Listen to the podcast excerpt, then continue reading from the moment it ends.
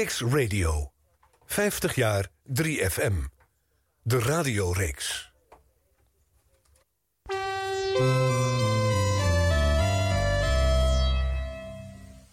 Kicks Radio. 50 jaar 3FM. De radioreeks.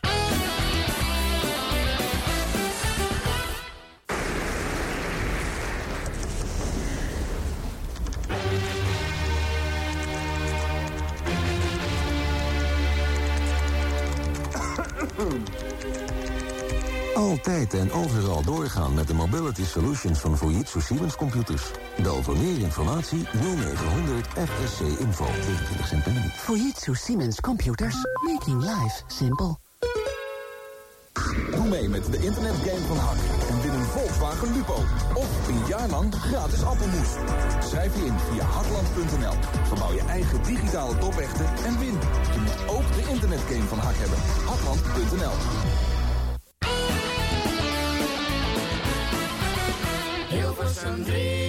Woensdagavond, even na 7 uur. Tijd om radiogeschiedenis te schrijven. De Nationale Popzender is 50 jaar. En dat vieren we op Kix. Elke week met hoofdrolspelers van Hilversum 3. Radio 3, 3FM. Elke week met een ander jaar uit de roemruchte radiogeschiedenis... van de meest besproken zender van Nederland.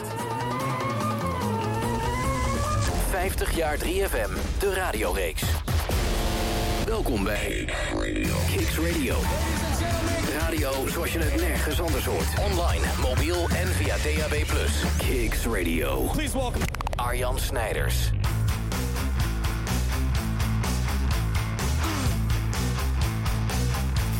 ...2001.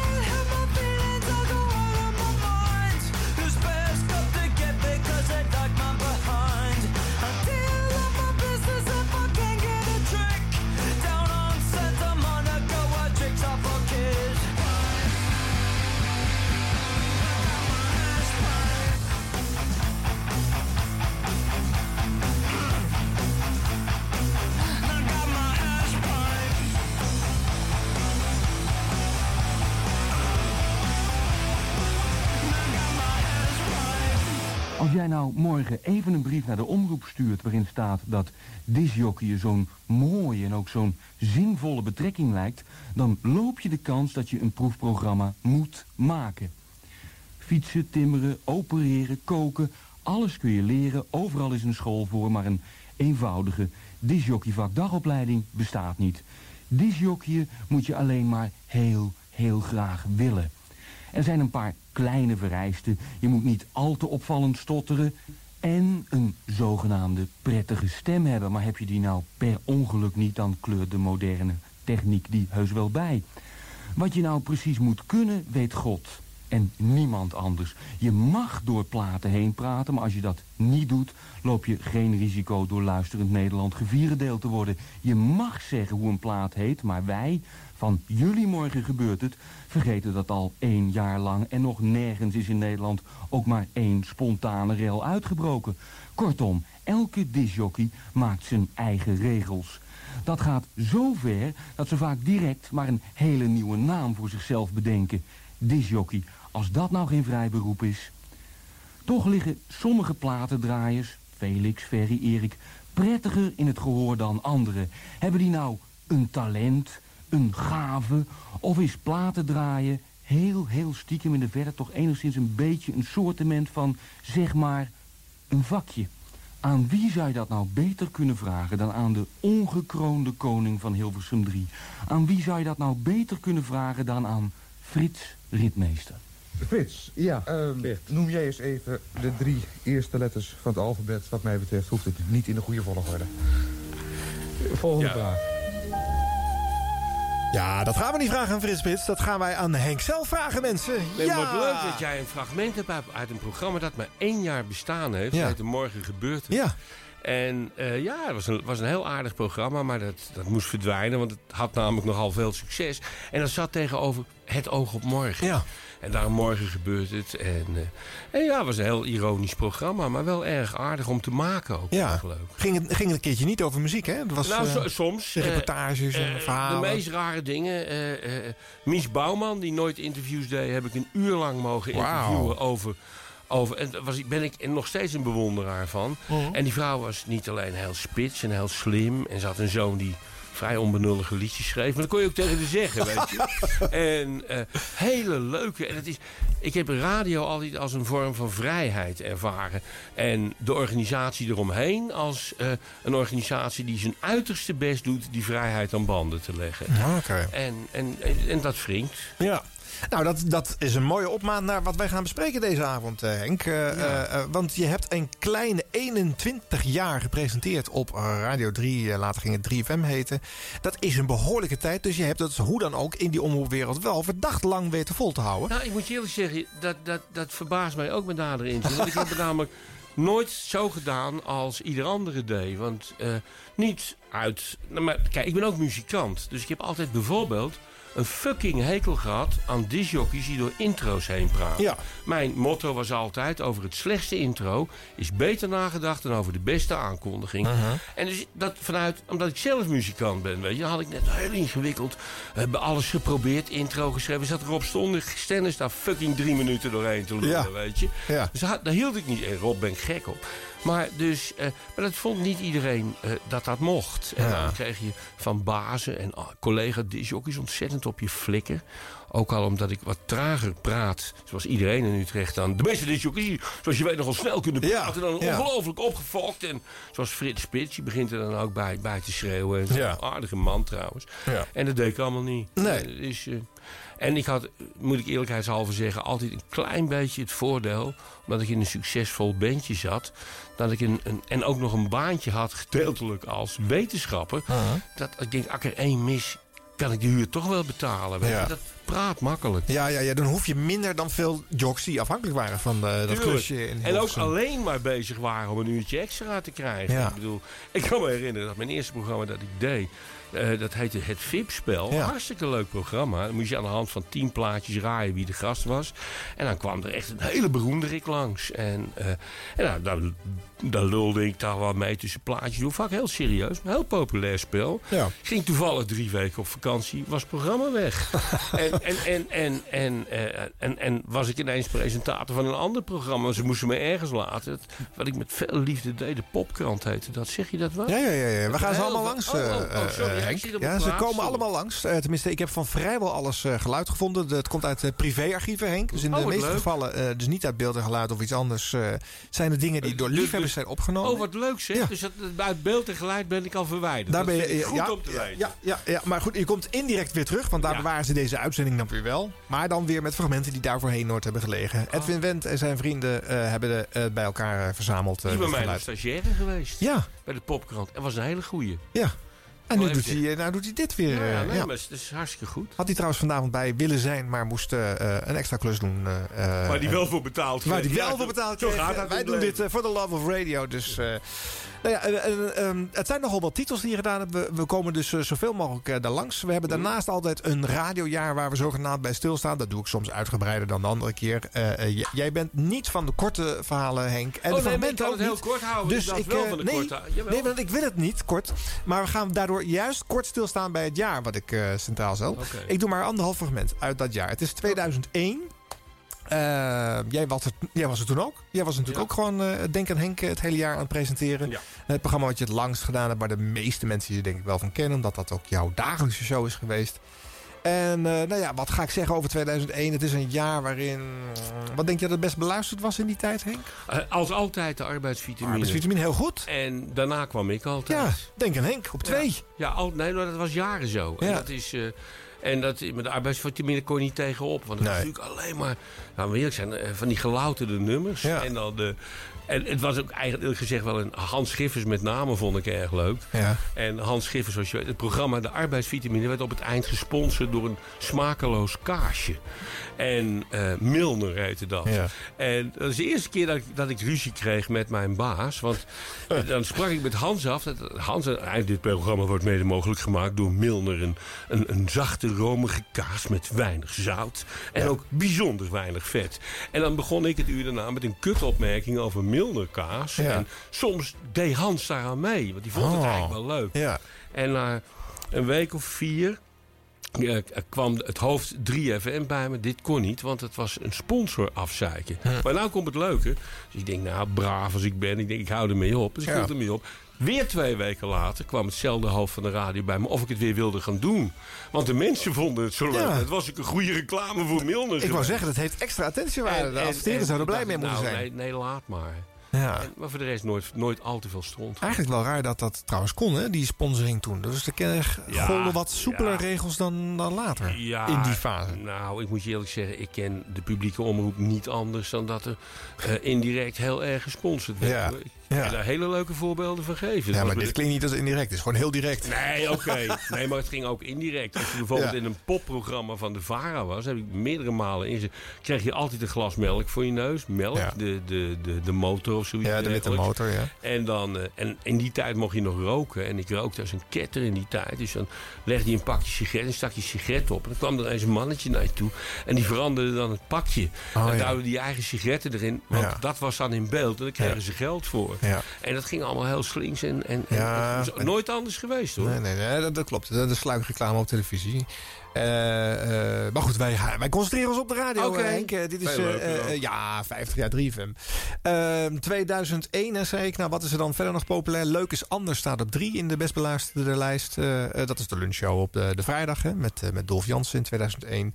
Jacobus, het programma met de Kobus Bosga, staat op 4. Rutewild.nl op 5. En daaronder komen nog de Dik voor elkaar show, want dat is er in 2001 weer.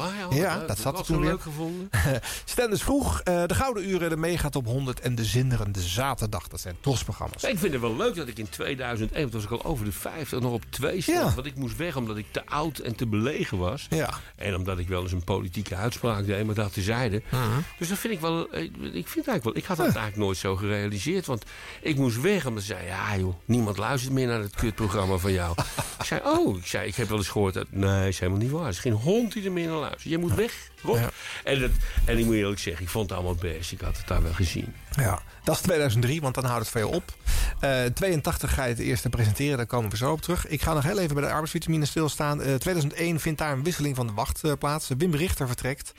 Ehm, hij gaat de allereerste talentenopleidingstrajecten coördinator worden. Geert Ekdom volgt hem op en ja, komt op de arbeidsvitamineplek terecht waar hij negen jaar zou blijven zitten.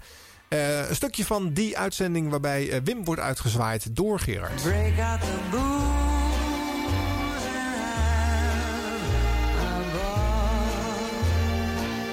Dit werd gewoon gedraaid, hè, 3FM? Ja, dat vind ik leuk. Ja, kan ook wel, hè?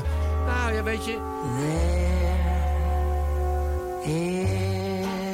prachtig toch? Ja. Kijk, het, het klotige van de tegenwoordige 3FM is van De betrekkelijkheid van het leven. Oh, is that all there is? Een heel erg zielig liedje van Peggy Lee. Eh, Gerard. Wim, daar ben ik dan weer. Mijn broek trilt steeds. Komt niet door jou, maar dat komt omdat mijn telefoon op trillen staat. En hij krijgt meer sms'jes binnen dan die ik hebben kan. Fijn gevoel, hè? Heel fijn. Vooral bij diep in zak. fijn.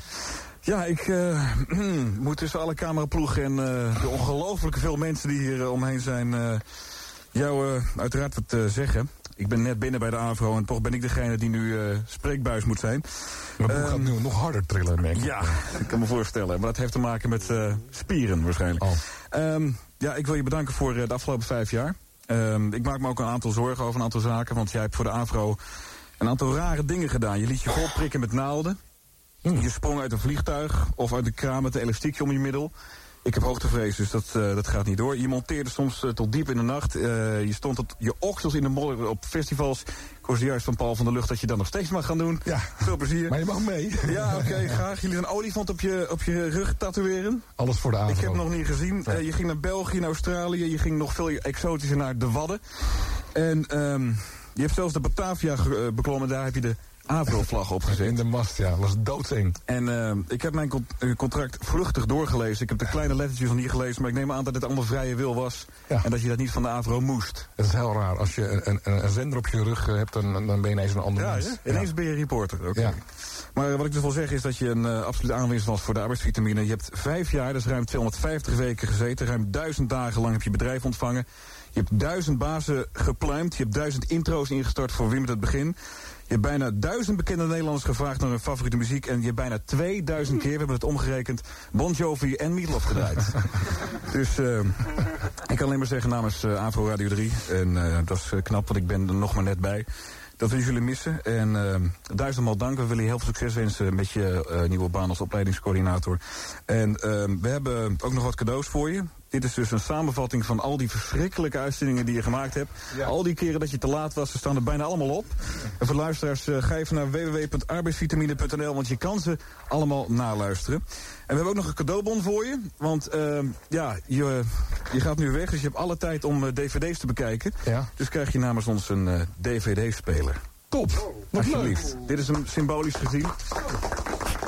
Dat is grappig, want dat klinkt nu na een cadeautje van niks. Van een dvd-speler, ja, ja, die haal je voor een paar tientjes uh, bij de, bij de budget. Ja, maar die dingen waren toen heel duur. Ja, ja, ja dat, die is, waren, dat mocht wat kosten, de, de Wim Richterweg. Een leuke man trouwens.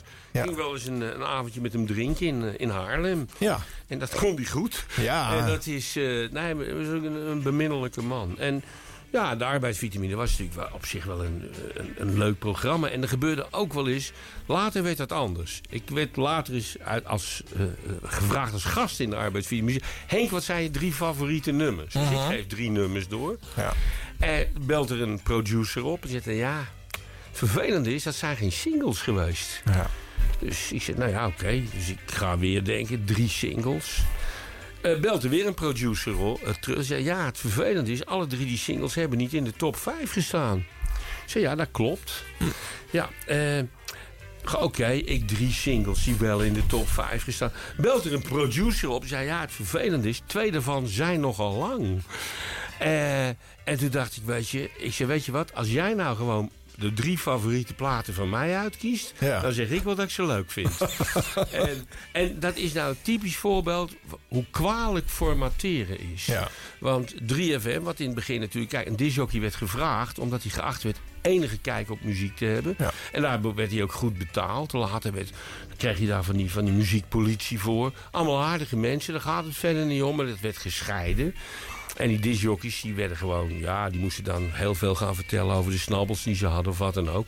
En, maar ze verloren ook hun vrijheid op de muziek. En iedereen die zegt dat hij vrij mag kiezen zit te jokken. Uh -huh. En, uh, en ik heb dat altijd als heel vervelend ervaren. Want je kon wel eens een, een bandje breken. Ja. Had je daar een leuk bandje. Rob Stender zei dat dan ook vaak. Had hij een leuk bandje. Dan ging, ging die Ilse de Lange, waar nog nooit iemand van gehoord had, weken draaien. En Ja. ik draaide uh, Bluff. Uh, uh, drie maanden lang, elke dag. Nog had nog nooit iemand van, van Liefs uit Londen gehoord. En Ja. nou, nou zijn ze groter dan wie dan ook. En dat kon je doen. En dat werd steeds moeilijker. En dat haalde bij veel mensen die werkten het, het werkplezier een beetje weg. En toen kwam Kiks. En dan mochten al die disjockeys ineens doen wat ze wilden. Dus dat was eigenlijk een therapie-instelling. Ja, ja. Eh, vanuit dan mocht je, nou, te gek, ja, ik mag nou eindelijk nummers draaien die ik wel leuk vind. Zei bijna iedereen zelf Ja. Ja, ja, ja. Goed, als je een paar ton per jaar betaalt, en dat begon steeds meer, grote salarissen, dan wil je best zeggen dat... eh dat Bon Jovi nog steeds leuk is. Ja, toch? Ja.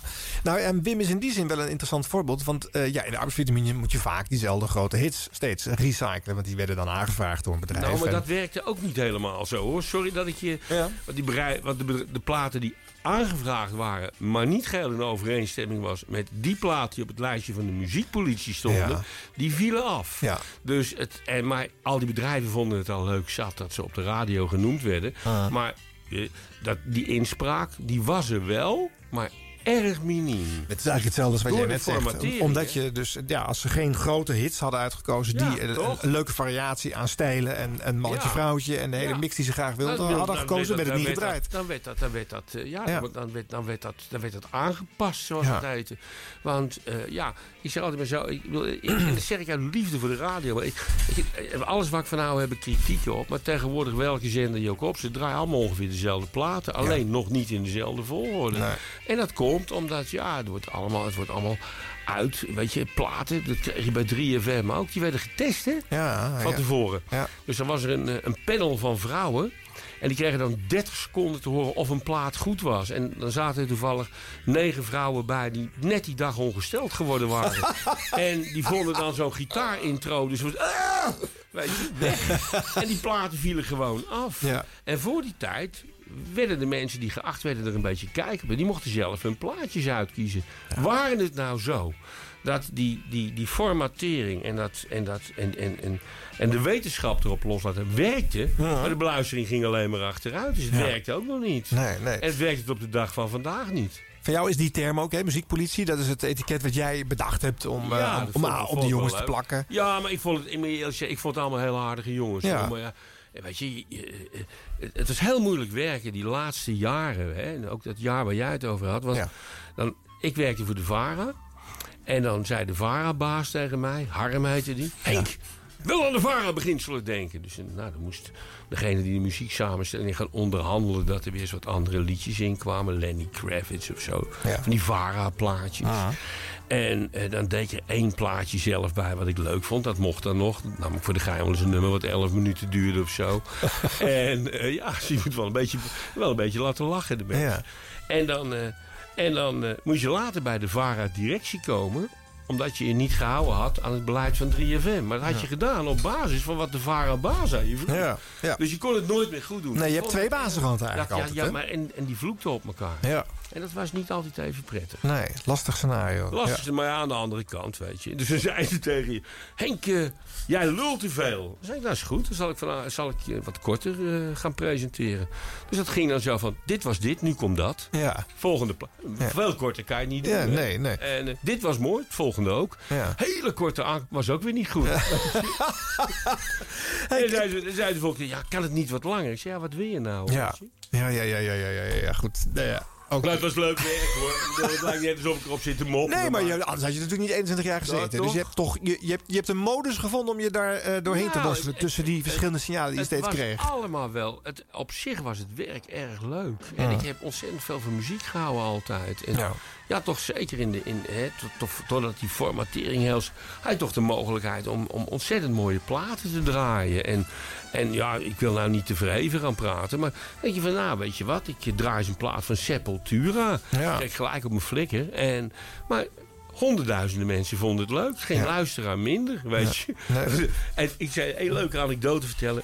Toen ik op een gegeven moment dacht van... jongens, ik, ik weet niet helemaal eh, of ik hier nog blij ben. Frank Zappa, misschien wel eens van gehoord. Die Ja. ging dood. Ja. En eh voorpagina, alle kranten. En bij ons niks. Dus ik neem het... eh, het meest toegankelijke nummer is nog nummertje 38 geweest.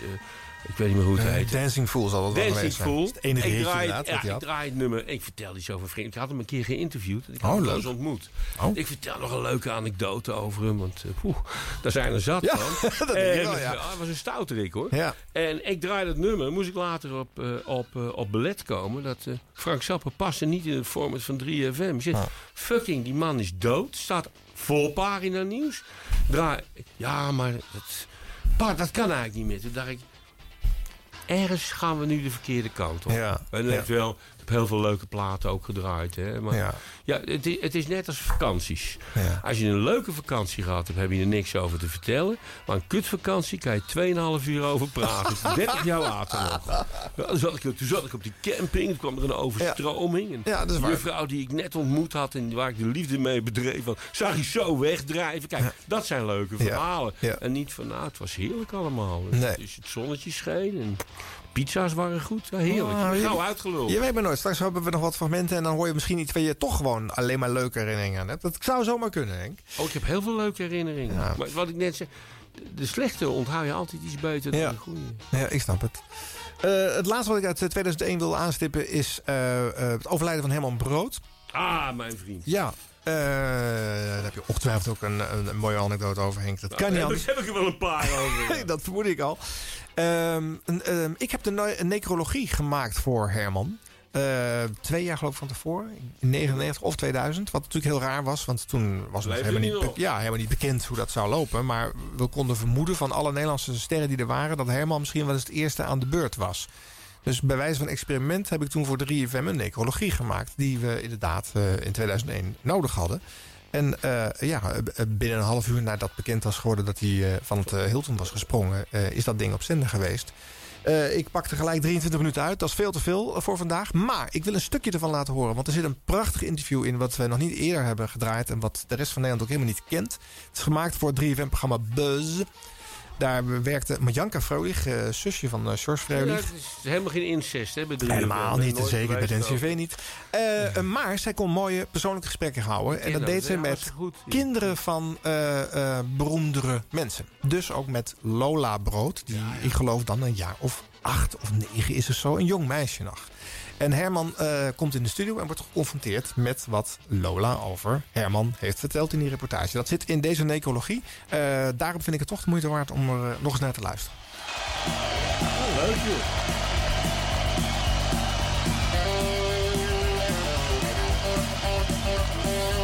Je, je moet mijn leven moet je echt per dag zien. Letterlijk, per dag. Dat is nog lang hoor. U staat oog in oog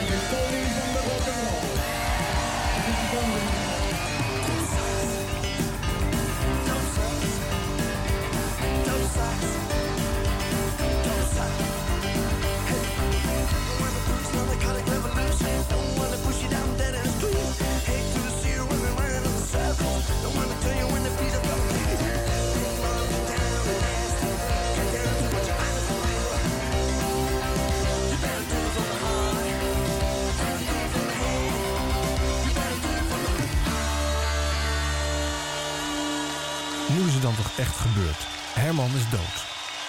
Velen hadden het al eerder verwacht. Vaak balanceerde hij op het randje. Maar even zo vaak bleef brood overeind. Net als die andere rock'n'roll dinosaurus met ongezonde gewoontes. Keith Richards van de Rolling Stones. Menig mens had de hoeveelheid drugs en alcohol die Herman tot zich heeft genomen nooit zo lang overleefd. Herman kwam er vaak door in het nieuws en heeft er een belangrijk deel van zijn bekendheid aan te danken. Ik vind het altijd geweldig als ik in de belangstelling sta. Hermans grillige gewoonte maakte hem voor zijn directe omgeving ook niet altijd even fijn gezelschap. Altijd raak ik in een soort euforische stemming als ik op de radio of televisie ben. Je hoort zijn vrouw, Xander Brood. Ja, heel erg ehm, met zichzelf bezig. Niet van iemand die steeds thuis zit of zo. Het werkt wel tussen ons. Met veel moeilijkheden. Maar iemand die steeds thuis mijn handje vasthoudt, vind ik ook niet leuk. Maar hij is natuurlijk heel, zo'n creatieve man en zo van talent. Weet je, en heel origineel, wat ik heel leuk vind daarvan. Hij is zeer intelligent, maar een moeilijke man.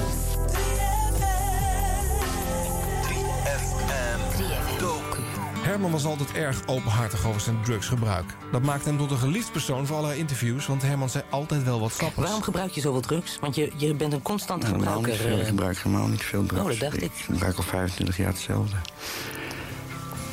Maar wel constant. Iedere dag. Ja, ik, eh, dus ik bedoel, eh, heel consequent daarin, ja. En wat Ik neem hou je van dan? de regelmaat gewoon. Wat neem je dan? Ja, god nou. Speed, alcohol, ja. En als je dat niet doet? Dan lijkt mij het leven bijzonder saai. Maar ik heb dat niet uitgeprobeerd. Je gaat er gewoon mee door. Tot het met de strot uitkomt, ja. Mijn eh, vermogen met mensen om te gaan werd, ging met eh, sprongen vooruit. Omdat ik plotseling ook in staat was eh, mee te doen aan het slappe gelul. Alleen als zijn dochtertje Lola te sprake kwam, werd Brood een zacht man. Luister naar dit ontroerende fragment waarin dochter Lola over haar vader wordt geïnterviewd... terwijl Herman meeluistert. Wat vind je nou zo leuk aan je vader? Nou, dat hij niet zo gewoon is. En eh, dat hij altijd wat geks aan heeft. Dat eh, iets heel lelijks. En dat staat heel leuk, vind ik dan bij hem. En eh, dat hij schildert. En eh, dat hij altijd leuke dingen doet. Brengt jouw vader je wel eens naar school of komt hij je wel eens ophalen? Nou, hij komt me wel eens ophalen. En één keer had hij me ook naar school gebracht op de fiets bij het stoplicht. En toen, eh, ooit, toen moesten we heel lang wachten. Toen viel hij in slaap en toen vielen we om. Maar hij is ook, maar ook wel heel lief. Dus die, daar had ook een keer een overdosis en dat vond ik ook heel eng. Hij viel een keertje flauw, dat hij oververmoeid was. Dat vind ik wel eng. Waar ben je dan bang voor? Nou, bij die overdosis dat hij dood ging. Want als ze, als ze hem niet hadden gezien, dan was hij ook dood. Dus dat vond ik wel eng. Maar dat flauw vallen, toen schrok ik gewoon heel erg. Was jij erbij? Ja, ik kwam zo van, hoi papa. En toen boem, toen viel hij op mijn zusje. vond ik wel eng.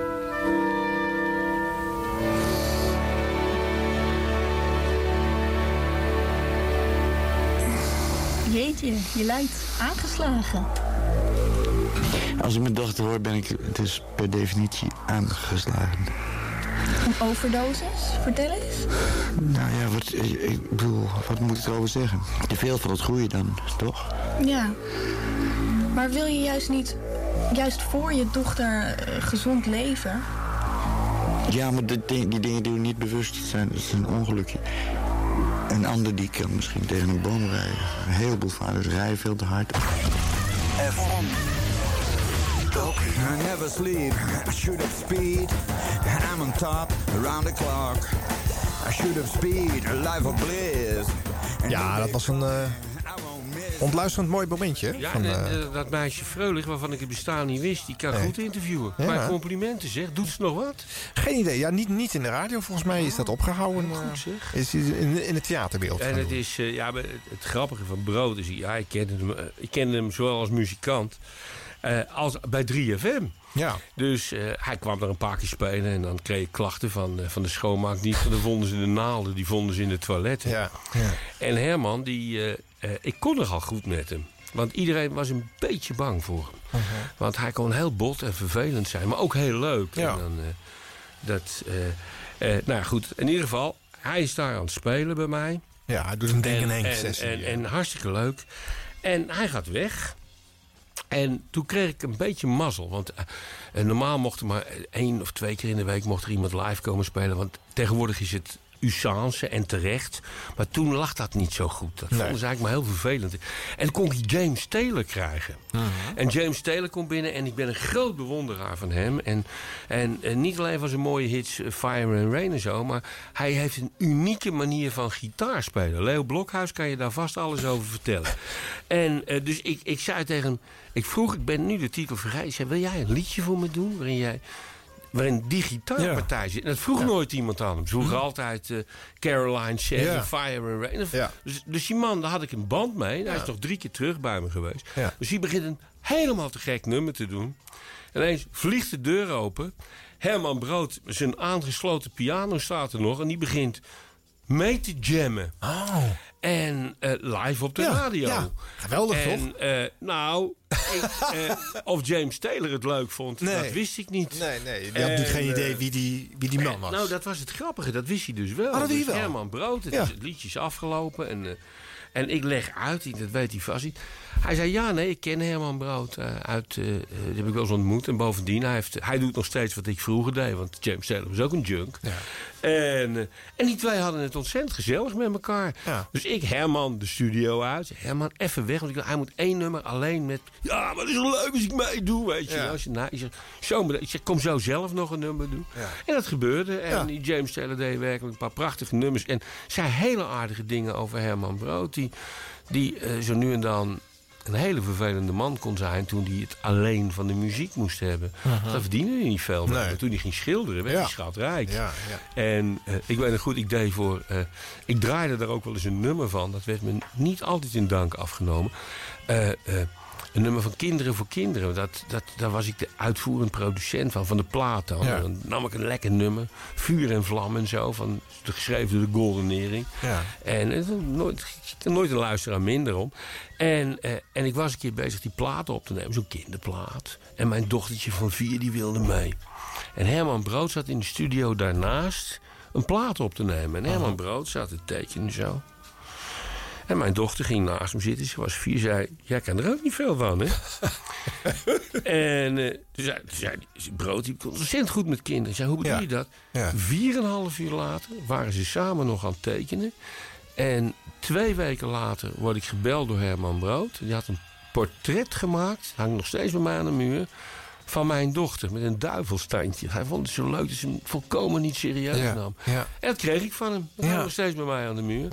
En dan had hij haar naam, Chrissy, had hij daar ook in bepaalde letters op gedaan. Dus Brood had een hele mooie zachte kant. Maar hij kon ook heel gemeen zijn. Heel gemeen zijn. Als hij, ja, vooral in de tijd hij geen geld had. En, en, en En toch wel erg veel zin in een, eh, in een, in een, in een paar erg dure hobbymomenten. Ja. Dan kon hij wel eens, wel eens lastig zijn. Maar ik heb altijd goed met hem kunnen vinden. Als ik een duetje met hem gedaan, was ook zo leuk. Ja. Was in mijn, mijn radio... Nee, was in mijn televisieprogramma. Oh, dan, eh, dan geldt het Dan niet. geldt het niet. Nee, dan, Nee, nee, zo zijn we ook weer. Bij Nee. een radioprogramma, Ja. van de Kings. Dead End Street zijn favoriete nummer. Mijne Ja. trouwens ook. Ja, nou ja, dat vindt hij natuurlijk geweldig, ja. Eh, even kijken. Vind je het altijd om eh, aan je eigen oeuvre eh, ehm, ehm, eh, eh, ons te gaan wagen, Henk? Om wat Nou, als te je iets van... je- heb, je, heb je wat? Wat wij draaien? Nou ja, iedereen kent je natuurlijk hiervan. Denk aan Henk. Dinsdag, donderdag van 12 tot 2 op Radio 3. En daar draaien we ook nog wel wat van. Maar het is veel leuker om te horen hoe je bijvoorbeeld de eerste keer bij 3FM voor, denken wij, eh, binnen bent gekomen. Nou, Eh, ja, oh dat, oh, dat was een drama. ja, maar eh, als talent, als nieuw talent. Oh, dat was Nog een als drama. muzikant in de, in de popkrant. Ja, dat klopt. In 81. Dezelfde man die je net de, de jingle hoorde inspreken, nam dat op. Atle Komt. Atle Komt. En dat was een goed liedje. een Weg stukje sport, luisteren? Weg met de sport. En zoals altijd rond deze tijd nieuw Nederlands geluid. Als je muziek maakt moet je niet proberen iedereen tevreden te stellen... want dan gaat het over niks. Je moet zorgen dat je authentiek bezig bent. Dat is de uitgesproken mening van Henk Westbroek... zanger en tekstleverancier van de Utrechtse groep Het Goede Doel. Als je de bedoeling hebt om toch een min of meer coherent verhaaltje te vertellen in een of ander rijmpje, dan moet je jezelf in een taal een beetje bekwaam kunnen uitdrukken. Elke Nederlander kan zich sowieso beter uitdrukken in het Nederlands dan, eh, dan in het Engels. En het is de, lang de traditie geweest dat popmuziek geïdentificeerd werd met Engels. Want bedoel, daar kwam het vandaan en zo. Maar ja, de auto is ook in, eh, in Amerika uitgevonden. Ze maken ze in Japan ook aardig. Ja, een echte Westbroekiaanse opmerking, eh, die, die laatste. Hè? Ja, Willem van Was Ja, het trouwens. ja, die hier, presenteert. van, van laat, en ja, ja, en een goede presentator. Ja. En helaas iets te verliefd op het fucking Songfestival. Ja, Een altijd een rare afwijking Ik heb gevonden in zijn eh, goede hij, smaak. Hij verder. was, hij was baas van 3FM, van de Varen. Ja. En toen wou ik hem eens in de maling nemen. En toen zei ik, Willem, kan ik jou strikken voor een programma over het Songfestival? Ik had de meest ongelukkige vragen op dag. Welke in het jaar 1958, Hij wist alles zeker. werd, ja, werd Ja. 17e en wie zong het? Hij wist het Ja, hij allemaal. wist het allemaal. Echt, ja, ongelooflijk dat Rare mensen, rare hobby's. Ja, want hij deed hier dit programma de Popkrant... wat veel aandacht besteedde aan vooral Goed. Nederlandse Eh, artiesten... ja. onbekende artiesten een podium geven. Dat, de dat- dijk daar is ging het begonnen. Ja. eh, Jij dus ook, want jij hebt nog geen single eh, uit in, nee, ja. in 81. Ja, Bent daar met een goede doel te Ja, horen. En, en, en daar heb ik mijn, mijn, mijn, mijn eh, carrière als muzikant aan te danken. Want Felix Meurders die vond dat erg leuk. En die hield net op. eh, dat gaat ook over de radio. Die Ja. presenteerde de top 50. Ja, ja de Nationale Top Hitparade 40 heette dat, geloof ik. Nee, Nationale Hitparade. Nationaal hippen. Ja. En die moest de hele dag van die kutplaten draaien. Ik citeer Felix Meurders Mhm. nou. Van, eh, ja, allemaal van die, van die... Wat tegenwoordig weer in is, weet je wel. Van die volksartiesten. Ja. En dat was hij zo zat. Dat hij hield daarmee op. Omdat hij dat niet meer over zijn geweten kon Nee, krijgen. nee. En toen eh, dan mocht hij daar in een, in een televisieprogramma... en in verschillende radioprogramma's... eh, mocht hij daar kont van doen. En zei, zei ze, wat vind je dan wel goed? En dan kwam hij met het goede doel. Ja. En we hadden nog nooit een plaat gemaakt. en. Dus eh, toen belden alle platenmaatschappijen op van... Hey, jongens, willen jullie een plaat maken? En, Ja. en nou ja, we, we hadden nog geen plaat gemaakt bij Universal. Of na vier nummers kregen we al bonje. Want die vonden dat we aan teksten moesten sleutelen. Dat deden we niet. En, eh, maar eigenlijk dankzij Felix en de Popkrant. En de Dijk is ook zo begonnen. Ja. En heel veel. ik zal je nog sterker vertellen. Het is een band geweest. Ik presenteerde dat programma. Neem me niet kwalijk. En ik kreeg wel eens band, banden opgestuurd vanuit het buitenland. Ja. Dus komt een man die in Australië in een, in een studio werkt. Die zei, ik heb zo'n briefje. Ik heb hier een tape van een band. Die komt binnenkort uit. Helemaal te gek. XNS. Dus ik de band InXS. Maar ik wist helemaal niet dat ze InXS heette. Dus ik la- las die letters voor. Ja, ja. En ze waren nog nooit op de radio geweest. En bij ons waren ze op de radio. Dankzij een, iemand die het programma kende. Die in Australië terechtkomt. Die in een studio ging werken. En dat opstuurde naar dat programma. Dus we hebben toen een NX6. Nou kan ik het wel goed uitspreken. Ja. eh, een special gedaan. Ja.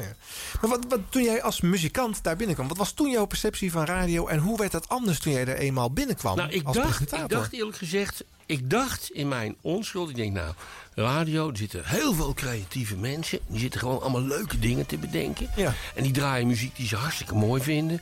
En zoveel mensen, zoveel smaken. Dus het kan best eens zijn dat wat ik gruwelijk vind, mijn collega mooi vindt, moet je tegen kunnen en Ja. omgekeerd. Ja. En eh, ja, dan kom je in een overlegstructuur. Dus op maandagochtend werd er een plaatje gedraaid. En dan ging iedereen daar iets over vertellen. Dus ik kan me nog herinneren dat... eh, Iemand die helaas overleden is, en ik mocht hem verder wel. Jeroen Soer zat te- eh, eh, eh, kritiek zat te hebben over de baspartij in een bepaald nummer. En ik denk, zal ik het nou zeggen of zal ik het niet? Sorry Jeroen, maar er zit helemaal geen bas in het nummer.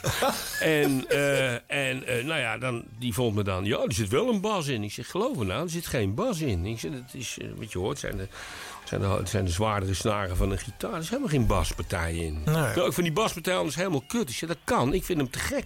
En we horen allebei niks. Nou ja, toen, toen, toen werd er godzijdank aangenomen.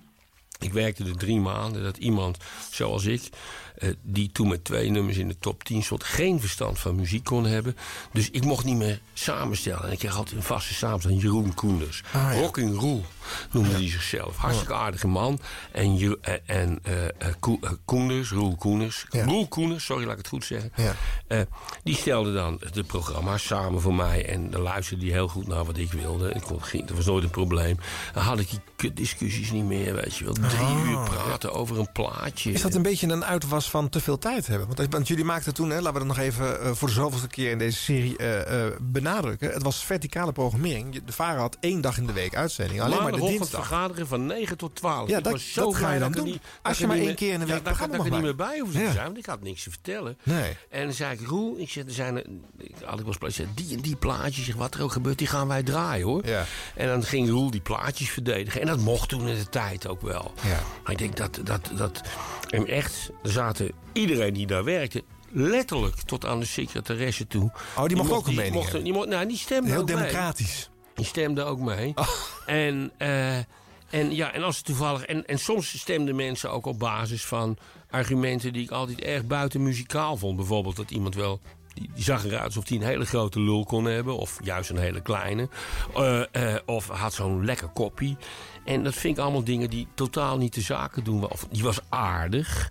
Ja, En dat kan ik van, ik denk, nou ja, die je zou dat, kennen, dat, ja. dat, dat is, dat vind ik allemaal heel onbelangrijk. Maar eigenlijk zeg je, mijn perceptie was dat het, dat, hè, wat je eerder zegt, een soort creatieve club was. Een creatieve maar, eh, chaos, en beetje niet een, een anarchisme. vergadercircus Er was een over muziek. enorme vergadercultuur. Ja. En er werd over van alles. Dan moesten wij de popkrant doen. Op, eh, op, eh, op, eh, eh, op dinsdag moesten we die opnemen. En mijn, mijn toenmalige baas, ik heb er ik 18 versleten. die mocht mij niet zo. Ja. Dus die liet mij dan om eh, kwart voor vijf opdraaien, draven op vrijdagmiddag. Om door te spreken wat we dinsdag moesten gaan doen. Terwijl niemand nog enig idee had. Maar dan moest ik wel eens optreden. En dan vond hij het Ja. leuk op mij eh, Oh, dat ja. iets te laat kwam. En ik kwam altijd eh, lachend binnen. En ik ging lachend weg. Ik denk, laat me niet naaien door jou. En, dus- dus, maar hij moest er ook bij zijn. En na drie weken hield hij op erbij te zijn. Dan hoef ik ook niet meer te komen. Nee. Weet je. en het, ook vaak een beetje kleinzieligheid. Als, ik, heel- als ik ook op terugkijk. Toen, weet je, je zat ook heel gauw in kampen. En Je had het kamp, Felix Meurders kamp, eh eh, weet je nou met die brillenglazen? Peter Holland. Peter Holland. Ja. En eh, alle twee disjockeys die ik bewonder. Ja. En, maar als de een wat zei, was de ander tegen en omgekeerd. En dan moest je een kamp kiezen. En ik deed er altijd braaf aan mee. En ik, nou, ja, dan ben je het met die eens en dan met die eens. Maar je maakte vijanden op basis van niks. Want het, ik bedoel, eh 3FM, ken je nog Dictator? Het liedje? Ja, Centerfold. Van Centerfold. Ja. Peter Holland draaide Dictator van Centerfold. Een geniaal nummer. Eh, overigens geproduceerd door in de tijd de, de, de, de, de eh, pianist van mijn band. Die later nog producer bij 3FM werd. En Ja. altijd Pinkpop deed, René Meister. Ik heb Ja. zelfs die naam is mooi met hem geschreven. Ja. En die had dat nummer eh, geproduceerd en ook gedeeltelijk geschreven. Peter Holland draaide dat. Die jongen had niks met de radio te maken. Nou, er werd echt gevraagd om het ontslag van Peter Holland. Hè. Ah. Dat mocht niet. En dan zei ik, nou, ik vind het eigenlijk wel een goed nummer. Ja. En eh, ja, maar dat past toch helemaal niet bij de VARA? Dan had iedereen daar een mening over. En dan werd er dus gestemd. Ja. Hoe heet je die, die Oost... eh, eh, nee, ja, ja, die Oostenrijker. die nu... Amadeus. Oh ja, Falco. Falco. Ja. Oh, dat werd oorlog. Was ook een twijfelgeval bij de VARA. Nou, twijfelgeval. Wederom Peter Holland, die vond dat goed. nou, dan vonden mensen die echt die waren van mening dat om die reden Ja. Peter Holland ontslagen moest worden. En dan was je chef en dan was je Peter Holland natuurlijk niet ontslagen. Nee. Maar je had ook geen ruzie met die aan. Dus die cheffen hadden het heel moeilijk. En dan, ik bemoei me daar dan nooit mee. Dan zei ik wel eens, jongens, wat maak je druk om? Het is een plaatje, weet je wel. Ja. En muziek is verplaatste lucht, meer is het ook weer niet. Nou, dat kon heel hoog oplopen. En vond ik erg vervelend. Ja, het is niet, klinkt niet als iets leuks, nee. Het eerste wat je mag presenteren, je refereerde net al even aan, het VIP-spel. Oh ja, hou alsjeblieft.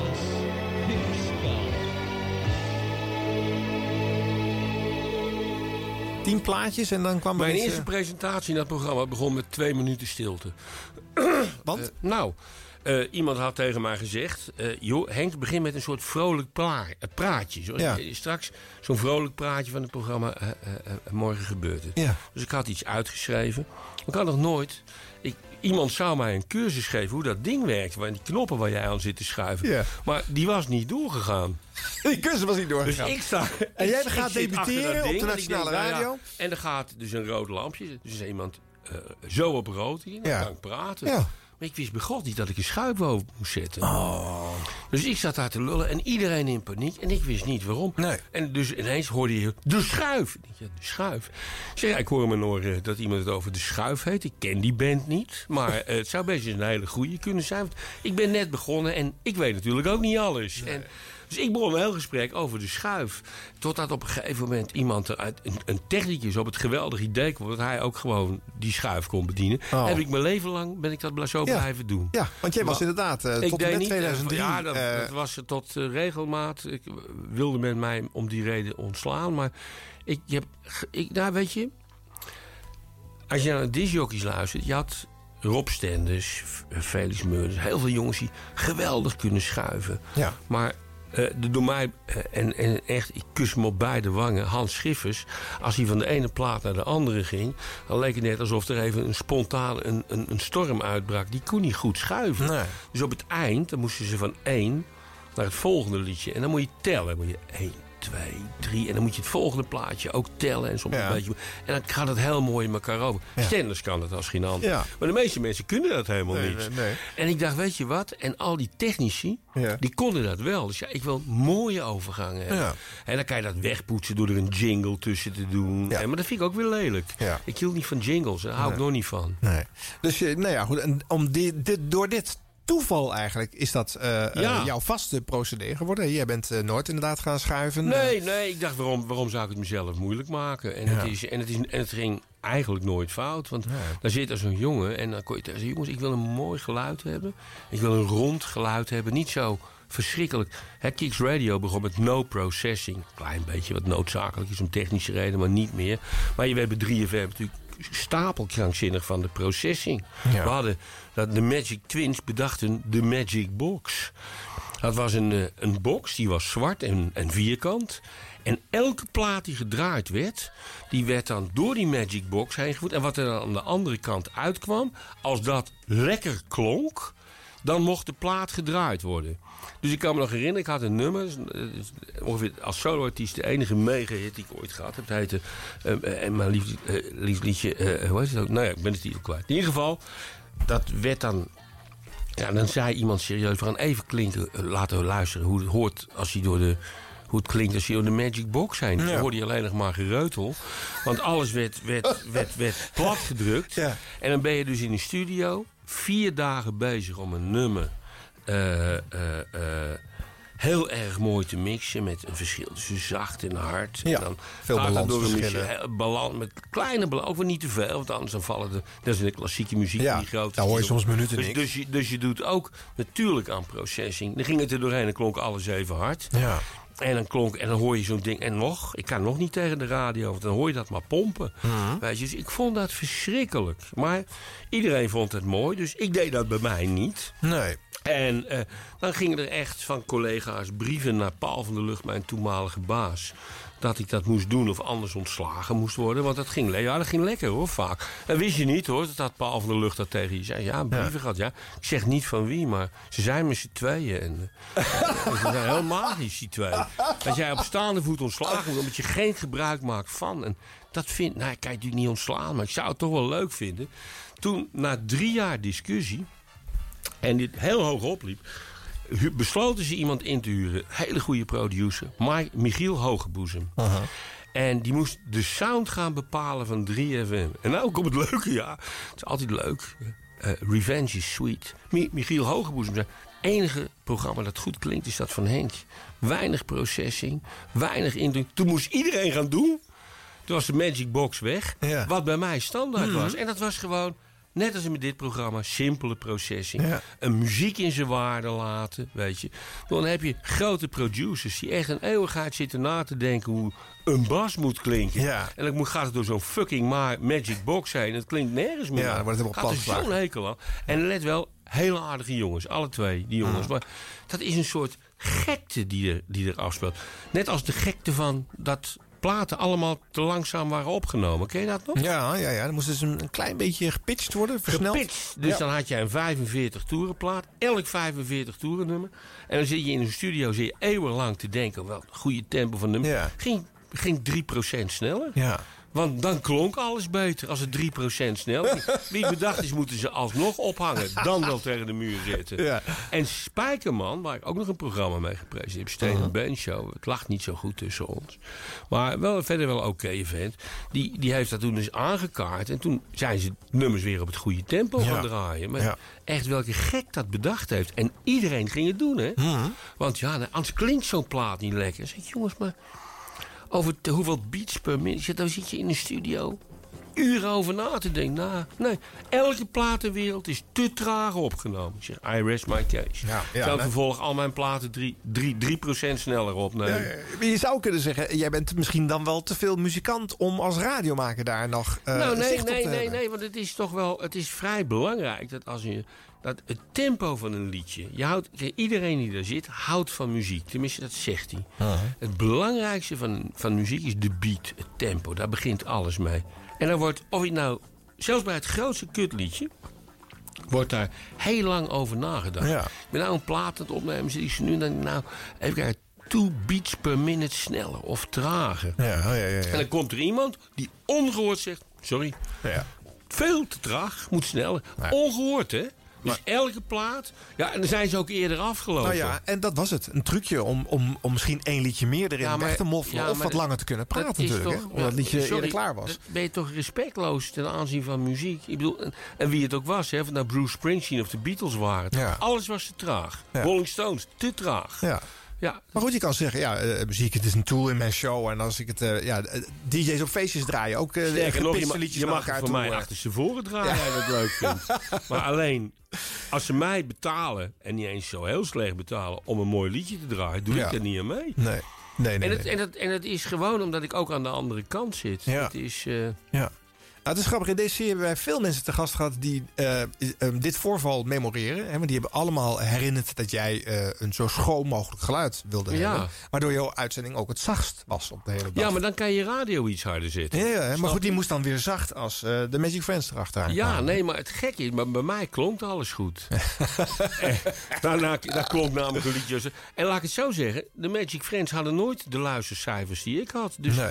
ik bedoel, wie heeft er dan gelijk? Ja. Ik bedoel, eh, eh, ik deed er niet aan. En, en, en iedereen vond dat vervelend, behalve Stenders. Die deed er nooit moeilijk over. Nee, nee. Maar eh, eh, de rest deed er heel moeilijk over. En er waren verder allemaal hartstikke aardige mensen. Let Ja. wel, hè. Het Ja, lijkt ja, wel ja. alsof ik Nee, het is de helder, Magic nee. Friends zit te dishen. Maar Nee, nee, nee, dat ze ook, ik, ik mocht ze heel graag. Maar dat was een duidelijk verschil van inzicht. Ja. De Popkrant. Ja, voordat wij in het eh, Denk en Henk oeuvre terechtkomen... eh, gaan er een eh, x-aantal programma's aan vooraf. De Popkrant is er eentje van. Eentje Ja, die je een behoorlijke tijd gedaan hebt. Nou, we zeiden het al, een programma waarin heel veel nieuwe Nederlandse bandjes een podium kregen. In een goede Ja. studio werden opgenomen. Een Ja. mooie... Dat kon allemaal nog. Ja, ja, er was nog geld Echt voor. grote bands. Of nou, of, ja, Spargo, Urban Dance Squads kwamen allemaal. En dan begonnen ze... Nou, Urban Dance Squad net niet. Die waren, net, die waren het net voor. En ja, en die kregen nog een kleinigheidje betaald ook voor die Ja. opname. Ja. Er waren goede, goede... En het leuke was dat als je in de popkrant zat... Dan, eh, dan luisterden alle platenmaatschappijen. Die waren namelijk te fuck... sorry, dat woord gebruik ik vaak. Die waren te beroerd om nog een A&R-manager op pad te sturen. en de VARA had drie mensen, die gingen al die, die, gingen al die zaaltjes langs. Dus de VARA, die deed... Eigenlijk het werk. Eigenlijk het werk voor een platenmaatschappij. Dus tijdens een programma... eh, eh, The Right Side One, hoe heette die band ook alweer? Tom Tom Tom. Nee, een Nederlands bandje. Oh, Het nummer heette The Right Side One. Daar heeft de, de, de producent nog een, een drastische knip in gemaakt. Het nummer Ja. duurde namelijk 14 minuten. Oh ja, echt En die waar? heeft dat eh, met, met enige knips. En ik was er tegen, maar hij had gelijk. Ja. Teruggebracht naar vier minuten. What Fun heet What Fun. Ja. En dat nummer werd gedraaid. En eh, terwijl het op de radio was, hadden ze, werd, belden er al drie platenmaats bij. Het nummer is nog een nummer 10 hit geworden. Ja, dat is een hitje geweest, hè? Een, een, Europees hitje. Ja. En die jongens die begonnen bij ons. Dat was hartstikke, ik kreeg er nog voor betaald ook. Hartstikke goede band trouwens. Ja. En het is een van de weinige keren, moet ik zeggen, dat ik... eh, volkomen ongelijk had over... Ik denk, nou, als een nummer 14 minuten moet duren... moet het maar 14 Ja, minuten duren. ja. Eh, Beethoven zei ook niet. Zo. Dat, eh, nu, dan houden we verder maar op. Nee, nee, nee. Maar goed, in dit geval bleek de knip toch een eh, goede zet eh, geweest te zijn. had hij heel verstandig gedaan. En een Oké. ontzettend leuke band. Ja. Zullen we eens iets luisteren van de Bobkrant? Ik heb geluid uit 1983. Jij doet een overzicht van de popbladen. Felix Meurders Oh. eh, presenteert nog. 12,5 over 4 in Vara's Popkrant. Hier is Henk Westbroek met eh, de kijk op de weekbladen. Die eh, met pop en al eh aanverwante artikelen te maken hebben. Henk, ga je gang. Ja. Doe je best. Felix, dank je. Het eh, belangrijkste nieuws op het gebied van de popbladen... zou de kopers van de hitkrant vorige week al opgevallen kunnen zijn. Toen verscheen namelijk het eerste nummer van het blad in een nieuw jasje. Had de hitkrant voorheen 24 van die hele grote pagina's. Nu heeft het 56 pagina's, maar die pagina's zijn maar half zo groot als ze vroeger waren. In de hitkrant die morgen in de winkel te koop zal zijn... mag Olivia Newton-John uitleggen wat ze allemaal doet als een neerslachtige stemming heeft. Billy Joel verklaart in een groot interview dat hij zonder zijn vrouw al lang bij de psychiater beland zou zijn. Phil Collins legt uit dat hij net een zware depressie achter de rug heeft. En alsof dat allemaal nog niet erg genoeg is, kunnen we in de hitkrant ook nog lezen dat de Zweedse supergroep ABBA waarschijnlijk niet lang meer zal bestaan. Ook de Nieuwe Oor verschijnt morgen. Dat blad kost 3,95 gulden. Dat is 2 gulden meer dan de hitkrant. Er staat heel weinig kleur in dat blad. Daar staat tegenover dat er deze week veel uitgebreide en bijzonder informatieve artikelen in oor staan. Tot zover Henk Westbroek. Nee joh, het gaat nog verder. Stik hebben we ook nog. Goeiedag Ja, dat is, dat is ook een popblad. Ja, En, en- ja, en het leuke daarvan is dat het helemaal niks kost. Eh, de prijs die je daarvoor dan weer betaalt... is dat het blad overvol met advertenties staat. Maar als je daar nou overheen kijkt... staan er nog heel wat informatieve artikelen in. Bijvoorbeeld naar aanleiding van het recente verschijnen van een nieuwe brood-LP. eh Fries en sympathisch heet die. Een drie pagina durend interview met Herman zelf. Dankjewel eh, Henk. Oké, nee, ik... Nou, verder valt er niet zoveel over dit blad. Nee. Ja, gaan we door. Nee, joh. Nee, nee, nee, we houden gewoon. Nee, Fries en stik- sympathisch? Nee. Fries en sympathisch, nee. staat Ga jij maar gewoon er door. staat- Verder er staan nog een paar leuke interviews in het blad. Ook nou met Kevin Rowland, weet je wel. Maar het gaat lang zo ver niet als dat verhaal in oor. En, maar ja, goed, dit blad kost dan ook helemaal niks. Dus daar moet je toch wel wat voor betalen. En nog een leuk interview met Roger Chapman, die ook al heel lang meedraait. En waar dan ook een beetje dat over gezegd wordt. Ja, wat er altijd over gezegd wordt. Toch het aanschaffen waard. Kost trouwens niks. Dit is grappig, want het is eigenlijk wel een beetje exemplarisch. Eh, Jij, hebt, eh, je- jij kan goed vertellen. Hè? Je hebt, jij kan mooi eh, verwoorden. En je hebt altijd originele manieren om een verhaal in te vliegen. Dus jij, jij doet ook iets eh, eh, wat veel presentatoren en DJ's niet kunnen. Maar begrenzen is moeilijk.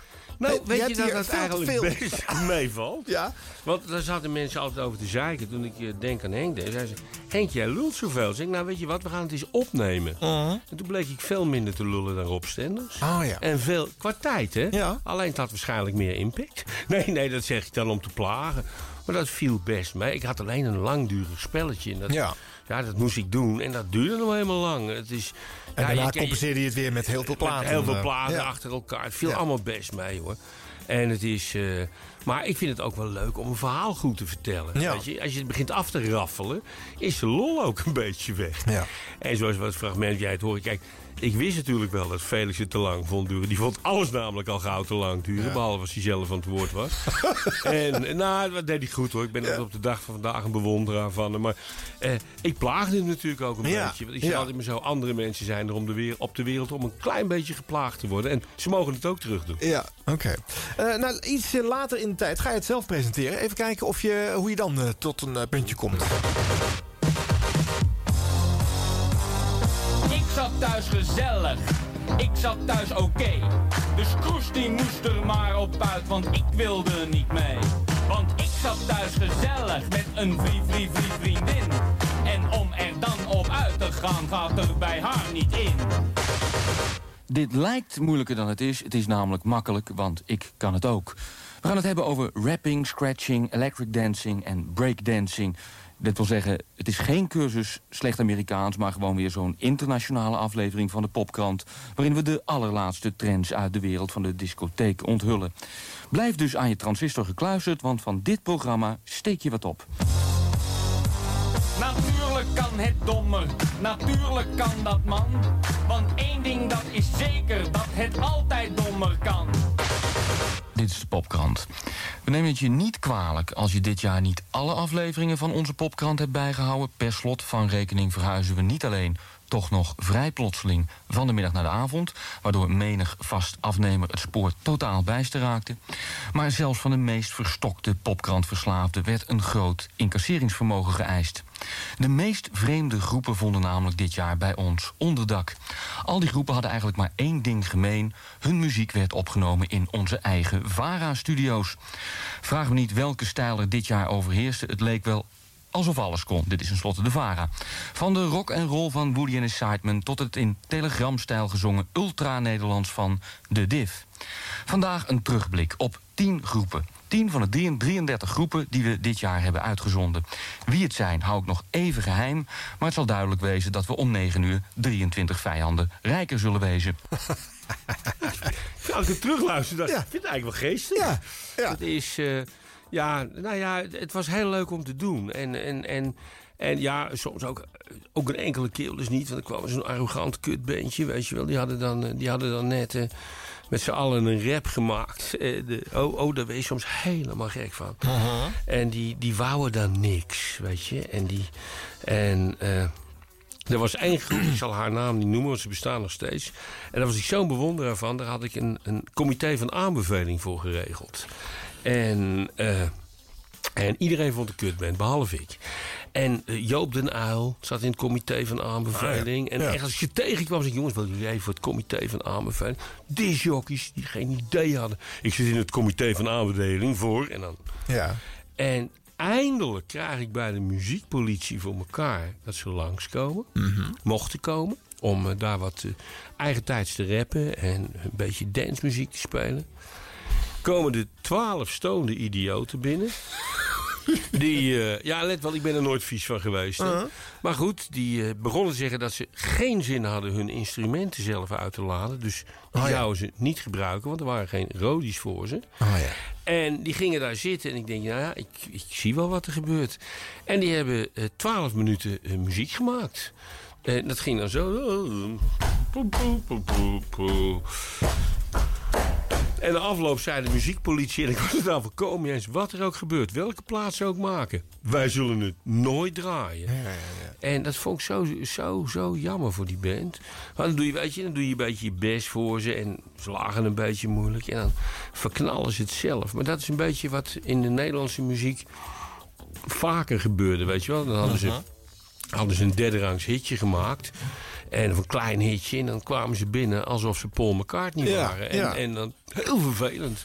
Wat trouwens wel leuk is. Ik heb, ik heb in de loop der jaren voor 3FM... zoveel groter mogen interviewen van Paul McCartney, een uur lang. Ja. Had ik acht minuten voor. En na een uur dacht ik, shit, ik zit nog met hem te praten. Het lag niet aan mij. En toen zei ik, ik had er echt geen vragen meer. Nee. Zei ik, waarom, eh moest je bellen naar Amerika toe. Zei ik, waarom hebben wij een uur kunnen praten? Die, omdat jij met mij niet over de Beatles begonnen bent. Ah, ja, ja, ja. ja. Maar toen werd die man helemaal gek. Ja, van. tuurlijk. Uiteraard. En, en eh, eh, hij had dus een plaatje gemaakt, iets met, met, met, een, met een kikker geloof ik. Oh, ja, De ja. Frog Song. Ja.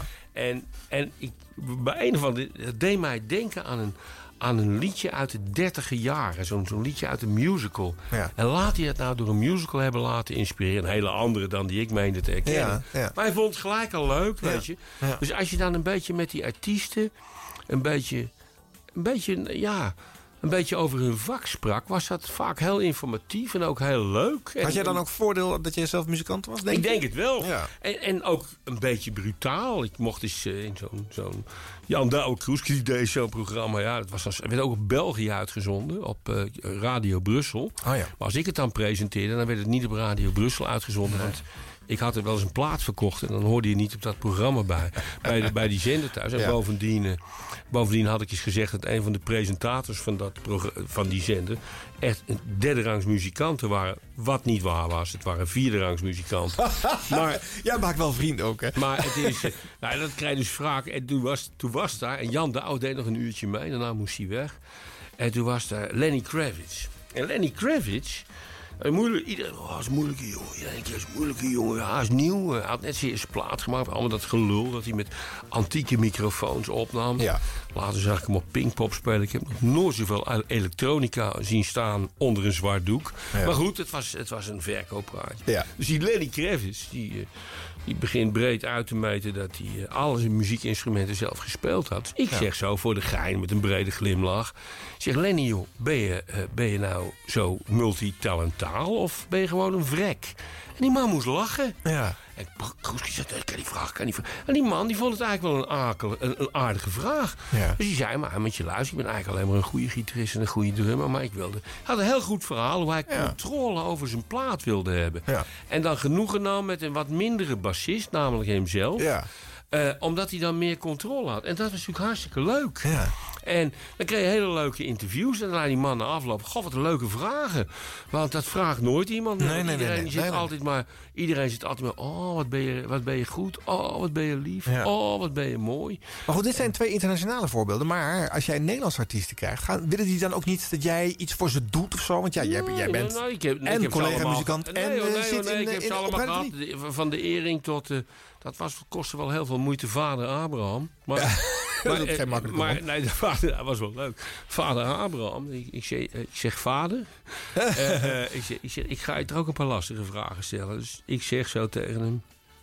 eh, ik zeg, nee man, kijk, wij er ook van vinden mag. En maar voor alle duidelijkheid, ik ben ook niet iemand die één plaat van hem heeft. En behalve Klein Café aan de haven ook maar iets kan meebrullen. Nee, nee. En, eh, eh, maar goed, hij deed dat smurfen ding en zo. Hij was heel beroemd. Ja. En wel leuk, man had leuke verhalen. Woonde in Rietveldhuis bijvoorbeeld. Ja, ja, ja. ja. En, eh, Ja. en dus ik zeg zo tegen hem, zeg, joh, leg mij nou eens uit waarom jij, wat je er toch niet heel veel succesvolle platen gemaakt hebt, ineens van die, van die plaatjes maakt van, mag ik even in je kutje kijken? En eh, Oh ja. dat deed hij ook. hè? Ja, dat heeft hij gedaan, ja. En, eh, en eh, oeh, oeh, oeh, eh, eh, wat, wat wordt jouw komkommer toch lekker warm in? Oh, en, vrees. Ik, Ja. ah, ik heb niks tegen porno, maar dat soort liedjes hou ik niet van. Toen kreeg ik de afloop, in de uitzending schreef hij dat.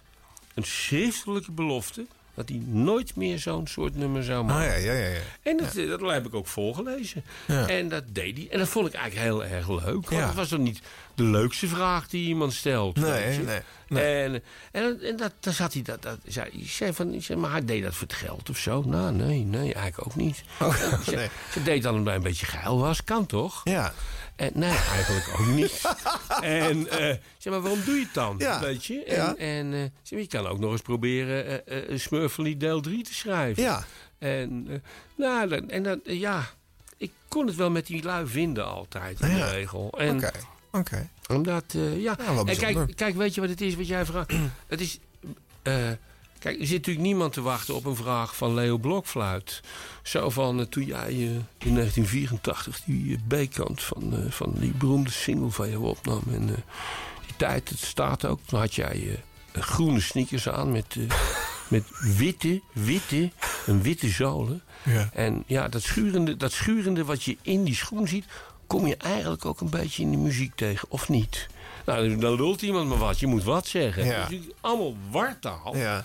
En eh, verder een aardige jongen. Is begonnen bij de popkrant trouwens. Kwam die uit de EO vandaan. Hij geloofde heel erg in God. En eh, dan begon hij daar als stagiair. Een, be- een beminnelijke man, ik kan niet anders zeggen. Maar iets minder kijken op muziek dan hij zelf denkt dat hij heeft. Ja. En het is... eh, en het is... en weet je, en die onzinvragen. Kijk, als je, met name als je grote buitenlanders hebben, dat zijn profs. Dus als jij. Kijk, toen ik Toto live had en die begonnen eerst met een pond kook op de, op de, op de mengtafel te gooien. En zo die neuzen er doorheen. Dan is het wel leuk als je tegen die jongens zegt: jongens, ga je er nou beter of slechter van spelen? Ja. Ik Ja. zit er niet mee. Voor mij, voor mij het is de arm. En dat vinden ze wel leuk. Die jongens, want iedereen weet dat ze het doen. En er is iemand die, die zonder morele overtuiging... gewoon een muzikale vraag over hun kook gebruikt. En er zijn natuurlijk heel veel artiesten, ik zelf ook. Ik heb menig leuk liedje geschreven terwijl ik zo stoned als een aap was. Dan wel dronken. Dus dan geven ze daar een keurig antwoord op. En dat vinden ze leuk. En dat vinden ze interessanter dan van... ja, welke merk eh, piano speelde jij? Die solo, dat interesseert ze. Zijn ze al lang vergeten, joh. Ja. Dat is... eh, dat is, zo zit de wereld niet in elkaar. Maar die jongens zijn zo professioneel dat ze altijd netjes antwoord geven. Ja. Behalve, behalve, hoe heette die man ook alweer? Eh, die Engelse man die onder. Het schiet me zo over te binnen. Doe maar een fragment. Oké, nou dan heb ik nu iets klaarstaan eh van eh Vara's lijn 3. Dat was eh, eh, ja, een soort Veronica komt naar je toe deze zomer, maar dan dus bij de Vara. Hè? nou, met een op. bus of met, met, met wat dan ook. Een, een stukje waar jij eh, te horen bent. Kim Miller Band. Dit was eh, ongeveer het eind van Varenslijn 3 vandaag. Eh, helemaal in het teken van kunst en cultuur. En het toeval wil dat we, nou, toeval, ik weet niet precies. maar We hebben ongeveer de gemiddelde luisteraar naast ons staan. En eh, heb, jij, heb je een beetje kunnen luisteren vandaag naar die dag? Nou, tijdens er wat en dan kunnen volgen, ja. Dus eh, ben je nu echt gaan houden van kunst en cultuur? Nou, dat was wel een favoriete hobby, hè? tenminste cultuur. Kunst, eh, ja, wat dat eh, met cultuur te maken heeft, daar kan je nog wel even over doorpraten, ja. Oké, nou, u merkt het luisteraar, het heeft een hele discussie teweeggebracht. Uh, hij weet het allemaal ook niet meer. Oh, leuk programma was Ja, dat. ja, ja, ja, ja. enige programma waar ik een keer van zender gehaald werd. Oh ja? Want? Ja, nou, we deden een kroegentocht in Amsterdam. Ach, natuurlijk. En dat had iemand bedacht. En, eh, en ja, en ik was bij eh, een, een, eh, een maker van, van sterke drank. Van Wees heette die. Geweldige sterke drank, drink het nog. Ja. En om tien voor twaalf kwam ik daar binnen. En ik moest die man wat vragen. En die man was zo trots op alles wat hij had. Je moest proeven. En om 12 uur had ik acht eh, slokjes op. en om 1 over 12 eh, eh, kwam ik weer terug. En zo, zo, zijn we weer. Het is hartstikke gezellig. Smakelijk, smakelijk programma. Het scheen nog eens in. Ja. Dat de eindregisseur be- besloot mij een uur van zender te halen. Dat Ja. moest ontnuchteren. En ik moet eerlijk zeggen, ik kan het nu als anekdote vertellen. Toen schaamde ik me helemaal kapot. En ik kreeg Oh. natuurlijk van al mijn collega's ontzettend op mijn flikker. En eigenlijk wel terecht. Ja. Maar ja, ik durfde ook geen. Maar nou moet je dit eens proeven, joh. Dit is een extract van, eh, van Oosterse tuinkruiden. En heb ik dan niet. Nou, even proeven. Ja, wel lekker. Ja, ja. Nou, maar dan, dan zijn we er nog niet. Nee. Weet je. Oh, ja, het was op zich. eh, ik ben heel blij dat je dat fragment niet hebt. Ik heb hem toen eh, tijdens het proeven ook geïnterviewd. En ik geloof niet dat er één zinnig woord uit, uit mijn mond behalve. Oh, is ook lekker, zeg. Ja, ja, ja, snap ik. Nou, ik, ik, ik weet wel dat ik proeven op de radio. Hapjes, drankjes en dingen. Dat is zelden leuk voor de luisteraar ook. Nee, maar dit was wel leuk, want het is heel erg leuk om iemand, een presentator die zo lam als een deur Ja, is. tuurlijk. Iemand Eigenlijk stiekem wel leuk, Eh, toch? stiekem toch? Ze hier gewoon een ootje moeten nemen en allerlei dingen laten zeggen waar je niet uitkwam. joh, wat, wat heb je hier nou? Ja. Ik weet nog goed, ik aan hem vroeg eh, op een gegeven moment... Ik dronk altijd jonge jenever. Die zei, en die man maakte het ook. Zei, eh, hij, zei, wat is nou het verschil tussen jonge en oude jenever? Die man kwam met een pipetje aan. Zei hij, dit druppeltje. ja? Ik zei, ik zei, je meent het niet. Zei, Ja, proef maar. En, en proef. Ik zei, ja, dat is jonge en oude jenever. Ah, ja. Hij zegt, het is, eh, het heeft, oud heeft niks met leeftijd te maken. Nee. En dat vond ik dan weer weer leuk. Ja. Nou, Even proeven, nog even proeven, weet je. Dus maar ja. Maar- Maar had je verder, eh, eh, je beschreef net een beetje hoe die kampen bij de VARA werkten. Hè? En dit is een beetje een schoolreisje met al die VARA. Ja, was dat dan was leuk? hartstikke leuk. Ja? En dat deed iedereen heel... Ja, natuurlijk was het een schoolreisje. En Dan wel. Dan en heb je het wel leuk Het waren ook allemaal geen onaardige mensen, begrijp me niet verkeerd. nee, nee. Maar, maar het, het, het- en toen het allemaal, jullie nog één dag in de week had, was je natuurlijk ook allemaal een beetje mekaars concurrent. Ik bedoel, je, er waren mensen die durfden niet op vakantie te gaan, want dan was je je programma kwijt. Ja. Want dan had Felix Meurs, die dacht ineens, en dat was de god. Eh, die dacht, nou, ik wil er wel twee uurtjes bij. Nou, dan had hij ze. En, eh, of, wie, weet je, of nog zo'n hele beroemde. Zo of, raakte eh, jij je eerste programma ook kwijt, ja, ja, maar dat vond ik helemaal niet. Want ik, ik, ik kreeg er bij nader inziens veel leukers voor terug. Ja. Podcast vond ik Ja. veel leuker om te doen. Ja. En, en, dus, en ja, ik vond dat... Toen vond ik het heel erg later. dacht ik, ach, maak het mij uit, Ja. weet je. Ja. En, eh, maar eh, ik bedoel, ik gaf dit voorbeeld om te zeggen hoe het werkte. Ja. En, eh, en er was ook altijd... Nou, dit geloof je echt niet, maar het is echt waar. Als er hier vergaderd werd in deze kamer... waren er mensen die met een glas, omgekeerd glas... Ja. op de- een kamer verder zaten te luisteren wat er besproken werd. Ja, ja, Omdat ze dachten dat het wel eens over hun zou kunnen gaan. Ja.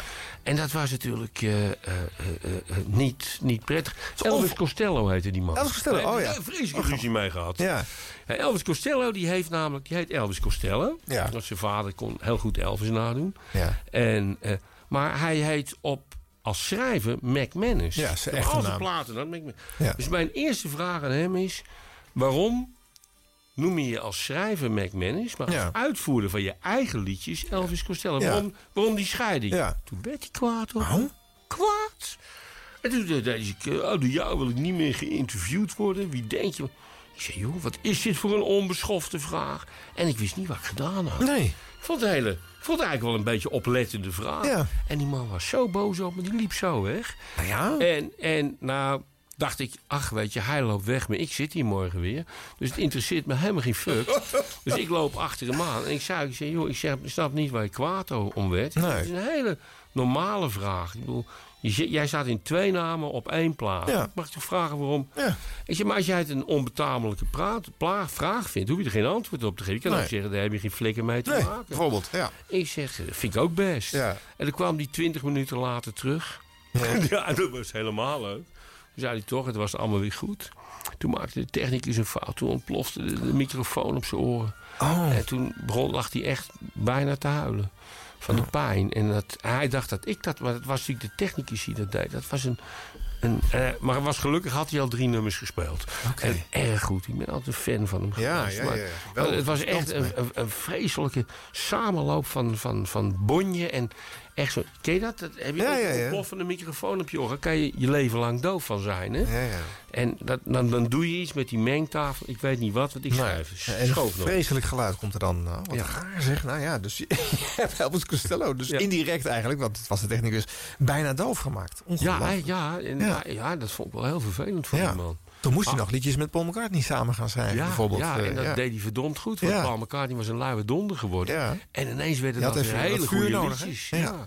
Ik eh, laat wat geluid uit 1984 horen. Even het sociale engagement bij de VARA. Eh, je zit wederom met Felix Meurders eh, samen achter de microfoon. Er is een actiedag voor Amnesty georganiseerd. Oh ja.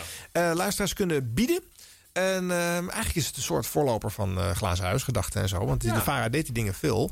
En als er een be- x-bedrag geboden werd, dan werd de Ja. weddenschap eh, ingelost. Eh, zo was er bijvoorbeeld het idee om eh, Veronica-jingles in de zendtijd van eh, de VARA uit te zenden. Dat was toen nog vloek in de kerk. Dat Ja, deed was je heel erg vloek Dat in de deed kerk, ja. Ik zou zeggen, blijf ook bellen voor het laatste nummer van Doe Maar. Voor Veronica Jingles. Ehm, wat hebben we nog meer, Felix? We hebben de echte internationale, waarvoor op dit ogenblik 2400 gulden geboden is. Het gaat maar niet. Hè? Dat moet toch kunnen op zo'n dag als vandaag, 1 mei. Vooruit. Kom op. De Beatles eh, heb je al genoemd. Doe maar de laatste keer. De Veronica Jingles van 5000 gulden. Ik heb, ik heb, ehm, ik heb gehoord dat Henk van Dorp en Frits Barend... ergens in de VARA-studio zijn gedoken. En daar hebben ze een heel bijzonder hok ontdekt. Ik heb er nog nooit eerder eh gehoord. Is dat zo? Ja. Wat, eh, heb jij een, ja, een bijzonder hok ontdekt? Nou, ik, eh, ik zou zeggen, laten we de jongens zelf maar even aan het woord laten. Als we naar ze toe babbelen. kunnen natuurlijk. Want, want, want eh, wat zei je, Felix? Als we naar ze toe kunnen. Ja, maar misschien kunnen zij wel naar ons toe komen, want ze weten met die bergen, Mohammed. Zijn jullie daar, jongens? Ja. Grappig, grappig. Brandt wel van nieuwsgierigheid wat het moet wezen.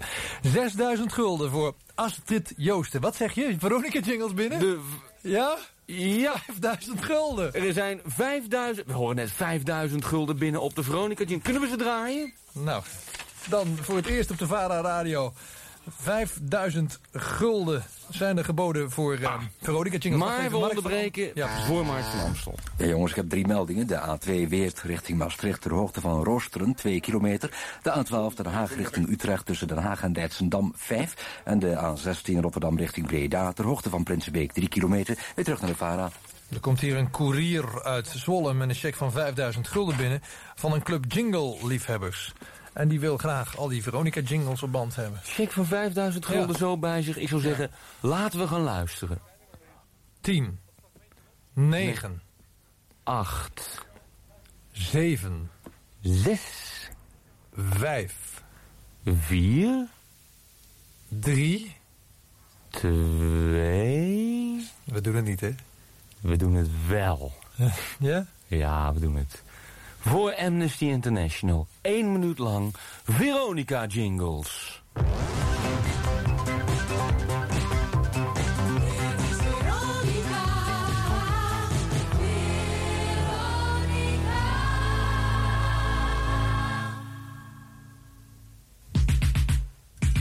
Radio Veronica op Hilversum 3. Vrijdagmiddag en avond. Mono, de tipparade, top 40, Bart en de Zwart en Countdown Café. 11 uur lang popmuziek. Dat is Radio Veronica op Hilversum 3. Dit is Veronica. Dit is Veronica. Dit is Veronica. Dit is Veronica.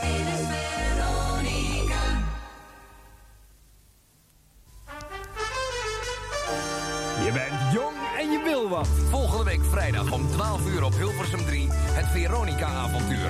25 jaar historie. Volgende week vrijdag het laatste deel. Je bent jong en je wil wat. Vijf weken lang, iedere vrijdag van 12 tot 1 op Hilversum 3. Het Veronica-avontuur. Geld voor de Beatles is ook binnen. Hoeveel is er binnen in totaal? Oh, shit. In ieder geval meer dan 2000 gulden. Jij weet het precies. Ik dacht 2160 gulden, maar...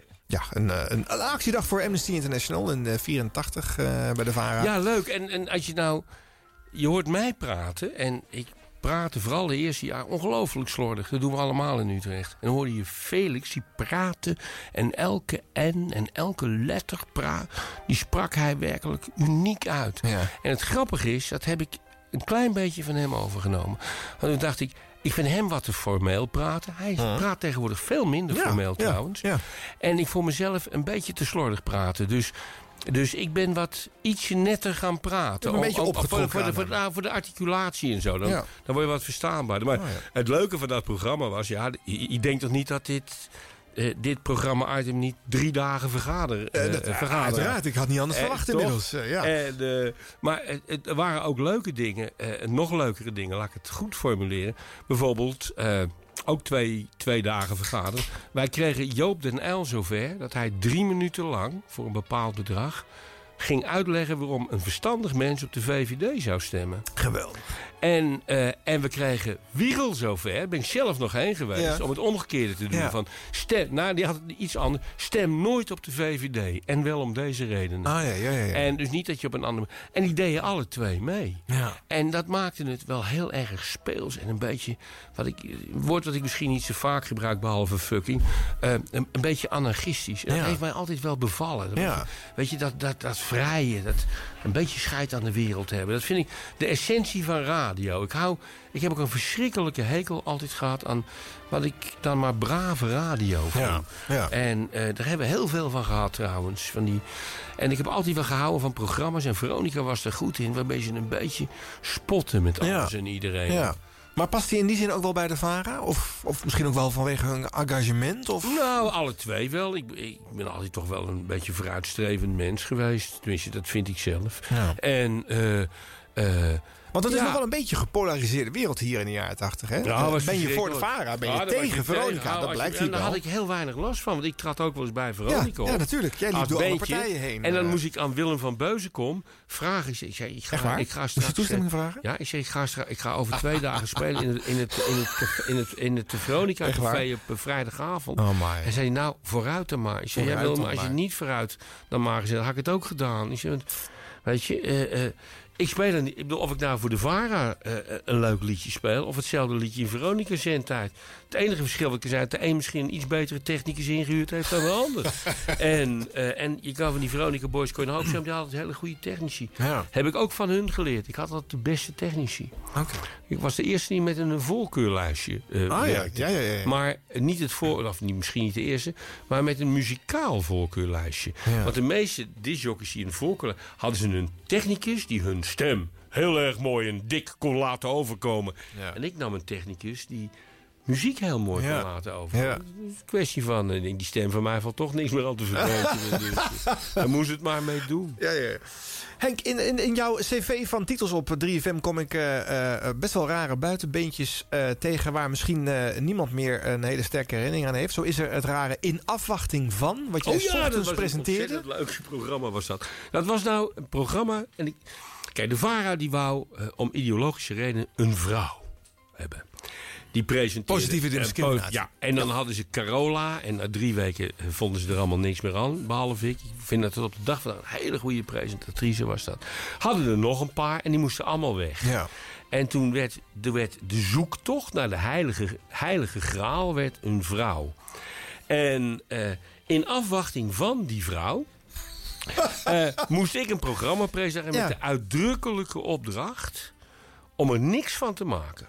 Dus, wat ik net zei, het, het kort presenteren Ja. heb ik daar geleerd. Dit was dit, nu komt dat. Ja. Weet je, echt heel kort, heel sober. Dit waren de Beatles. Ach, dan is het nu weer tijd voor de Rolling Stones. Weet je, dat was echt acht seconden maximaal. Ja. Maar ja, ik kwam daar helemaal voor uit Utrecht. En het was ook eh, s ochtends van 9 tot 11. Ik ben nooit een ochtendmens geweest. Dus ik vond het verschrikkelijk. maar goed, ik deed mijn best. Ik, werd daar, ik kreeg daar een kleine beloning voor. En na een half jaar, drie kwart jaar, zei Peter Holland op een gegeven moment... Zei van, weet je, het is helemaal geen programma voor Henk. Want die, die zit heel duidelijk zich in te houden. Ja. En, en dan begon ik wel eens aan een zin. dacht ik, je zit een grapje in. En die, die maakte ik dan maar niet. Ik Nee. heel braaf zijn. Ja. Dus ik kreeg de opdracht samen met Peter Holland iets te bedenken om het programma iets meer body te geven. Nog steeds een afwachting van. Ja. Toen kregen we Herman Stok als tijdelijke chef. Ja. En die, eh, die zag Jan Douwe Kroeske en die dacht... Ah, wat, dat, als, jammer dat Jan Douwe meer van vrouwen houdt. Want dit is mijn soort man. en, een, en, en een week later was, eh, was de vrouw Jan Douwe Kroeske. Die kreeg daar dat programma. Ja. Die had nog nooit iets gepresenteerd. En, eh, en, en toen zei, ik meen Felix Meurders... die zei van me... Hij heeft helemaal nog nooit wat gepresenteerd. En gelijk toch zo'n... Och, ja, eh, helemaal stok boos worden, weet je wel. En dat kon hij heel goed trouwens.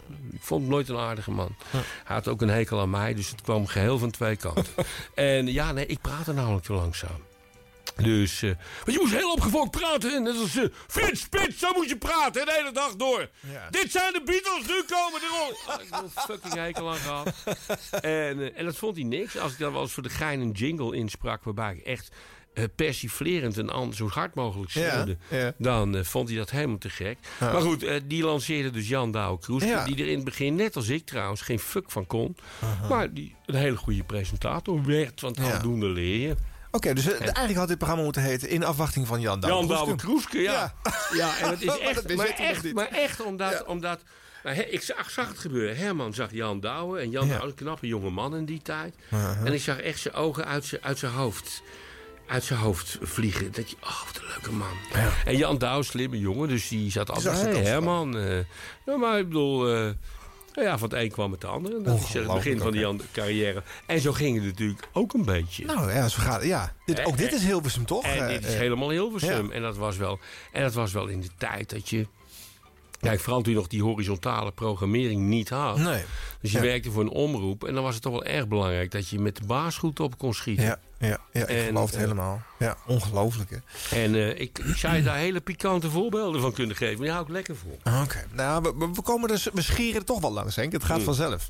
Eh, eh, morgen gebeurt het. Is er dan nog uh, radioreportage ingeleid door, door jou? Dat, daar hebben we al een fragmentje van Ja, gehoord. dat was een leuk programma om te doen. En dan vanaf december 85 ga je ook een lunchprogramma maken. Namelijk de Steen en Been Show. Samen met Jack Spijkerman. Even een stukje luisteren.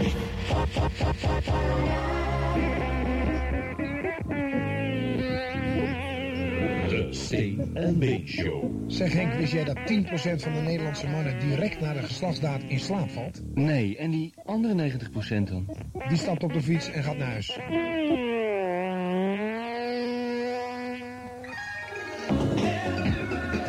Goedemiddag allemaal. Als jij sinds gisteren of eerder al niet onverwachts overleden bent... en je luistert naar Hilversum 3 omdat je Radio 3 helemaal niks aanvindt...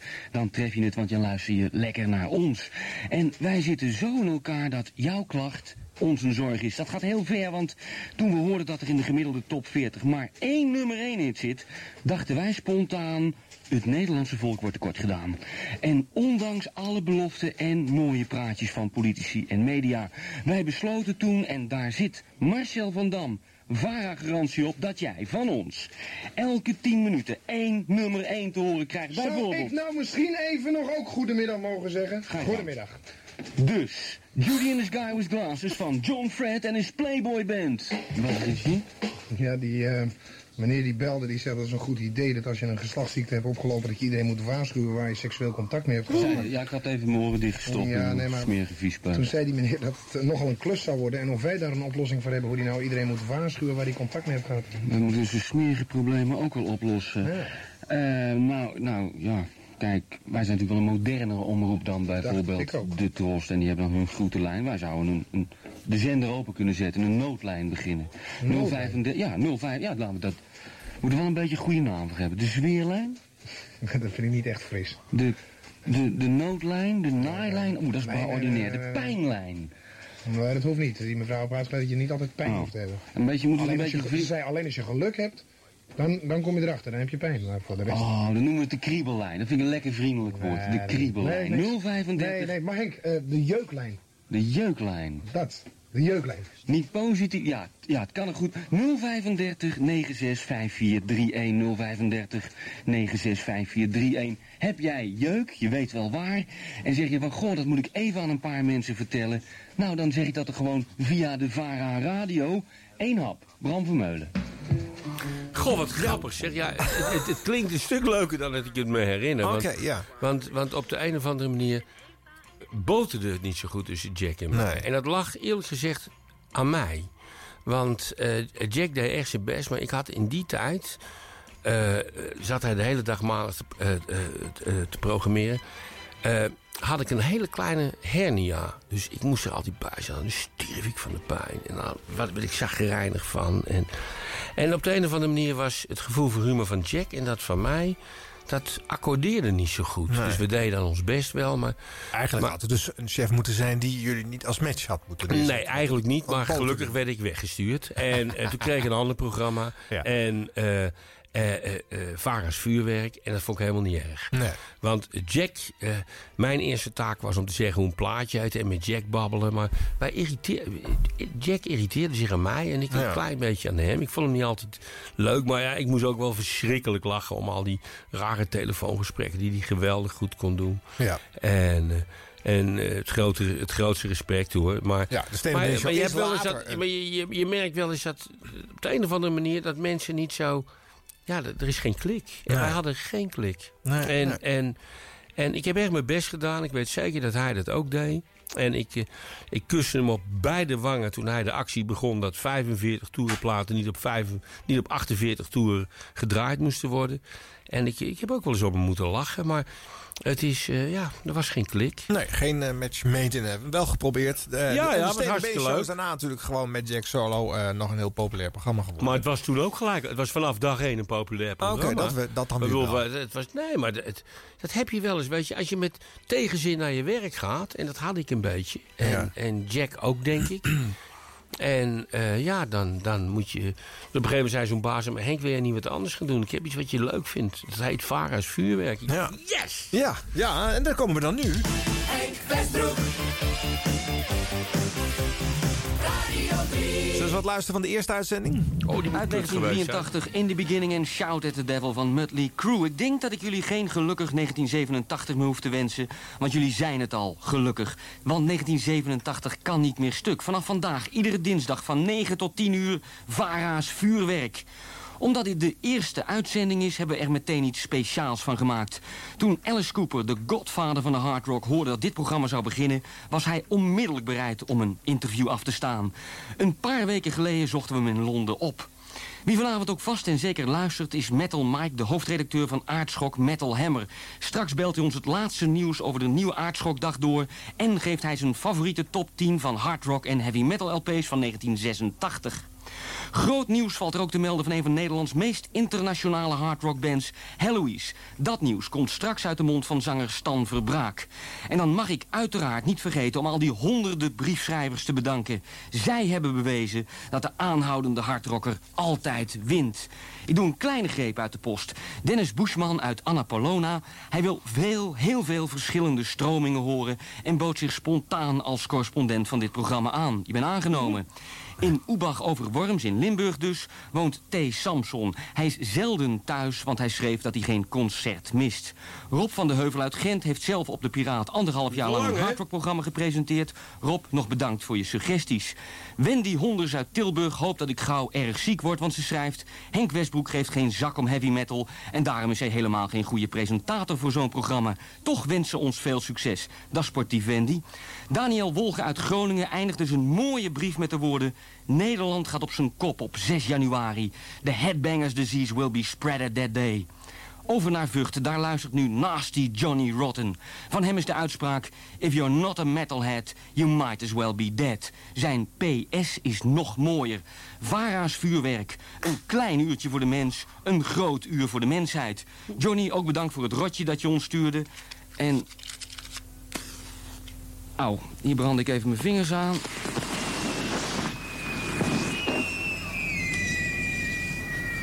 Nogmaals bedankt, Johnny. Bijna alle briefschrijvers gaven hun lijstje met favoriete platen op.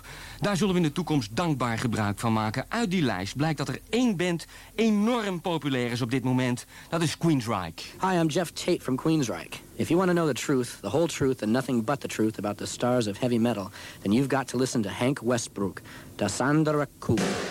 Hey, weet je wat zo grappig is? This is Alice Cooper. Oh, was This is 1987 calling. In the last couple of days, you've been hearing a lot of fireworks. But the big fireworks is going to start right now. You're listening to Hank B. Westbrook and Alice Cooper in Vara's Vuurwerk. Eh, eh. Yeah. Het grappige van dit programma, dit is, dit is het begin van de eerste uitzending. En ik doe dit heel slecht.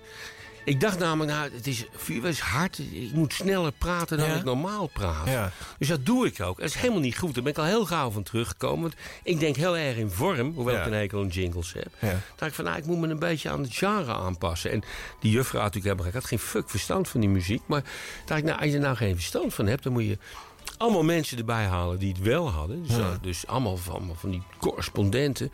En ik, dan zorg ik voor de grapjes en voor de geilheid. Dus wij gingen op een gegeven moment de, eh, de Groupie Club oprichten. Om service aan alle... eh, en die waren dus ook echt, hè? Dus we hadden dames en die ze boven en die neukten dan al die bands. en, eh, en dan werd ik door de VPRO gebeld, weet je wel. De Ron Flonflon, die dacht... En die zei van... Is dat echt? Ja, dat is echt echt. Oh, leuk dat je de man van de illusie en, ja, en, en, en, en later, nou ja, de groupie club kwam ook eh, teksten uit wie er het wie er langste had en wie Oh, het diepst in. En dat was allemaal ontzettend geestig. en, eh, en ook als ze het niet deden, deden ze net alsof ze Ja. het wel deden. ja, ja, ja, ja. Ik, ik, ik strikte Marcel van Dam om als heavy eh, Marcel mij elke week ongelooflijk op een flikker te geven dat ik het niet goed deed. En dat was, eh, dat was wel lollig. En het, was een, het aardige van dat programma was, ik vond het zelf zo leuk, ik heb er veel van geleerd. Ik ben toen zelf wat meer gitaarpartij. Ik, heb, ik ben geen hardrockzanger, weet je. Ik heb geen hoge stem. Nee. Maar ik heb eh, mijn laatste plaat bijvoorbeeld, heel heavy eh, gitaar. Heb ik opgestoken van dat programma. Het is echt leuk om te doen. En, en leuke mensen ook, die hardrockers. Het, het, Trouw. kle- het kleefde aan jou, want je, je, tot, tot, tot in lengte der jaren bleef jij in Denk en Henk veel mensen krijgen die vroegen om Metallica-achtige platen. Ja, maar wij waren de Henk eerste hield van harde muziek. ter wereld, eh, ter wereld die Metallica draaide. Hmm. Omdat iemand, Rolf Kroes, die had weer via, via... In Amerika was hij op vakantie en dan had hij eh, Metallica ontmoet. En die werden lokaal gedraaid. Ik weet niet meer precies in, waar ze vandaan kwamen. En die was naar ze toegegaan. Hoe, het fijne weet ik er niet meer van. Die had een plaat die nog uit moest komen. Had hij al. En wij draaiden dat. En ik vond het helemaal te gek. Dus daar mocht ik ook later alle Metallica-interviews doen. En arrogante kwallen waren dat trouwens. Maar het is, eh, ja, die waren, werden te snel, te beroemd en te rijk. Dus die rookte dan alleen nog maar sigaren van 350 dollar per stuk. En, dan, en, dan, en dat zei ze er dan ook bij als ze er weer eens één, na twee trekjes eentje uit. Oh ja, en Maar ik ja. kon goed met ze vinden hoor. Ja. Maar ik dacht wel eens, jongens, jongens, jongens. Ze hadden een beetje die attitude die een beetje hip, eh hiphopper eh, eh, tegenwoordig ook heeft. Ja. Even laten zien hoeveel geld ik heb en hoeveel goud ik om, op, om mijn hals kan dragen. En dat heb ik nooit zo gehad, dat hele materiële. Dat heb ik nooit zo prettig gevonden. Je zegt net van, ik, ik ga hier eigenlijk te snel praten. Want ik, ik, heb een, ik maak een hardrockprogramma. Dus ik heb kennelijk toen bedacht aan het begin van... ik moet meer vaart maken. Maar wat je niet doet is bedjes gebruiken. Je kan nee, nooit bedenken- altijd een hekel aan gehad. Maar, maar, maar eh, eh, bij een hard programma is het toch niet zo erg om... eh, ik zeg niet dat het erg is. Als je deze airchecks hoort, hè, ze zijn natuurlijk eh, bij elkaar geknipt. Hè, dus het is eh, een, beetje scheef beeld. Dan denk je, dit had een programma met willekeurig welke muzieksoort kunnen wezen. Ja, maar dat is niet erg, want eh, als ik mijn mond dicht hield, dan kwam er echt, eh, dan kwam er echt de meest harde muziek die er Ja. ooit op 3FM gedraaid is. Dus ik heb nooit begrepen waarom een, een platen, eh, een disjockey, wat iemand is die vertelt hoe een plaatje heet, het noodzakelijk vindt zichzelf weg te cijferen op basis van een, van een vervelende beat. Weet je, ik begrijp wel dat hij die beat registreert bij de Buma.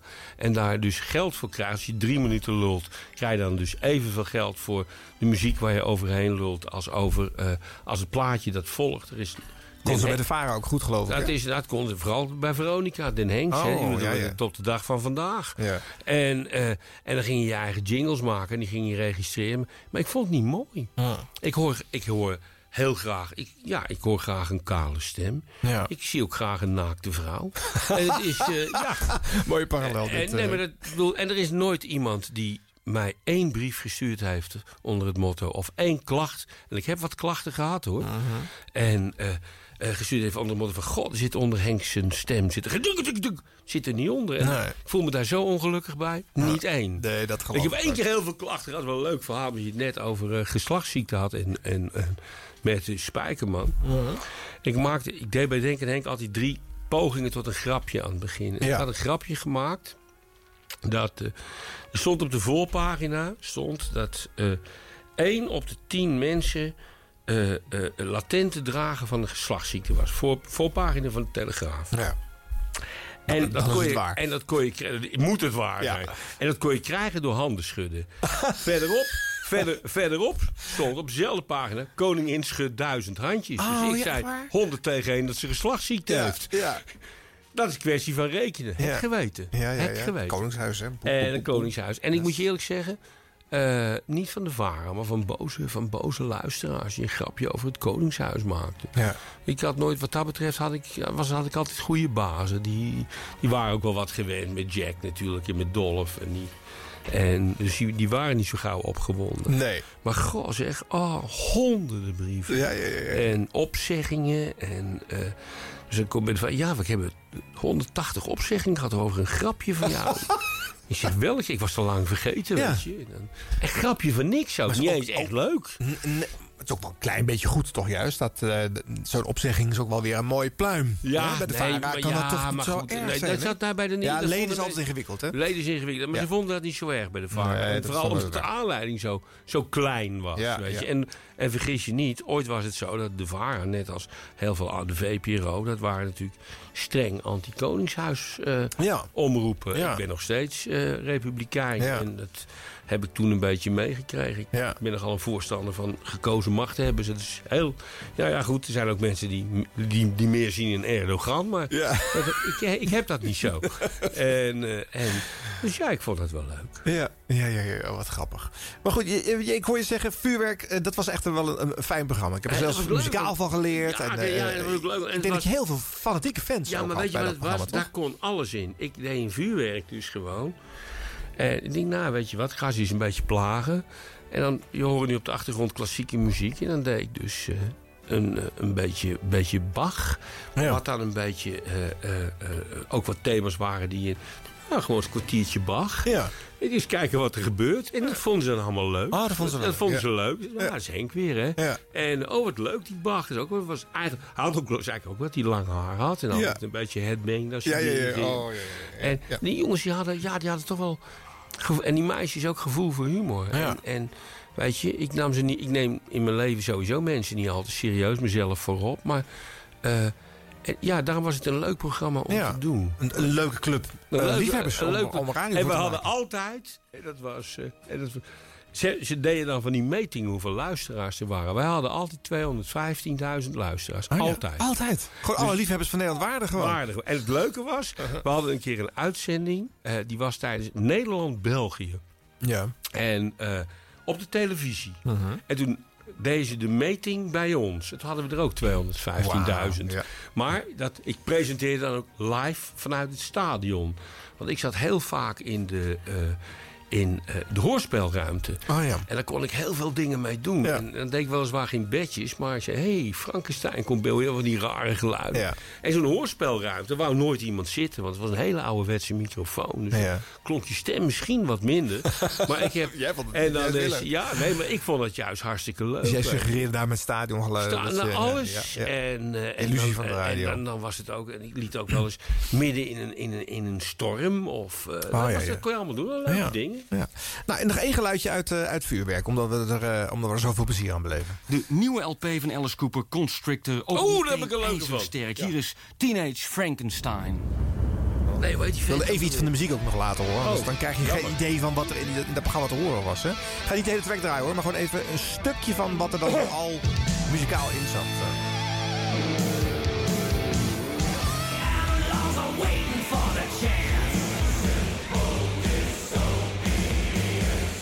Simple Disobedience van Alice Cooper. Aan de telefoon Metal Mike, hoofdredacteur van Aardschok en Metal Hammer. Als laatste band hebben we iets voor het eh, publiek voor echt het heel harde spul. Het is eh, Celtic Frost uit Zwitserland. Mike, het was eh, een genot om met je te praten. Van Crimson Glory, een nummer dat jij mag uitkiezen. Welke wordt dat? Nou, draai maar eh, Mayday. Bedankt, Mayday. Het intro blijft schoon, hè? In dit geval ook niet zo heel Oh, vreemd, oh, zo, want, eh, ja, ja, want ja, wordt, eh, er wordt gepraat Nee, ik in het wilde ook intro, nooit maar- de intro, maar het, het leukste is... Ook nu niet, hè? Nee, nee, daar heb ik altijd een hekel aan gehad. En het heeft... eh, maar hoe heet, die- hoe heet die kerel ook? Die heeft nog zijn eigen televisieshow gehad. Ook zo'n... eh, Ozzy Osbourne. Ja, ja. Ik Ozzy reality Osbourne. Daar heb ik een leuke anekdote over, als je me horen wil. Ozzy... Mag die over de muziek heen? Ja hoor, ja, ja, ja. ja.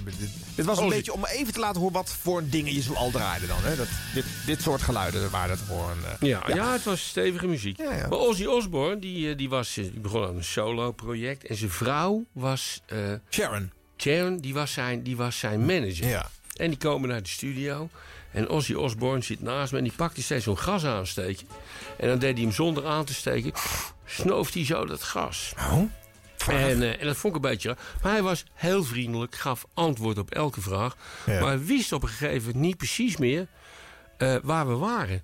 Dus eh, op een gegeven moment zeg, ik, waarom? zeg, ik, zeg, ik van, zeg ik tegen hem, ik zeg, ik zeg, je vrouw is nou je manager, hè? Ja. En, en hanteert hij de zweep een beetje. Want hij, hij had beroemd dat hij te laat kwam. Hij zei, oh, dat vind ik zo lekker. Oh ja? Ja, ik laat hem ook elke avond vastbinden. Dan pakt ze de zweep en dan... eh, en zo nu dan duwt ze een, iets in mijn achterwerk. Ja. Hij nam dat volkomen letterlijk. hij ging zijn seksleven beschrijven. En zijn vrouw Sharon, die zat dus achter de ruit te zwaaien. van, hou op, hou op, hou op. En ik wist echt niet wat ik zeggen moest. Ik, Nee. ik, ik zei, dus ik liet hem maar uit. Maar ik zei van, hè, hij heeft wel gevoel voor humor. Maar het was volkomen waar. Later zou hij zich hier helemaal niet voor geschaamd hebben. Maar dat Nee, maar toen toen niet wel. weten. eh, ja, ja. Toen wel. Ja, oh, wat grappig. Ah, nou goed. ehm, Henk, we zijn even denken. eh 1 uur en 50 minuten op stoom. We hebben één plaat gedraaid. lekker. Hoe vind jij het? Ik vind, het, eh, ik vind het nog steeds een gezellige uitzending. Ja. Want het wordt gezellig, dat moet je ook altijd gebruiken. Dat is tegenwoordig zo. Er zijn twee woorden en, ik, en elke slechte disjockey maakt er gebruik van. Behalve Gerard Ekdom, die maakt er gebruik van met zijn goede disjockey. Het wordt effen en gezellig. Oh ja. Effen met die bellen. Gezellig! Oh, ik vind dat zo erg. Gezellig is een leeg en woord. gezellig is zo'n gruwelijk begrip Ja. ook. Van, dan is alles ineens goed. Gezellig, jongens. We zijn een concentratiekamp. Oh, gezellig. Even met, met oude Adolf bellen. En, is- oh, ik vind dat zo verschrikkelijk. Ja. En het is, eh, dus dat zijn de twee eh, woorden die ik liever niet hoor op de radio. Nee, nee. En, Ik geloof eh, niet dat ik het eh, gezellig bezig. Even zeg ik ja, ongetwijfeld ja, wel eens. ehm, ja, even, ja nou, ik doe, doe, doe ik het zelf ook. Ik, zeg, Ja. ik, ik ga even naar het toilet of wat dan ook. Maar eh, ik zei tegen Gerard, en daar ben ik bevriend mee... want Gerard die kon mij goed nadoen. Ja, Hè? ja, Mijn ja. laatste uitzending bij 3FM, ik moest weg omdat ik, omdat ik een grapje gemaakt had... over iemand van de PvdA, wat niet zo goed viel. En, eh, en eh, toen zou ik eigenlijk... eh, ik was 3FM toch een beetje zat. En ik zou eigenlijk naar, dat was de afspraak, naar Radio 2 gaan. Maar ze hadden toen een baas. Is tegenwoordig directeur van de Rode Hoed in Amsterdam. Die heette Ton van Brussel. En daar kwam ik toen en zei, nou, ik wil eigenlijk wel weg. En dat is ook een beetje toegezegd. En dan kan ik volgend seizoen dan niet op Radio 2. Toen zei Ton van Brussel, die zei... Henk, A, het staat niet op schrift. En B, laten we eerlijk zijn. Voor Radio 2 ontbreek je bij jou de verstandelijke vermogens. En toen werd ik zo pissig. Maar ik denk, laat het niet merken aan die oedlul. En dus ik ging weg. Ik denk, ah, fuck you, weet je wel. En het leuke is, die Tom van Brussel... die stuurde mij drie maanden later een bedelbrief. Hij wilde namelijk de complete werken van, eh, van het Reven uitgeven. Eh, professor van het Reven. Eh, maar hij moest een ander betalen. En hij had bedacht dat ik wel 5000 euro kon, of, kon betalen. Of Ja. gulden in die tijd. Ja. Dus ik had mijn briefje teruggeschreven dat ik helaas werkeloos geworden was. Dus dat bedrag niet kon ophoesten. Maar nooit meer wat van hem gehoord. Nee. Hoe een eikel. Maar hij is goed eigenlijk, terecht eigenlijk zeg je ermee ook dat jij een carrière naar Radio 2, de overstap naar 2. eh, Had ik heel graag willen doen. Ja. Ja. want dan kon- je dit soort programma's altijd maken. Een beetje lullen. Ja. Dus je dan een liedje. Had ik best graag gewild. Ja. Ik vond radio en vind radio tot op de dag van vandaag. En ja, wat zich liep, nekt zich. Hè? Je hebt er een grote bek over. En ik zit te, te mopperen over geluidsbedjes. En te mopperen over effen. Maar ook wel omdat ik er heel erg veel van hou. Ja. En- Als het je niks doet, word je er niet boos Toch? over. Nou, ik Nee. word er ook niet boos over, want het irriteert me. Ja. En ik luister echt graag naar... Ik, bedoel, ik mag graag naar Ekdom luisteren en naar, naar, naar, naar, naar Stenders. Dat vind ik hele goede presentatoren, weet je. Ja. Giel kan er ook wat van. We hebben er een programma samen mee gedaan. Ja. Dat was heel erg leuk trouwens. Die zat. En dat was voor mij de reden waarom ik eigenlijk weg wilde bij drie. Ja. Die fucking Giel, die zei namelijk... Ja, ik, ik tuin altijd in zijn grapjes. Die zei namelijk consequent opa Henk. Oh ja. Toen dacht ik, nou moet ik wegwezen. Oh ja, ja. Als ze dat tegen je gaan zeggen, hij bedoelde daar niks kwalijks mee Mhm. of zo. Dan dacht ik van ja, zo gaan ze over je denken. Ja. En ondertussen was de PvdA bezig met de actie Henk van de radio af. Dus ik dacht nou, dat, ja serieus waar. En die Ton van Brussel, die nam dan duizend handtekeningen van de jong socialisten in Amsterdam in ontvangst. Want die, ja, ik had eens een grapje over de PvdA gemaakt en dat mocht dan niet. Ja. En... eh, en, en ik, ik vond het ook een, een, een totaal rechtse partij geworden, wat ik het op de dag van vandaag vind. Ik ben tegenwoordig, als ik nou toch iets moet zijn, ben ik liever bij de SP. Ja. En het is. eh, eh, eh, maar goed, dat is een hele andere discussie. Het heeft. dus, dus dat gebeurde. En die Tom van Brussel, die ging dan echt die vuile, die vuile NSB'er. Die ging dan, die ging dan namens de VARA naar Amsterdam om van, van, van zijn partijgenoten een, een, een motie in ontvangst te nemen... dat ik wegens mijn leeftijd ontslagen moest worden. En dan dacht ik, jongen, jongen, jongen. Ik had nog een leuk briefje geschreven dat ik te oud was om de reis te maken. En, eh, en eh, ook niet precies wist, gegeven mijn leeftijd... of ik het goede adres wel kon ontvangen. Ja. Ik had er een grapje Ja. En die man ging daar dan heen. Oh, een vreselijk type. Maar, dat is, maar goed, die, die vind je bij elk bedrijf. En, eh, Maar dat dit in 2003 ook nog steeds, hè, met Varen en PvdA, Ja. nog steeds een dingetje oh, was. ja, absoluut. Toen absoluut, nog. Absoluut. En de jaren 80, wat we allemaal horen qua geluid. Ja, maar... Ja, maar weet je, dat is... Kijk, ik ben ook groot geworden. En dat had ik alles behalve altijd gelijk in. Dat, je moest ook een hekel aan, de, aan Veronica hebben. En dat- Ja. in het begin had ik dat ook. Ja. En later dacht ik, begon dat bij te draaien, weet je. En dacht ik, waarom heb ik rijk een hekel? Dat hartstikke goede discjockeys. Ja. Ze draaien leuke muziek. Bijvoorbeeld die van mij. Mhm. Eh, eh, ze zijn nogal zakelijk. Nou ja, waarom niet, weet je? Ja. En, maar ja, je, je komt ook ergens vandaan. Ik kom uit een, eh, ik kom uit een gezin, een persoonlijke achtergrond. Als ik naar een slager toe ging die niet communistisch was... dan, eh, dan werd het graag niet opgegeten, hoor. Nee, nee. En je was, lid van, eh, je was lid van de vakbond. En je was, weet je, dat... Dus daar krijg je toch wat van mee. Echt en dan moet je ook een beetje, cultuur, En dan eh, moet je een beetje afstand van. Maar Ja. ik moet je eerlijk zeggen, ik heb ook jarenlang bij de VARA gewerkt onder het idee. En dat meen ik oprecht. Ik denk, nou, ik heb altijd wat meer gehad met een, een omroep die wat mededogen heeft met de zwakkeren in de samenleving. Ja.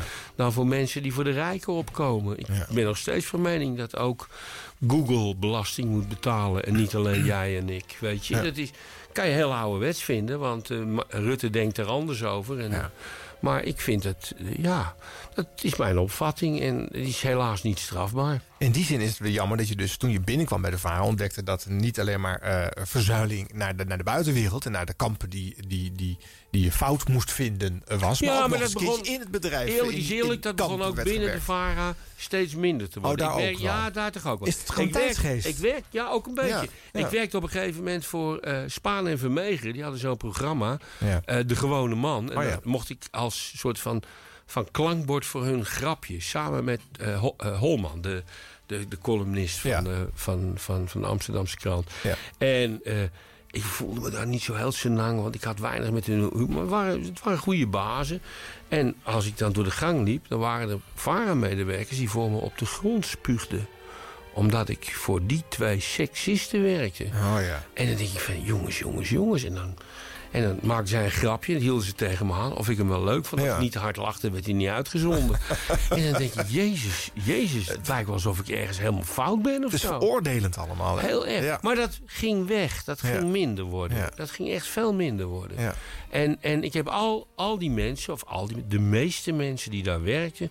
toch toleranter zien worden. En ruimdenkender. Want ja, weet je, de tijd doet ook wat met je. En dat geldt ook voor mezelf. Ja, ja snap ik. Ehm, ik ga weer wat geluid laten horen. Want we, we hebben natuurlijk ook een, eh, een show met fragmenten. Eh, ik ben in 1990 beland inmiddels. Jij maakt het programma Jackpot. Shit, dat ben ik helemaal vergeten. Ja. Luister maar eens.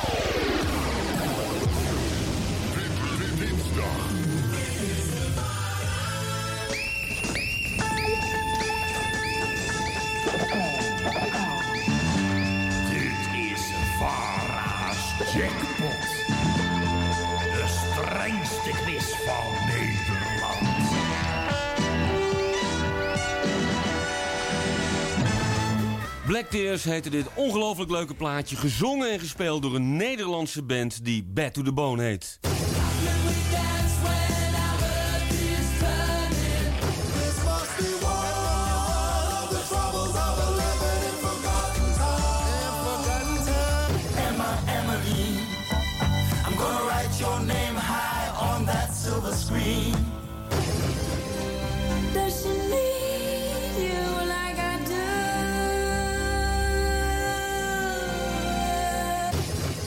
If a picture paints a thousand words, Jezus, wat een gruwelijk liedje. then why can't I paint you? Zo Thijs, hoe heette die kaalkoppen? Eén Midnight All, eh, Christians, Hot Chocolate, Sinead O'Connor en Don McLean. Oei Thijs! Ja, ja, ja, je had een hele hoog percentage goed, maar je had, net, je had het net niet helemaal goed. Dus mag ik het niet helemaal goed rekenen. Dus is het fout. Dus zeg ik nou bedankt voor het meedoen, Thijs. Ja, niks aan te doen. Dag Thijs. Oh. Goedemiddag Hans. Ja, goedemiddag. Ik heb op één Midnight Oil, twee Christians, drie Hot Chocolate, vier Sinead O'Connor en vijf Telesavelles. Ja, je hoort dat spontane applaus wat uitbreekt hier. Dat is goed, Hans. Ja, het klinkt goed, hè? Ja, ben jij zelf ook een, eh, een badmuts? Nee. Gelukkig niet, maar wel twee collega's van mij, dus. Aha. En eh, hoe pest jij ze nou? Hoe ik ze pest? Of pest je ze daar niet Nee, mee? ik alleen een stof, stof en een blik bij me om het roos op de getrokken. Ja, op die manier. Nee, je pest je toch wel. Heb je zelf een beetje last van roos? Nee, totaal niet, gelukkig. Ah, goed, dan laten we die anti-roos uit de fles shampoo die je gewonnen hebt weg. Oké. Eh, de haarborstel doen we erbij. We doen er zo'n grote joekel van een handfeun bij. Nou, en dus eh, zo'n zo'n zo'n zo'n kale badmuts. En die kun je dan wellicht cadeau geven aan een van je twee collega's. Doe ik. Hans, eh, jij zit op je werk, begrijp ik? Dat klopt, ja. En als je even zo vriendelijk zou willen zijn... de naam van het bedrijf niet te noemen... maar wel te zeggen wat voor soort werk je doet. Eh, effectenbedrijf. Een effectenbedrijf. Oh, ik lees in de krant dat die effecten steeds maar dalen. Treurig bedrijf op dit moment vindt te werken dus, hè? Ja, dat is wel bij spannend, hè, altijd. Ja, maar ja. wel leuk. Oké. Hans, hartstikke bedankt voor het meedoen en gefeliciteerd met je, met je prijzen. Oké, en bedankt. eh, hou je haar, hè? Ja, dat zal wel lukken, denk ik. Doei. Doei. Ja, Dat was een Vader aardiger Jackpot. programma dan ik dacht. Ja. Ik had er niet zoveel meer maar ik heb altijd wel wat met quizjes Ja, gehad. ja, want dan hier is de basis eigenlijk gelegd, denk ik, voor. Ja, hoe, ja, eh, maar nou, ik hoor ook nee. die gong. brrr, hoorde Nee, ik. mijn, eh, mijn, baas, Rolf, bedacht ooit, eh eh eh, weet het ook alweer, wat is waar? Ja. En ik bedacht de naam, maar hij bedacht het idee erachter. En, en ik hou van alliteratie. Denk aan Henk, wat is waar? Ja. Vond ik mooi, weet Ja. je. En, en hij bedacht dat. En, en, en dat was vooral zo'n goede quiz. Nooit verbeterd, vind ik, op de radio. Omdat wij een eenmansredactie hadden. Anti Bos Ja. een wat aparte vrouw. Maar die eh, elke vraag die je stelde, als er een fout... Ik kan me herinneren dat er een keer... En dat moest ik van haar doen. eh, eh, wanneer werd Amerika voor de eerste keer ontdekt? Dan had ze 17 keer dat Amerika ontdekt was. Met jaartallen en door wie. En Columbus was de laatste. En dat moest ik allemaal voorlezen. Hè? Oh, ja, en, ja, en dan... maar dat was ook wel weer leuk. Ja. Weet je, wat dan denk je Ja. van, hoe vaak? Nou, nou ja, het is 14 keer ontdekt voor zover we... Nou, kunnen ook 15. Eén keer is dan in het water gevallen. Ja. En dat was dan Erik Eriksen in dat jaar. Die, eh, de Chinezen in dat jaar. En dat was heel leuk. En, en ja, het klopte altijd wel. Het Maar klopte dit, maar dit één was ook niet. best wel leuk, hè? Want Ja, dus het viel me fragmenten. mee. In dit Ja. geval waren het dan kale mannen kennelijk. eh, en Ja. jij moest ze allemaal benoemen. En dan had je de jackpot gewonnen. Ja, ja, maar ik moet je zeggen dat ik glad vergeten was Ja. dat ik programma ooit gemaakt heb. Het Van, is zo'n eh, programma wat je niet, wat je niet bijblijft. Dat Nee. heb je wel eens. Nee, nee. maar sommige mensen ook niet bijblijven. Weet je, dat is, dat is wat trouwens soms heel prettig kan zijn. Ja, ja, ja. En, eh, Maar goed, je hebt toch twee jaar gepresenteerd. Het ja, heet- nee, maar het was ook geen slecht programma. En, en, er gebeurde, en er gebeurden ook wel eens lollige dingen in. En ik weet nog wel dat ik op een gegeven moment... eh, altijd een dwarsfluit erin had. Of een blokfluit. Oh, ja, dat had niks ja. met Leo te maken. Maar, maar dat, dat vond ik leuk. Dus dat was een nummer met een blokfluit. Vandaag de, de blokfluit sound van... Een te gek nummer dan, weet je. Ja. Oh, want je lachen. mocht je ook nog wel eens een... eh, want je mocht in die tijd... En wat ik ook wel weer terug typisch vond hier... Dat deed ik ook graag. Een bizarre prijs. Ja. Ik ben de Ja. uitvinder van, eh, van het- het Vara Brijset. Die echt bestond, hè? Mhm. Dus dan ging je in de kelders van de Vara... en dan vond je daar Vara's Brijzetten. Gaven die hardrockers een Vara Brijzet. Nooit één die hem terugstuurde. Nee, nee, nee. Dus, serieus. Ja, ik hoor jou ook hier. Ze zijn ook allemaal op maat gemaakt en bedacht bij wat je aan Ja, dat ja. moment aan het doen bent. Daar heeft iemand heel veel werk aan gehad om dat ja, allemaal ja, bij ja, elkaar ja, te zoeken, ja, die ja, echte ja. prijzen. Ja, en dat, dat is ook wel leuk, want dat Ja. was natuurlijk ook wel een beetje de mazzel van de Vara. Ja. Eh, eh, eh, kijk, ik geloof dat Giel, ik had altijd maar één iemand die meedacht. Meestal Anti-Bos. Tegenwoordig, ik weet dat Giel er tegenwoordig al 14 of 15 heeft. Hè. En ja, zoiets. Ik bedoel, maar, ik bedoel, ooit was het zo dat er waren wel een, maar weinig mensen, maar het waren ah, wel heel goeie. En ze moesten heel hard werken. Ja. En, en, en als je dan echt twee nodig had, kwamen die er ook wel. Ja, ja, ja. ja. Nou ja, voorheen eh ja, Vara's Jackpot, eh, de strengste quiz van Nederland, twee jaar gedaan. Eh, daarna ging Willem, Willem Eckel hem presenteren. Ah, Willem. Ja, weet je Willem Eckel waarom hij hem ging presenteren? Nee. Willem Eckel zijn stem leek namelijk 100% op die van mij. Oh, dus het kon gewoon feilloos doorschuiven. Nou, Willem Eckel die kwam erbij, een fijne, een fijne vent. Hij, hij hield het in de tijd met, hoe heet die vrouw die tegenwoordig zulke mooie films schrijft en maakt. Ik ben zo slecht in namen. Eh, Kim van Koten. Kim van Koten, Ja. daar hield hij het mee. Ja. En Willem was een fan van mij. En hij kon precies zo praten als ik. Ja, dat deed klopt hij wel, ook ja. altijd. Dat klopt wel, ja. En zijn, zijn, zijn, zijn doel in het, in het radioleven was om precies zo te klinken als ik. en zei ik, Willem, doe dat nou niet. Ik probeer een beetje, want hij had een hele andere stem. Ja, ja. En ik zei, Willem, waarom doe je mij nou na? Doe gewoon jezelf Ja, na. ja. En, maar dat vond hij leuk. en, dat is, en mensen hebben het altijd leuk gevonden. Ik mijn laatste uitzending deed, die is eh, door mensen gepresenteerd. Ik dacht van nou, als ik weg moet, maar de mensen die me goed na kunnen doen, dus, eh, die mogen blijven, kunnen ze ook mijn laatste uitzending presenteren. Ja. Dus die is eh, helemaal gepresenteerd door, door, door, door mensen die mij na kunnen doen. Ja, ja. En na afloop kreeg ik die bedankjes, want niemand hoorde het. Nee, goed hè. Ja. Oké, ehm, wij gaan... ehm, eh, ik heb het nieuws van 8 uur overgeslagen. Het nieuws van 9 uur ga ik laten horen. En dan, hebben we nog een, eh, dan gaan we nog wat Denk en Henk fragmentjes Oké. draaien. En dan zetten we weer een puntje. Houdt nog vol, Henk? Ja, hè? Nou, met moeite. Met moeite, hè? Maar we hebben even een pauze. Dus don't go away, people.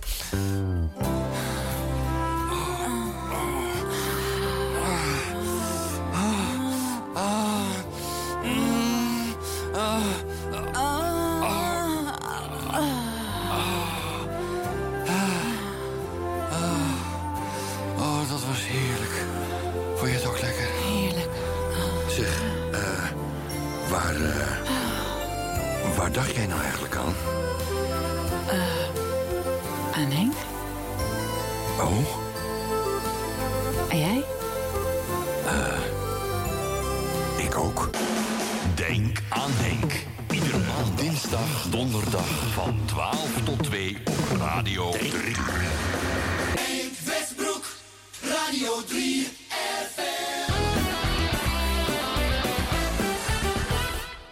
Soms denk je ergens anders aan alsof huis, sleur en baan niet meer bestaan en droom je weg. Weg voorbij de horizon waar je pret hebt in de sneeuw op juist dichtbij. Een weekend vrij in de stad, lekker shoppen, nog nooit zo'n plezier gehad. Alles mag, er is niets dat moet. Ga naar Varos reizen, dat doe je goed. Vakantie? Zoek het lekker zelf uit op vagelsreizen.nl. Van ANWB.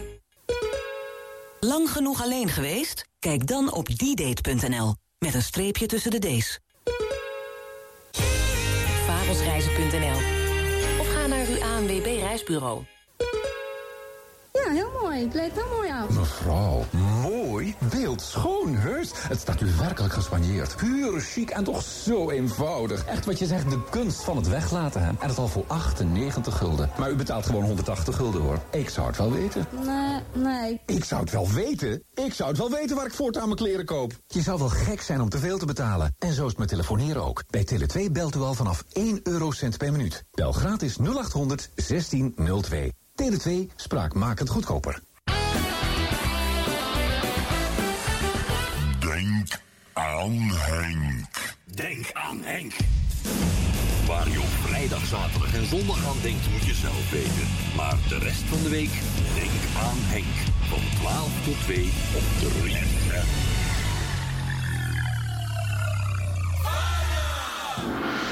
Wat is waar? Denk, denk, denk aan Henk. Denk aan Henk. Elke woensdagavond van 7 tot 9 op Kicks Radio. Arjan Snijders ontvangt oud-DJ's van 3FM... en zet één jaar centraal uit de roemruchte geschiedenis... van de meest besproken zender van Nederland. De hoogste nieuwe van de daverende 30. Van vrolijke puinhoop tot serious radio. Dat is de geschiedenis van 3FM. 50 jaar 3FM, de radioreeks. Elke woensdagavond van 7 tot 9. Op Hilversum 3. Op Kicks Radio. Welkom bij Kicks Radio. Radio zoals je het nergens anders hoort. Online, mobiel en via DAB+. Kicks Radio. Please welcome Arjan Snijders.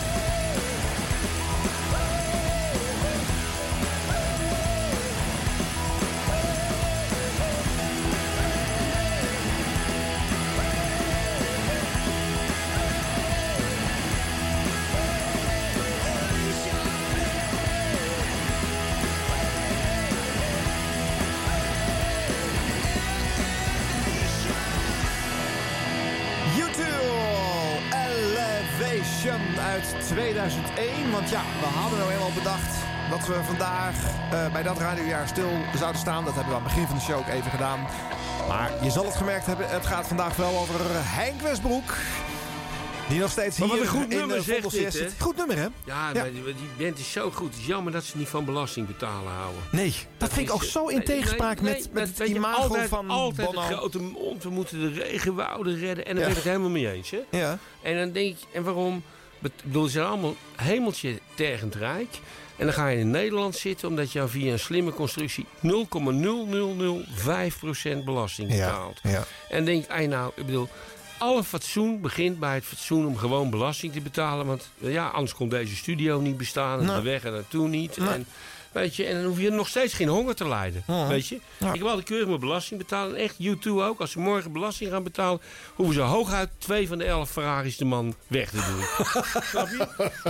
Dus het is, het is, het is hebberigheid. En, En toen het uitkwam, niet. toen het uitkwam want het, dat, dat je verleid wordt misschien om dat dan eh, te ondernemen, is al niet goed, maar kan. Maar dan komt het uit en dan blijf je het toch nog doen. Ja, maar het is zo Dat raar, vind ik zo weet raar. je. Ja, nee, maar het is, dat is natuurlijk de arrogantie van, van, van populariteit. Je kunt ongeveer alles doen en je komt ongeveer overal mee weg. Ja. En ik moet je eerlijk zeggen, eh, ik vind je moet wel de mens loszien van de muziek. Hè? Ja. En, ja, en ik bedoel, het is een veel misbruikt eh, woord, maar dit grenst toch aan het geniale. Ja. Het is zo verschrikkelijk goed wat die jongens doen. En, Ja.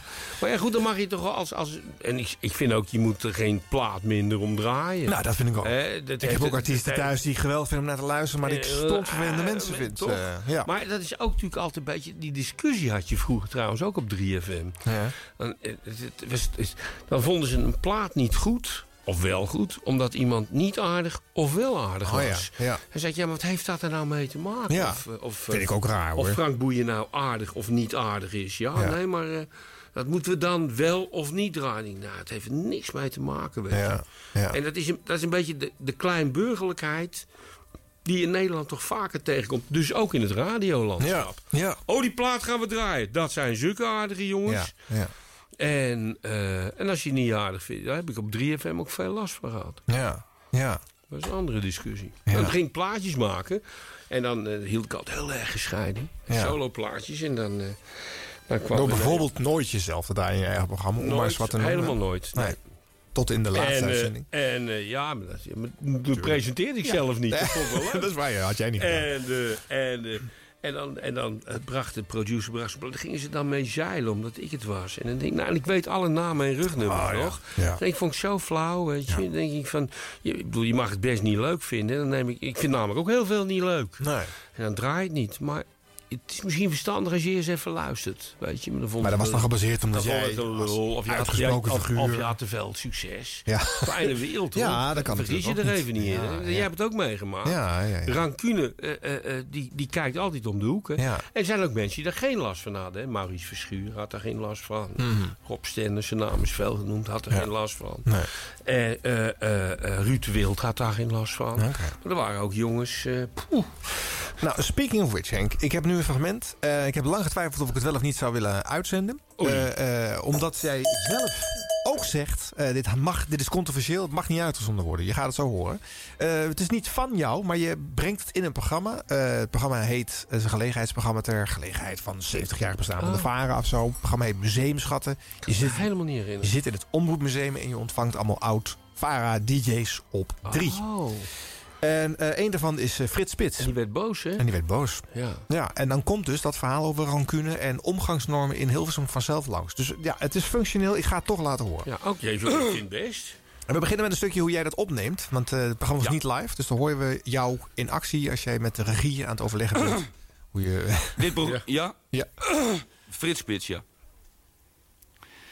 Deze bijzondere Denk aan Henk heet geen Denk aan Henk... maar VARA's omroep Museumschatten. En als er nou één schat is die de VARA altijd gekoesterd heeft... is het wel Frits Spits. Oké. Oh, pak hem op. en op dat ik bandje staat... Dit... Deze... Dit, ik kan het heel moeilijk lezen. Dit uitzendfragment, het is waarschijnlijk al vrij oud... is dermate controversieel dat het nooit en te nimmer meer...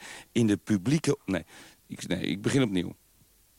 Ik was niet verkouden toen. Ja, ik weet het weer. En ik vind hier een doos met bandjes. En op een van die bandjes staat... Dit radiofragment was in de tijd dermate controversieel... is dat nog steeds dat het nooit en te nimmer meer herhaald mag worden... op de radio is getekend Frits Spits.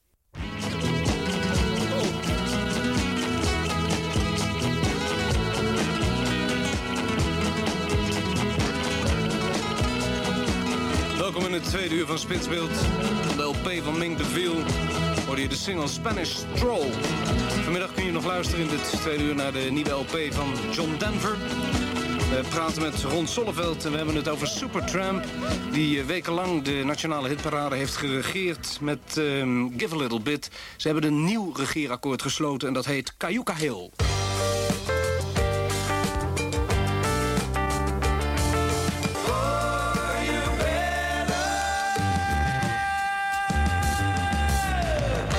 Kunt beter gaan. De nieuwe single van Supertramp, opvolger van Give a Little Bit... is niet te vinden op de laatste LP, Even in the Quietest Moments. Titel van deze nieuwe single, Cayuca Hill. Onvergetelijk. Dit was natuurlijk Frits Spits. Dat kan niet anders. Iedereen herkent hem, want hij is nog dagelijks te horen op Radio 2 tussen 12 en 2. Programma is niks mis mee, maar de zendtijd had eigenlijk anders moeten zijn. Frits, dit fragment, herkende je dit? Ja, het is de, een van de belangrijkste redenen om weg te gaan bij de VARA. Ja, maar hoe, hoe zat dat dan? Nou, omdat eh, mij eh, door een collega, ik weet bij god niet meer wie... een, eh, een plaat werd gegeven, vlak voordat ik begon uit te zenden. Hij zegt, draai even eens de nieuwe Supertramp. Er zat geen label op. Ik zeg, nou, dat is, eh, dat is leuk, een leuke primeur. En het bleek dus partner te zijn met Kyoto Hill. En eh, ja, het, was, het, het illustreerde een beetje de sfeer eind 70 begin 80 jaren. Dat het meer een slangenkuil was dan een leuke omroep. En ik zie jij gezicht, en dat kunnen de mensen thuis zien... dat er nog steeds een beetje pissig om bent. Nou, ik vind het belachelijk dat jullie dit fragment kiezen. Ja, echt, waarom? Ja, een beetje goor. Nou, het is, het, het, het is een... Het, eh, ja, het illustreert een beetje wat, wat, eh, wat er in, eh, vroeger in de, in de omroep aan de gang was. Dat het voortdurend elkaar proberen eh, vliegen af te vangen... leuker te zijn dan de ander, leuk zijn ten koste van een ander. En dat was een cultuur die toen opgeld deed in, de, in eind 70, begin 80 jaar. Ik vond het niet leuk. Ik heb dat nooit leuk gevonden. Ik kan er nou weer niet tegen. Ik vind het, als ik hier kom voor een leuk gesprek over een varentijd... en ik krijg dit ene fragment te horen... waarbij ik dus gewoon genaaid ben door een collega... en jullie zitten dat met graagte uit te zenden... dan denk ik, nou, dan is er toch iets structureel mis met jullie en niet met mij. Ja, ik moet je eerlijk zeggen, Felix, eh, eh, Frits, je verrast me hiermee. Want ik had eerlijk gezegd gedacht dat je dit niet zo hoog op zou vatten. Omdat het eigenlijk meer een practical joke was. En ik, Nou, ik vond helemaal ik, geen ik, ik, ik hoopte met jou... Het nee, was helemaal Frits, geen wacht practical- nou even, ik ben Nee. niet bezig om jou te naaien, voor alle duidelijkheid. Nou, dat vind ik dus wel. Nee, maar even voor alle Want er is duidelijkheid. toen, er is in, toen, in toen die tijd is Dat daar heel, weet ik dus niet. heel erg hard om gelachen. hè. Want het was een plaat die ik gewoon een minuut voordat ik die plaat, voordat ik zou uitzenden, ze, ze brengen, je bent met een programma bezig. Collega komt met een plaat, zegt het is de nieuwe Supertramp. Ik zeg nou dat is hartstikke leuk, die kunnen wij draaien als eerste. Hoe heet die? Hij heet uh, Hill. En dan blijkt het gewoon een Limburgse groep te zijn. Wat ik niet weet en ook niet in eerste instantie heb herkend. Dat is natuurlijk mijn fout. Maar eh, ja, het, zegt iets over de sfeer. En als ik nou denk van we gaan leuk praten over de geschiedenis van Radio 3... en kom met zo'n ontzettend eh, cliché... dan denk ik ja, leuk, gezellig. Ouderwets denk ik dan. Maar ik, ik bedoel, jij reageert hier zo heftig op. En echt, Nou, ik word, er, ik word er toch opnieuw. Ik ben, zo zit ik in elkaar, Henk. Ik ben gewoon. Ik, ben, ik, kan geen, ik kan niet toneel spelen, heb ik ook helemaal geen zin in. Ik vind het gewoon een klote streek. Dat mag heel Nederland weten. Mag je ook zo uitzenden. En ik ga weg. Ah, Frits. Ja, Frits. Nee. Frits. Jongens, ik heb hier absoluut geen zin in. Goedemiddag.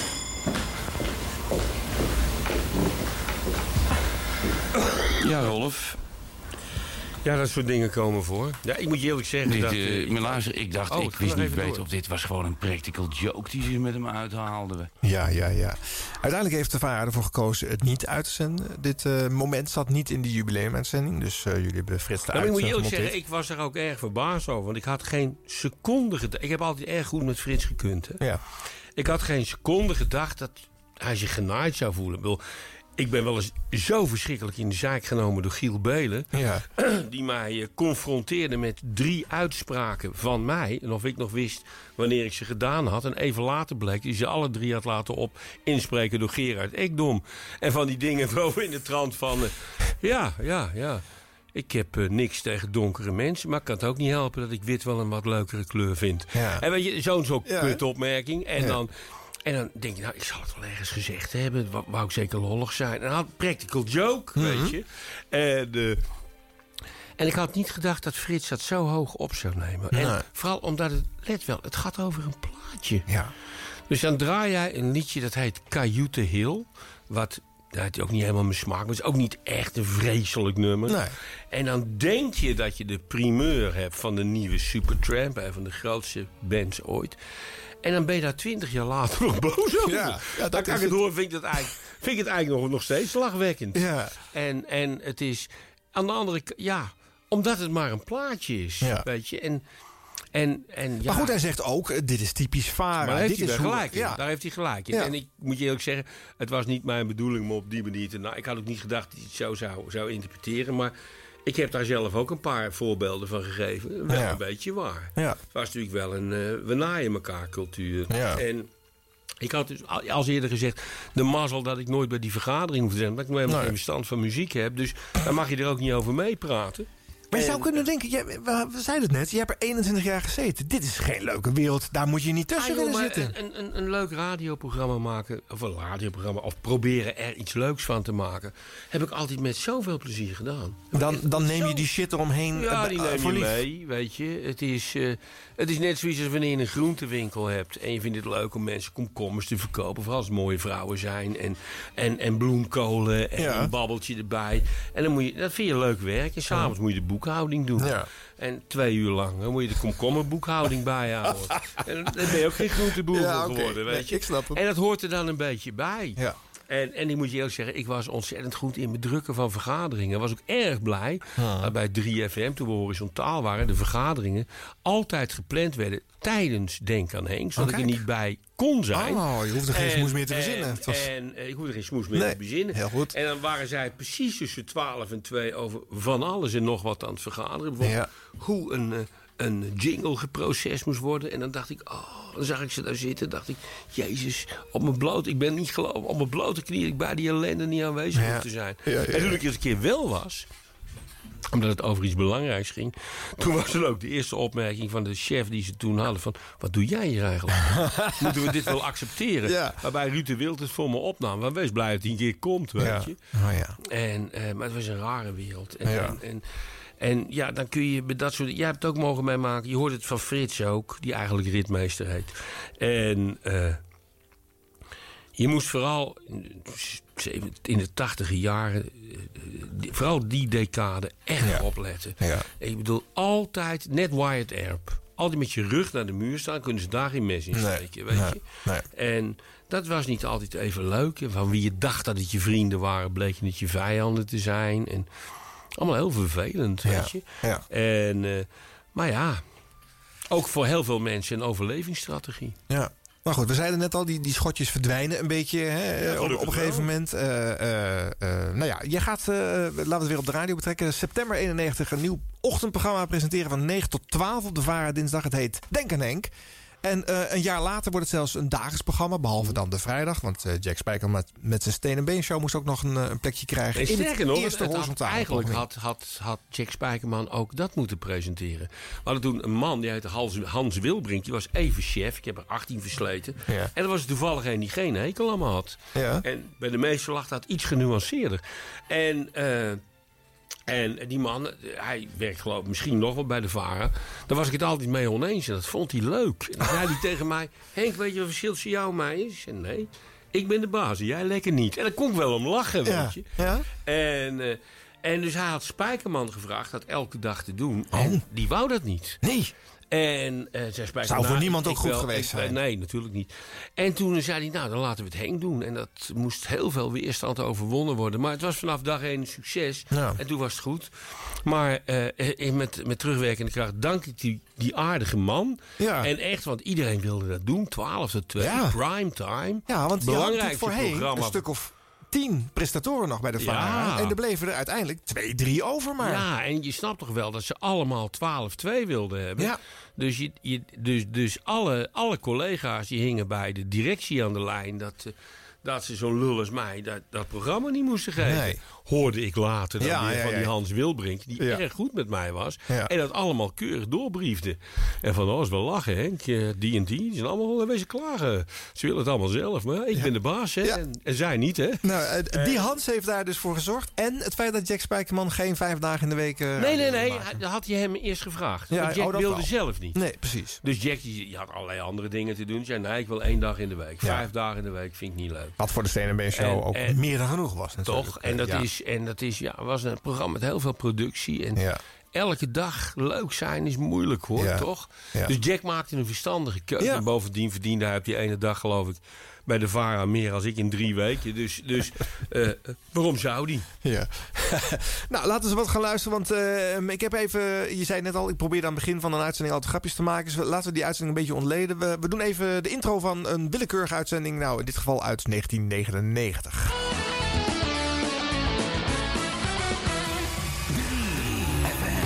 The future right now.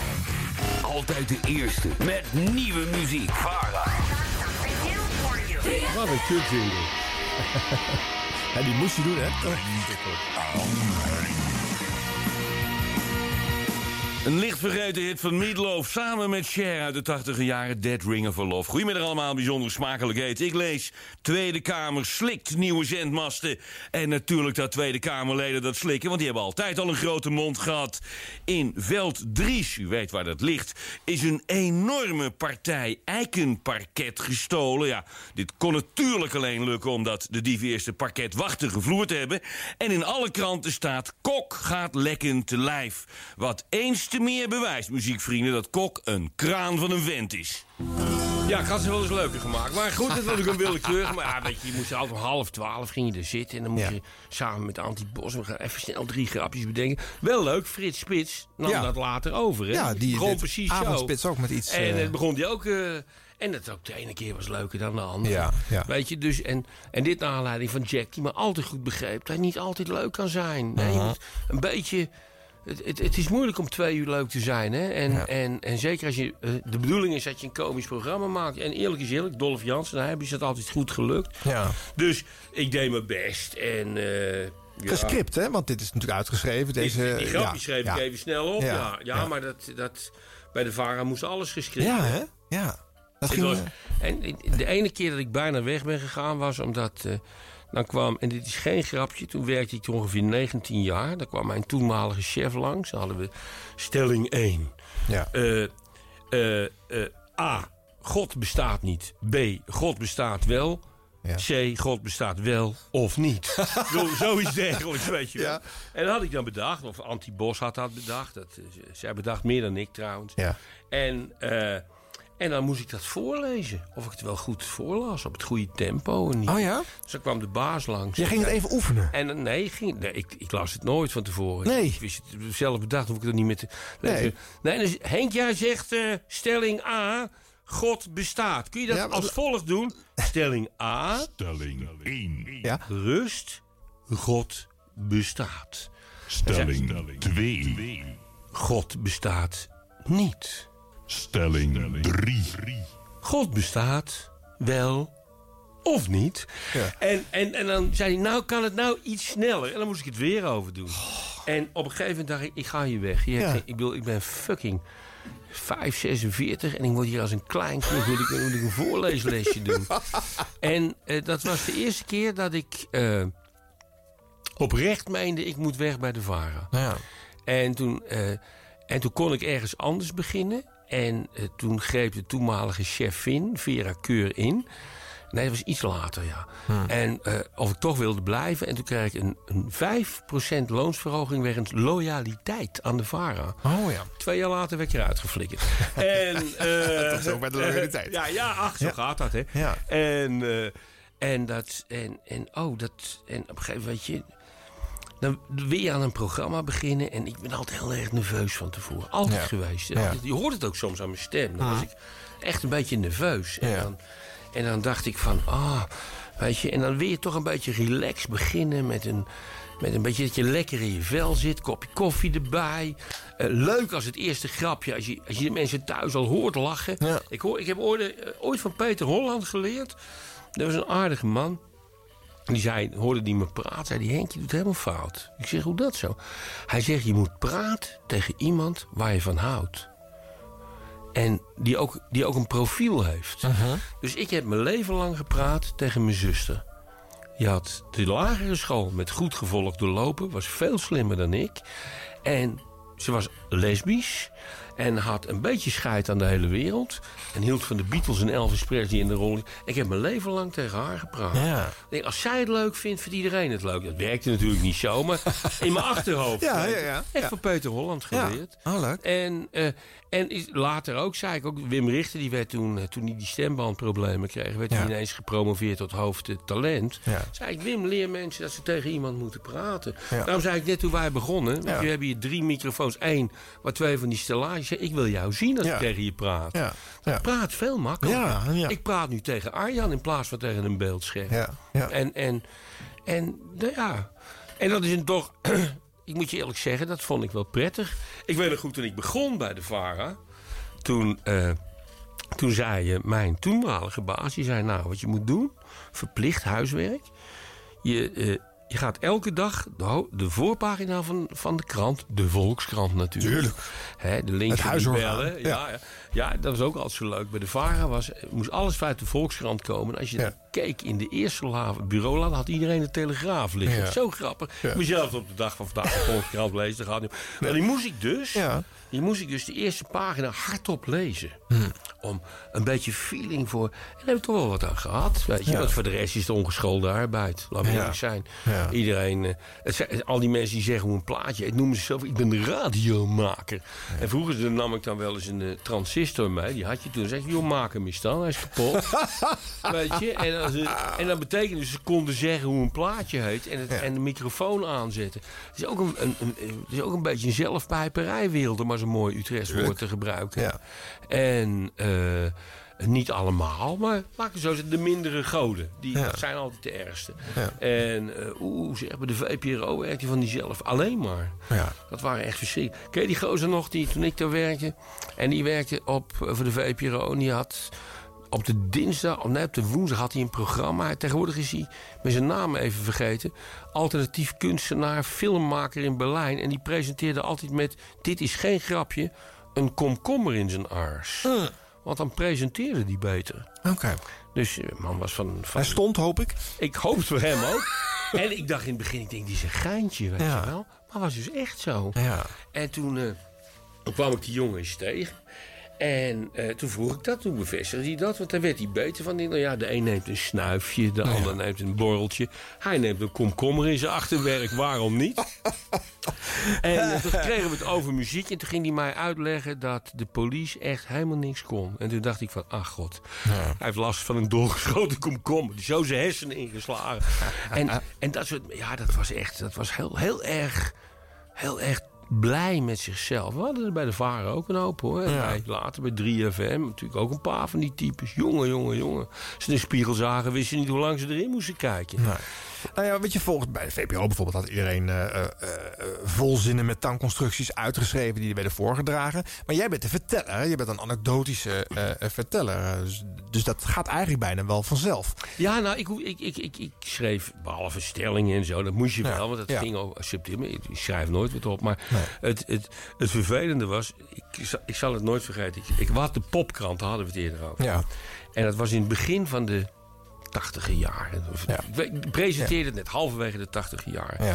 En er komt een band in de popkrant. Ik ben helemaal vergeten hoe zij het. Ze zijn nooit wat geworden, maar ik vond het subliem. Ja. En die, eh, en die jongens die zeggen na afloop... ja, en dat is wel leuk, want morgen zijn we bij de VPRO. Ik zeg, oh, wat leuk. En dus ik verwijs nog naar dat programma. Ja. En eh, op de een of andere manier... ik maak een grap. Ik zeg, kom volgende week even terug. Dan mag je die twee programma's evalueren. Die jongens komen volgende week terug. En toen bleek dat hun optreden bij de VPRO niet was doorgegaan. Want eh, ze hadden ook een synthesizer meegenomen. Ach. En de synthesizer was toen, zoals, eh, daar ben ik voor bestraft... dat noemde ik eens een keer de, de jood van de muziekinstrumenten. En eh, dat mocht niet bij de VPRO. Vijf jaar, want het moest gitaar zijn. Vijf jaar later mocht gitaar niet. Nee. En moest het synthesizer zijn. Door dezelfde mensen? En dat vond ik altijd zo triest. Ja. En ik denk, hoe kan je nou, hoe kan je nou in Jezus naam een, een muziekinstrument in de band doen? Ja. Weet je? Wil, je, Zeker als je vrijzinnig en- en zonder grenzen Nee, maar zijn. kijk, je- weet je, je kan zeggen van nou, wat eruit komt vind ik Ja. mooi. Je mag het niet mooi vinden. En, en, en, en eh, het liever niet horen. Maar ten principale zoals je op een gegeven moment, en dat had je ook op 3FM, maar ook in de commerciële zenders, gitaar ging de band in. Weet je Ja, dat nog? ja, ja. Er werden alle gitaarsolo's. Dan kwam Marco Borsato met een plaat uit. En dan, eh, en dan bij 3FM, bij de Tros, werd de gitaarsolo, die toch al heel miniem was. Die werd er dan nog uitgeknipt ook. Ja, ja, ja. En, en eh, dat vond ik zo zielig. Ja. Weet je? En dan denk ik van... Ik heb dat zelf ook meegemaakt. Ik een plaat uitbracht. Zei iemand, ja Henk, had een, we hadden het best willen draaien. Maar ja, er zit een gitaar in. Hè? Of, of hij zat er niet in. Nee. En, en dat soort... In mijn levensbeschouwing... Nou, levensbeschouwing, in mijn optiek... Complete krankzinnigheid kwam je dus tegen bij mensen die, als ze in de spiegel keken, toch wel de rechterhand van God zagen. hoor. En, eh, en, en ook heel blij met zichzelf waren. En dat ook allemaal konden verdedigen. En als je dan zei, joh, zeg. eh, ik, heb, ik moet eerlijk zeggen, ik vind muziekinstrumenten net mensen. Je hebt, je hebt leuke, aardige en ik discrimineer alleen op karakter. Ja. Maar nou, dat was dan helemaal fout. Ja.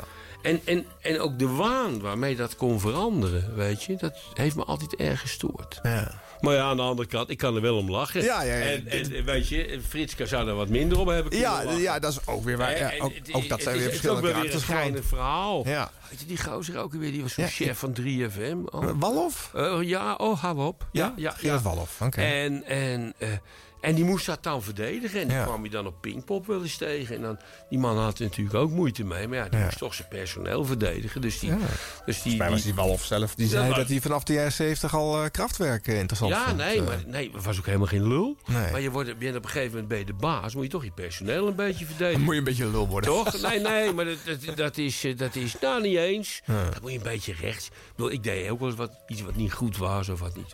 Hè? En dan verdedigde mijn baas, een goede baas, verdedigde wel een beetje zijn personeel. ja, ja, ja, ja. Dat is. eh, dat, is het vervelende van het vak wat je hebt. Dat je, Ja. dat je ook recht moet praten wat krom is. Ja, ja. Maar en, een goede baas doet dat een beetje. En ja. eh, kom, het is, eh, het is al na negenen, dus ik neem maar eens een rood wijntje. Ja, dat kan allemaal het keer. is het gesponsord van Ja, Ali Ben? het is allemaal de belastingbetaler. Ah, goed zo.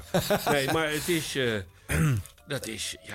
Henk, zullen we een stukje luisteren uit? Denk aan Henk. Even kijken. Je gaat iets vertellen over muziek. Eh. Jij vertelt eh, eh, eh, uitgebreid over muziek. En je hebt aan de overkant een regisseur, Ad de Conte. Oh ja. En die vindt natuurlijk dat het eigenlijk te lang gaat duren. Dus Hop, die- hop, zei ja, hij dan had altijd. had dan, hop, ging hop. Ik, dan ging ik nog even door. Ja, Als hij hop, hop zei, plakte ik er drie minuten aan vast. Ja, ik denk dat je dat eerst eh, alleen maar als eh, regisseur op jouw oor zei. Hè? Dus En later ging niet hoorbaar voor de uitzending. Maar later heeft hij dat ingesproken. En dan konden de luisteraars ook horen Ja, dat hij dat en, dan, en toen besloot ik om, eh, als hij hop, hop deed de eerste drie volgende drie minuten waren voor mij. Ja. Ik, vond het zo. Ja. Lachen, Dit is toch lachen, een spelletje lachen. in de uitzendingen. Maar goed, luister deze spreek even ja. uh, um, um, en, en, kijk of je hem nog steeds uh, oké okay vindt zoals hij nu is. Of zou je nu het gevoel hebben, ik zou dat wel weg hebben kunnen laten. Of, nou, laten we maar eens luisteren. 3FM. 3FM. 3FM.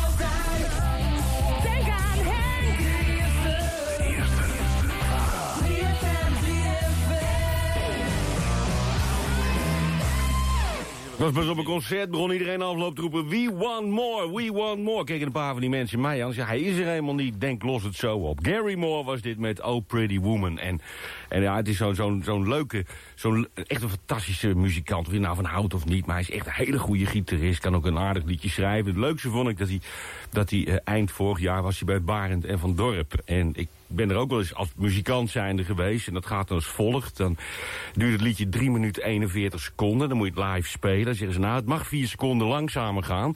Maar dan moet het echt klaar zijn. Want anders kan Jan Mulder niet meer kwaad worden. En de- daar wordt hij voor betaald tenslotte.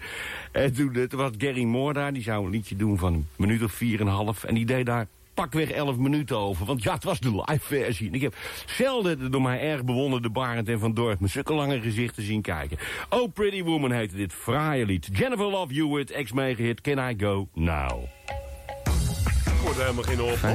Nee, dat klopt. Die zit hier niet in, hoor. Oh, Nee, het was- het wel een aardig verhaal. Ja. Dat is toch waar ook? Nee, ik heb het niet over de beurskoersen van Albert Heijn. Ik ben even de hits aan het tellen van Michael Jackson. Jive Jones was het. Jive, eh, nou, een degelijke ouderwetse dansplaat dus. Me, Myself and I, Can I Go Now van Jennifer Love Hewitt zat ervoor. Eh, Michael Jackson voor de tweede week op rij, eh, ik zou zeggen, muzikus van de week.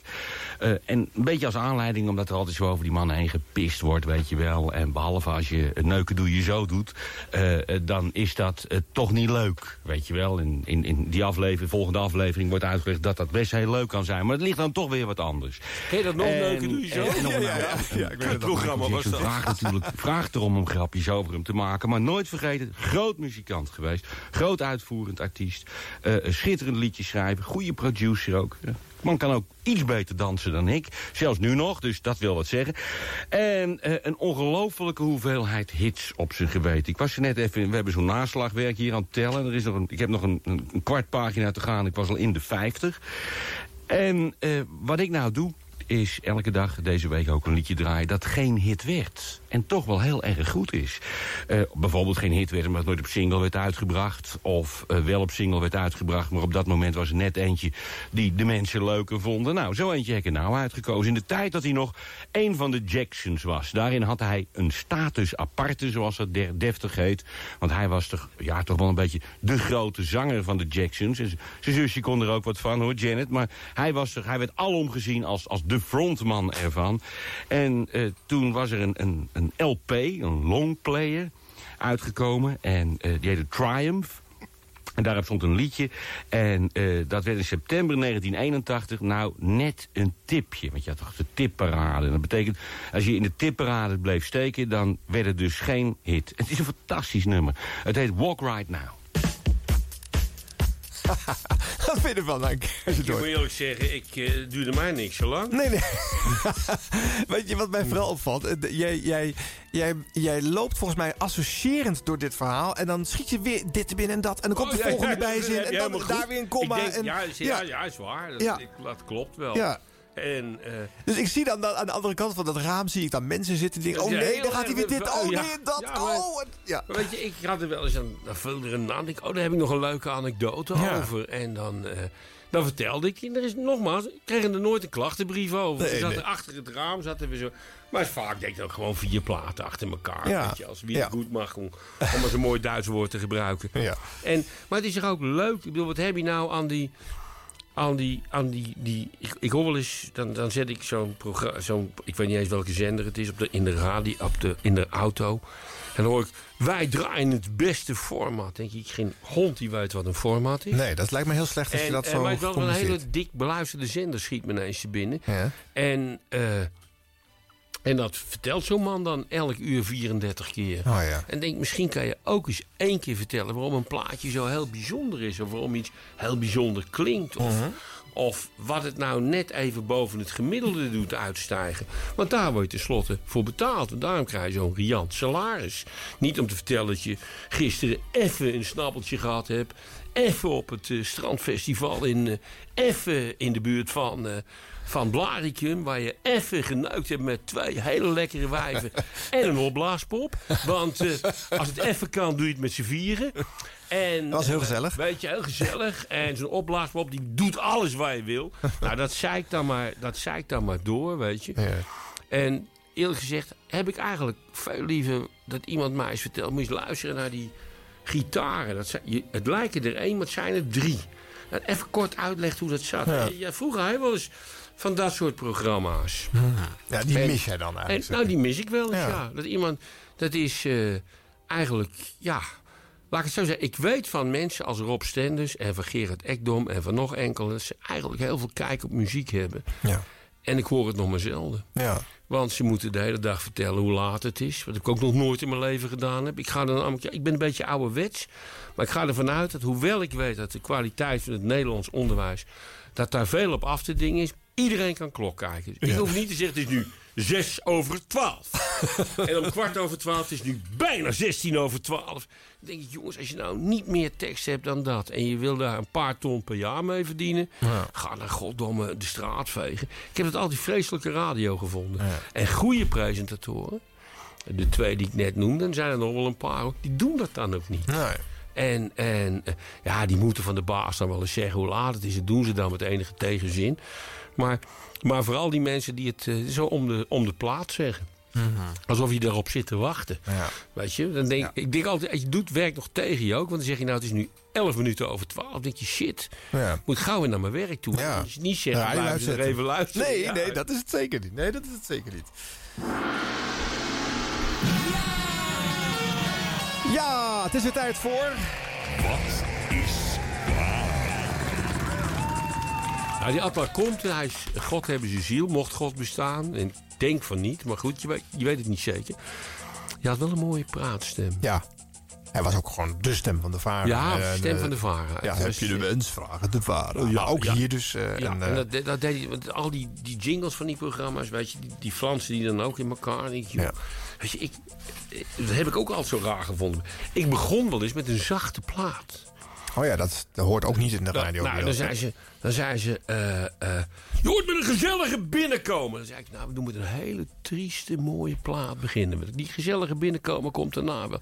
en dan kreeg je gelijk, het werd er gebeld dat het zo mooi was. Oh ja? En, en ja. Omdat het atypisch Om- was. Omdat het, Het viel op. atypisch is. Ja. En dan deed ik ook wel eens jingles, die moest ik dan doen. En die ging ik dan fluisteren. Zei ze, maar waarom, waarom, waarom fluister jij Henk? Ik zeg, nou, dan luistert iedereen beter. Ja. Als ik zachtjes praat, zet iedereen de radio harder. Want dan denken ze, wat zegt die jongen? Als ik zo schreeuw, dan denkt iedereen, ik zet de radio zachter. Wat schreeuwt die gozer? Ja. En die slag heb ik nooit kunnen winnen. Want ik deed echt, ik heb, ik heb wat fluister. En weet je, wat, hetzelfde. Peter Holland had eens een programma, dat deed hij alleen maar liedjes die nooit een hit geworden waren. En later heb ik nog eens een programma gepresenteerd... waarbij ik alleen maar nummers van, van eh, langspeelplaten draaide... die niemand kende, dacht men. Ja. Dat was populair, dat programma. Ja. Want dan nam je een nummer van een langspeelplaat van de Beatles... die toevallig niet op single was uitgebracht. En iedereen kende dat nummer. Ja. En dan zei iedereen...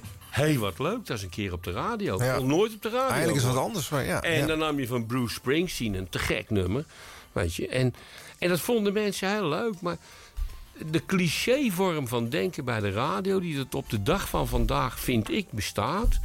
heeft me altijd een beetje tegengestaan. En sterker nog, het werkt ook niet. Want de radiobeluistering loopt, Die loopt terug, die ja. loopt alleen maar terug. Dus dan ga je nog meer format doen, weet je. Het, is, het doet me altijd een beetje denken aan... om maar weer eens associatief te werk te gaan... uit de tijd dat rond 1850 de aardappelziekte uitbrak. in Ierland. En ook in Nederland een paar honderdduizend.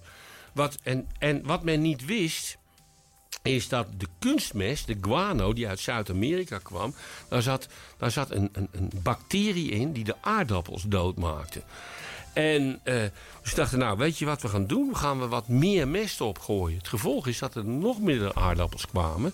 En dat het gevolg daarvan was dat er miljoenen mensen doodgingen. Ja. En dat er zoveel naar Amerika, om gelijk maar weer eens een, een, een, een, een, een stapje te maken... als ze daar geen eten meer hadden, naar Amerika gingen... dat het aantal witte mensen ineens groter werd dan het aantal zwarte mensen in Ja? Amerika. Weet Is je dat een gevolgtrekking hiervan? Van een gevolg geweest van de aardappels. Die dus kwam omdat je maar met hetzelfde door bleef Ja, gaan. ja, terwijl het niet werkte. Ja, ik snap Weet je, het. Ja. het is hetzelfde.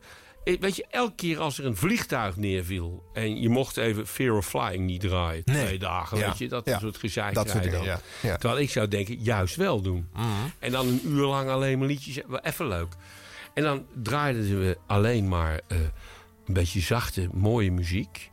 en LP-werk. En dan was de waardering van die dagen hoger dan wat je altijd deed. Ja. En nooit iemand die eens een conclusie trok... dat je misschien dan in je dagelijkse programmering iets niet goed doet. Mhm. Als je aan mensen vraagt, één keer per jaar doe de top 2000... Ja. staan er alleen maar nummers in die je nooit hoort... Ja. daar zou je iets van kunnen leren. Maar waarom zou je? Nou ja, je hebt die Maar je strijd... salaris gaat toch door, weet Ja, je? ja je, hebt dat, je, hebt dit jaren natuurlijk ook toen je er was geroepen. eh, Ja, en dat heb ik altijd. En, en ik moet je eerlijk zeggen. Ja, ik had natuurlijk ook heel vaak ongelijk. Dan vond ik wat. wat ik bedoel, dat ik toevallig niet van jingles hou. natuurlijk.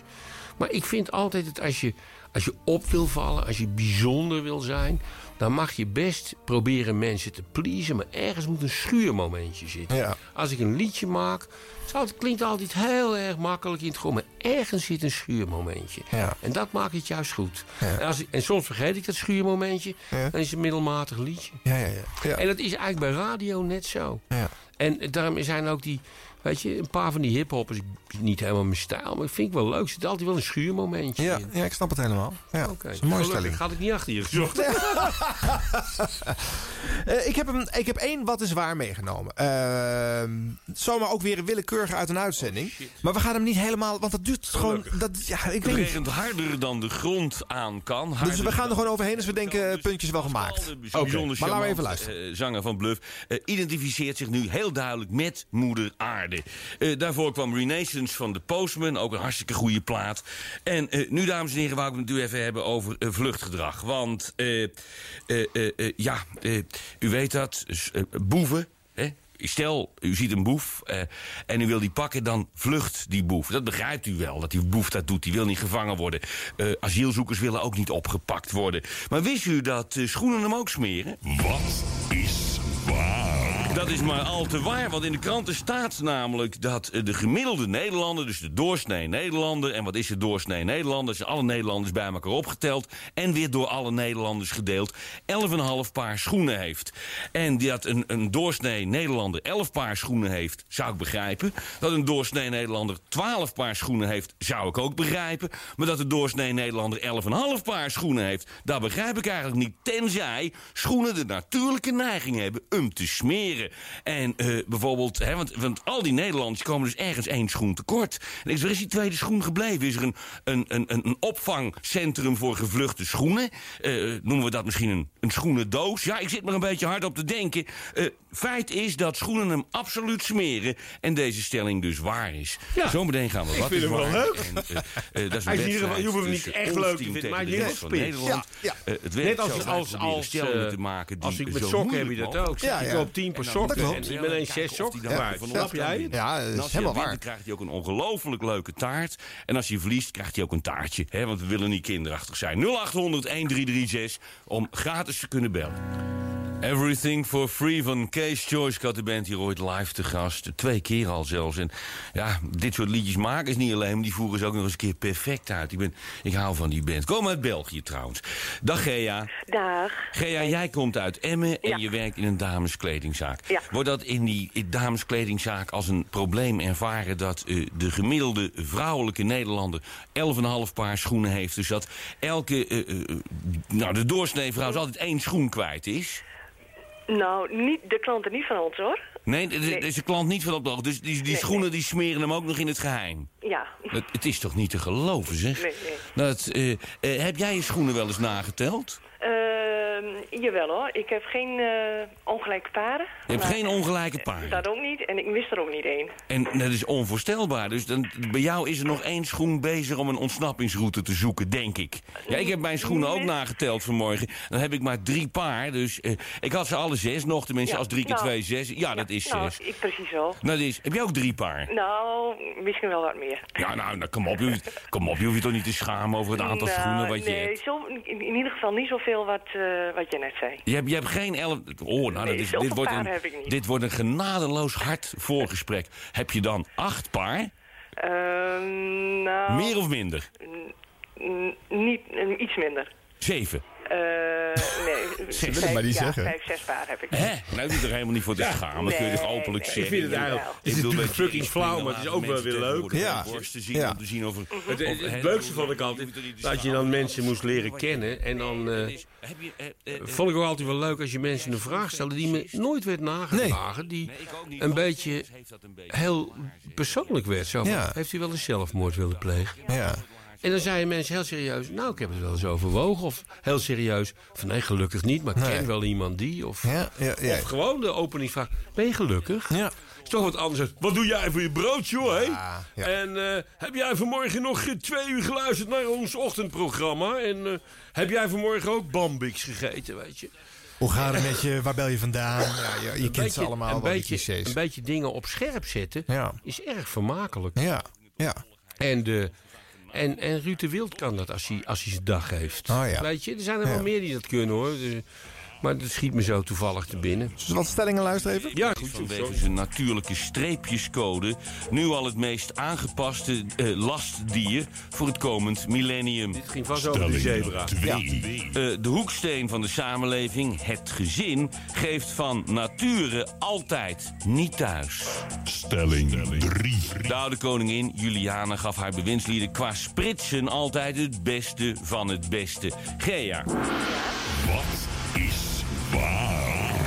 Nou, Nou, Henk. zou je nog even kunnen... Geen idee.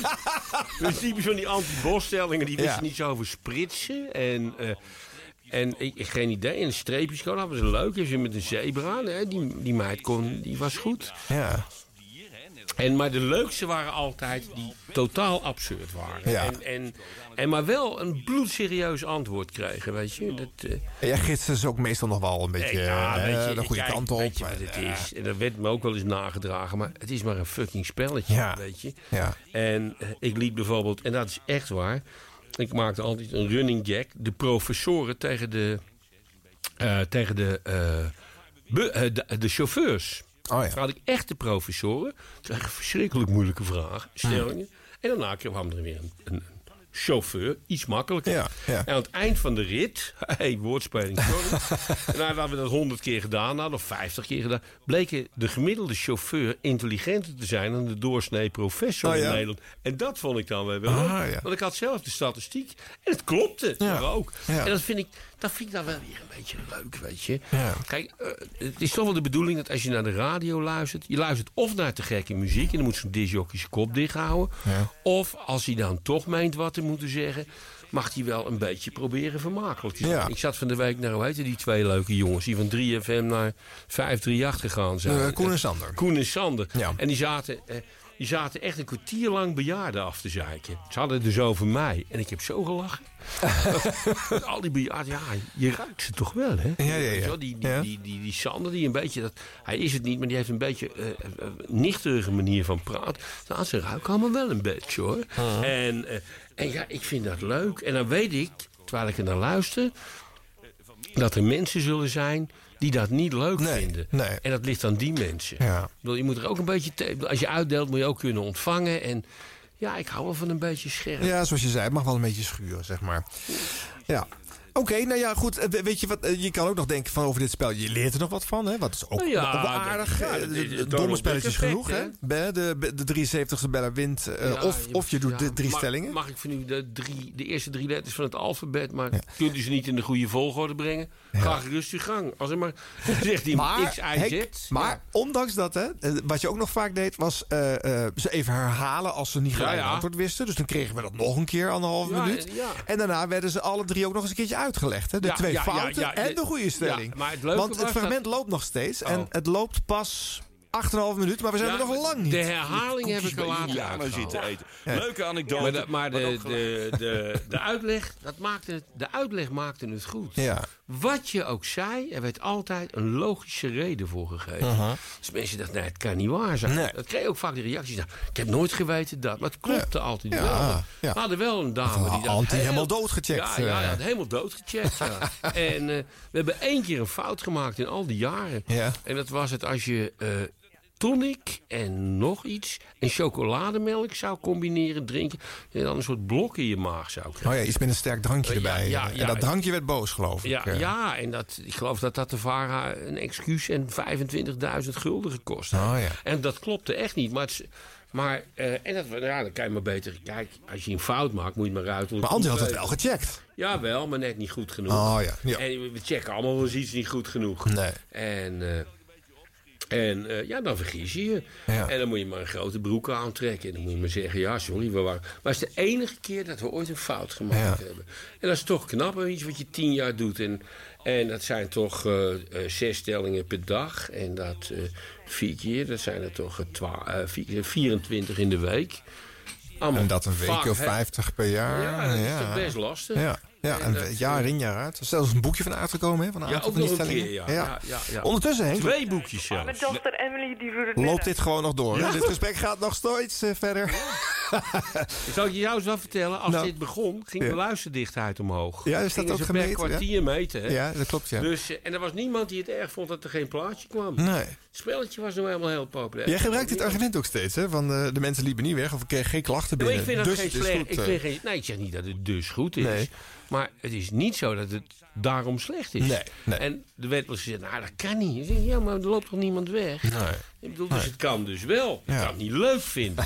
Je kan vinden dat het niet hoort. Je ja. kan vinden dat het... Ja, ja, ja. Dat het dat, maar je moet niet zeggen dat het niet kan. Het kan Nee. prima. Ja. Het andere spelletje. Vara's oorspel.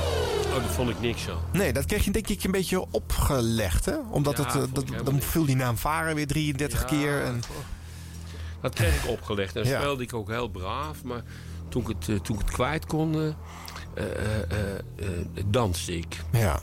Ik vond net geen... Ik weet niet. Dit spel was ook bedacht om, om het eh, programma erna erbij te betrekken. Gerry Jonge en later Rob Stenders, die ja, moesten het ja. ook spelen. Die hadden het dan ook in een uitzending. Helemaal niks. Nee. En Nou, eh, Gerry Jungel trouwens, eh, ook zo'n zo'n presentatie die ik eigenlijk wel erg goed vond. Maar iedereen vond hem... Die jongen die had geen leven bij de VARA. werd ook eh, afgebrand door collega's. afgebrand door alles en iedereen. En dat vond ik het wel leuk om het voor hem op te nemen. Want hij had een, best een aardig programma. Misschien geen, geen, geen, geen, geen godgegeven presentator. Maar Maar dat lot is mij dan bespaard gebleven. Nee, want maar- ik was het anders geworden. Hè? Dat, Nee, eh. Ja, ja, nee, hij was, hij, hij was zo'n aardige jongen. Heel erg ongeluk gehad toen. Ja. je. ja, dat klopt, ja. ja. Bijna dood. Van niemand een kaartje krijgen. Dat Oh, zegt dat ook iets ook, over ja. de VARA. Oh. En dat zegt ook iets over 3FM. En niemand die dacht van kom, laat me eens een taart sturen. Nee. En eh, Nou, een stukje luisteren, Henk, van uh, Vara's oorspel. Ook weer tot we denken, puntje wel gemaakt. Dames en heren, we gaan om 900 gulden spelen. Plus een Vara-klokkie, waar ik verder geen woord aan zal, eh, zal, zal eh, vuil maken. In Vara's oorspel. Het horloge is namelijk al vuil. 900 gulden, er is een aanwijzing gegeven. Die is tientallen keren gegeven door Rob Stenders, door mij, door Rob Stenders, door mij, door Fred, door... Nou ja, ik kan het verhaal wel afmaken, maar u snapt het systeem. En niemand heeft het er nog toe in te gaten. Er zijn rare oplossingen gegeven als eh, Gypsy Woman van Crystal Waters... Dingedong van Teach In, eh, Ring the Bell van Bob Dylan... Walk in the Water van de Creedence Clearwater Revival... eh, Rock Around the Clock van Bill Haley. Allemaal fout, dit is de aanwijzing. En vat hem letterlijk op en doe er wat mee. Krijg 900 Geen idee. Geen idee. Geen idee. nee. All I Wanna Do van Sheryl dat Crow. vond ik dus het kloten van dat programma. Ja. Weet je, dat, dat, te spelen. dat- als je dan de uitleg had, dan dacht je bij jezelf... oh ja, waar Ja. hij het zegt. Ja. En, en, en het is net, zo- je hebt nog zo'n radioprogramma, Raad het Geluid. Ja, ja, precies. Ja, wat En dan, en dan hoor je iets Ja. en denk je...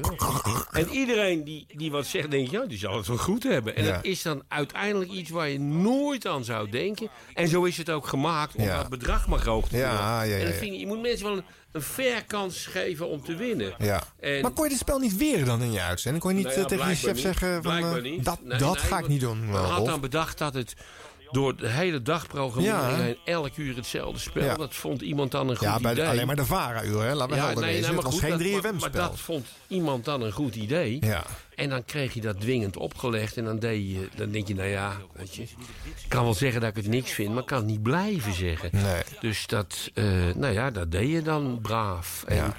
en eh, dan moet je ook niet... Kijk, je moet ook wel eens zeggen... Je moet ook wel eens een plaat afkondigen die je helemaal kut vindt. Ja. En eh, ik heb trouwens, al zeg ik het zelf... ik ben in het gezegende bezit van een... eh, officiële, een officieel schrijven van eh, de VARA-directie... waarin staat dat ik elke plaat die ik afkondig... moet afkondigen alsof ik hem helemaal te gek vind. Want dan zei ik wel eens van... als ik een plaat moest draaien die ik helemaal kut vond... dan zei ik Ja. van ja, ja, het is ook muziek. En er zijn altijd mensen die ervan houden... en dan de volgende plaat, weet je. Ja. En toen had iemand bij de VARA-directie... op voorspraak van ik weet niet wie eigenlijk, bedacht dat dat niet mocht. Dus ik heb een officiële pla een officieel schrijven, dat soort dingen bewaar ik Ja, dat hè. moet je doen, dat is leuk. Eh, eh, dat is geweldig. staat, elke plaat die jij afkondigt, Ja. vind jij helemaal te gek. Ja. Is getekend. En dan was de naam van mijn, van mijn hoogste radiochef stond Ja. daar dan onder.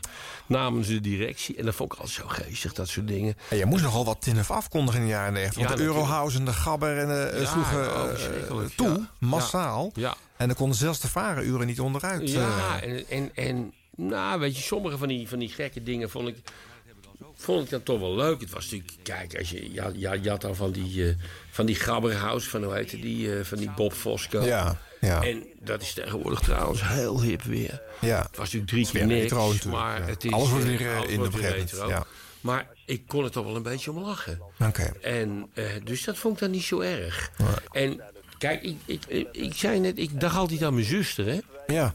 Als ik tegenover hem zei. En vaak dacht ik, ja, mijn zuster vindt André Hazes muziek ook beter dan die van mij. en, en ja, en weet je, en, je en dat was ook echt zo. Ze is dood, maar ze was echt zo. Ja.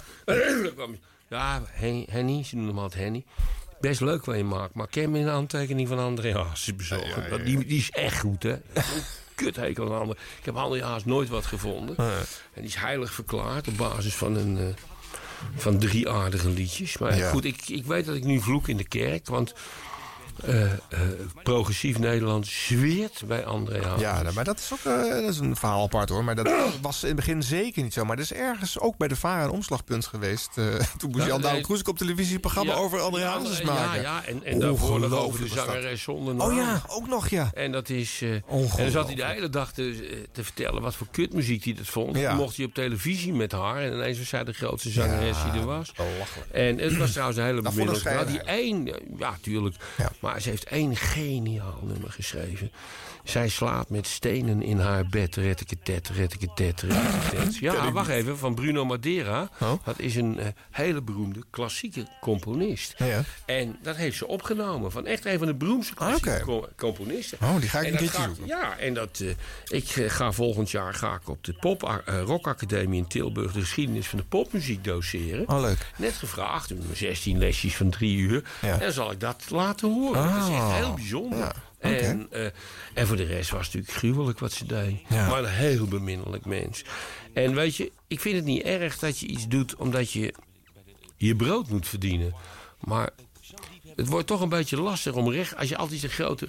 Als ik altijd... Ik zeg nooit dan van niet. zeg dat dan gewoon. Ik doe het gewoon omdat ik ook mijn centen moet verdienen, weet je. Ondertussen loopt het eh, oorspel vrolijk verder. Dat vind ik heel lief van je. Ja. Hartelijk dank. bedankt. Uh, alle drie de kandidaten, eh, dikke zoen, hartelijk dank. Straks de laatste kans om het via de telefoon te winnen bij Rob Stenders en Fred Siebeling. Oh ja, wat ik trouwens ook zo leuk vond. dit geluidje hieronder. eh, dat heet een drone hè, in, de- in de radiowereld. Is dat Eh, zo? Ja, dat is... eh, dit, Oh, dit, hè, dat het ja, maar ja. door blijft gaan. Dat, Ja, dat is een minuut standaard. En dat was natuurlijk bedoeld om te zorgen dat het dan klaar zou zijn. Maar jij was natuurlijk nooit klaar. Dus nee, je, hoor je bij jou heel vaak in de uitzending. Als ze dan, Moesten ze hem opnieuw starten. ja. Maar vooral als En dan het valt er woord dus een hop, witje hop tussendoor. hoorde, Ja. dan bleef ik gewoon doorgaan. Ik, ik, ik meen het serieus, als het moet, praat ik drie uur non-stop. Niet dat ik het nuttig vind, dat het ergens toe dient. Maar weet je, ik had dan zo'n... Als, als, ik nou, eh, als, als ik nou drie keer tegen jou zeg, hou eens op... dan ga je toen nog even door. Ja. als je een beetje karakter hebt. Ja, ja, een beetje wat, dwars bent, weet je. En dan wist ik dat die gozer na afloop zo boos op me was. En dan zei ik, als je het nou niet doet... en je zegt gewoon, vinger over de lippen... Ja. maken. Ik had een regisseur die heette eh, Rolf Kroes. En die zei altijd, Henk, die is nu mooi geweest. En, of laatste zin. En dan was ik, maakte ik Oh, een laatste zin Oké, van. Die vroeg dat vriendelijk. Ja. 2003, eh, het laatste jaar, eh, eh, de laatste show. Eh, die, start, die startte zo. 1 september 2003.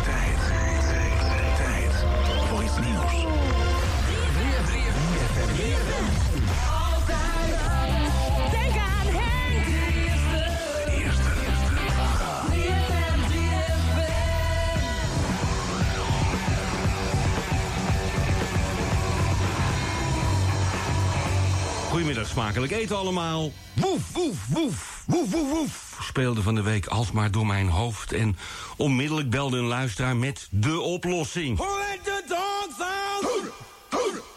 Nu op dit moment, in het besef dat dit de laatste Denk aan Henk is... zoemt er ook iets door mijn hoofd. Geen liedje zoals dit.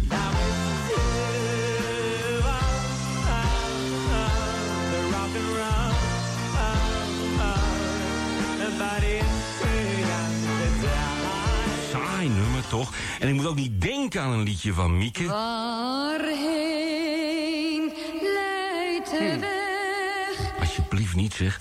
Altijd al een grafnummer gevonden. Nee, ik dacht vanmorgen alsmaar aan iets compleet anders. En u, u mag raden wat dat is.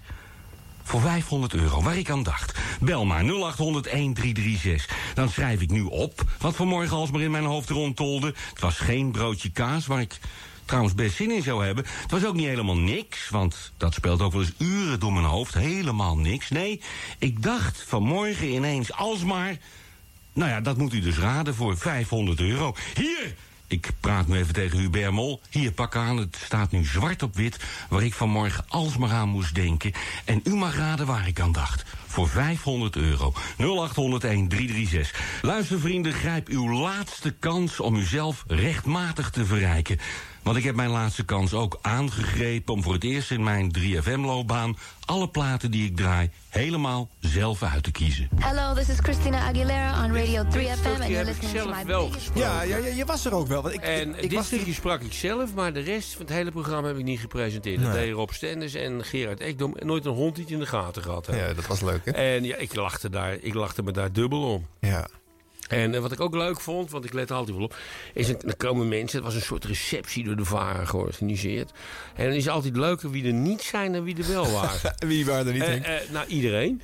en, eh, Iedereen maar, was er maar, maar, maar wie er wel was, er bijvoorbeeld... even kijken, wie was er wel? Eh, eh, nou, een paar mensen van de VARA-televisie die heel Oh. aardig langskwamen. Oh, ja. En dat waren niet de minste. En die kwamen even goeiedag zeggen. En dat, Ja. dat vond ik wel heel, heel, heel charmant. En ook een paar disjockeys waren er wel. En jongens, maar luister, ik zou er ook niet voor... eh, als iemand toevallig weggaat voor uit Utrecht gekomen zijn. Maar, maar het was heel interessant om te weten wie er niet zijn. En dat staat nog steeds in mijn opschrijfboekje. Want ik heb een slecht geheugen, maar een goed archief. nee, alle Maar weet je, na, na 21 jaar bij die club, hè, dan mag je toch wel de moeite nemen om daar eventjes eh afscheid te nemen. Nee, nee, nee, dat hoeft Nee? helemaal niet. Korte, nee. korte Nee, nee, nee. Met je Bij de mensen. Ik heb ze zien komen, ik heb ze zien gaan. Ja. En, en de mensen die het langs meegaan zijn de mensen die de dikste huid hebben. Of die eh, het meest soepel zijn in hun opvattingen. Laat Ja. ik het heel voorzichtig Afhankelijk zeggen. van wie de baas is. En eh, ja, er is een tijd van komen, er is een tijd. Ik vond het toen niet leuk hoor. Maar eh, ik had heel veel van radio gehouden. En vond het ook ontzettend leuk dat ik drie maanden later de kans kreeg. En dat had ik al verteld tegen Tom van Brussel, mijn toenmalige baas. En man waar ik tot op de dag van vandaag ontzettend veel van hou. Hij eh, deugde toen ook al niet. En, eh, en ik zei, goh, maar luister, als ik hier wegga... kan ik heel leuk bij de Tros, een programma. Een programma dat Henk Dekker deed. Eh, Daniel Dekker heet hij, maar hij heet eigenlijk Henk. Henk, Henk in het en, en hoe heet het ook alweer? Wat, wat op zaterdag? Een muziekcafé. Muziekcafé. Ja. Ik zei, mag dat? Zei ze, ja, dat mag als je bij ons weggaat, mag je dat doen. En toen, ik daar, toen Henk Dekker tegen me zei... nou Henk, na twee proefdraaien, dat mag je doen.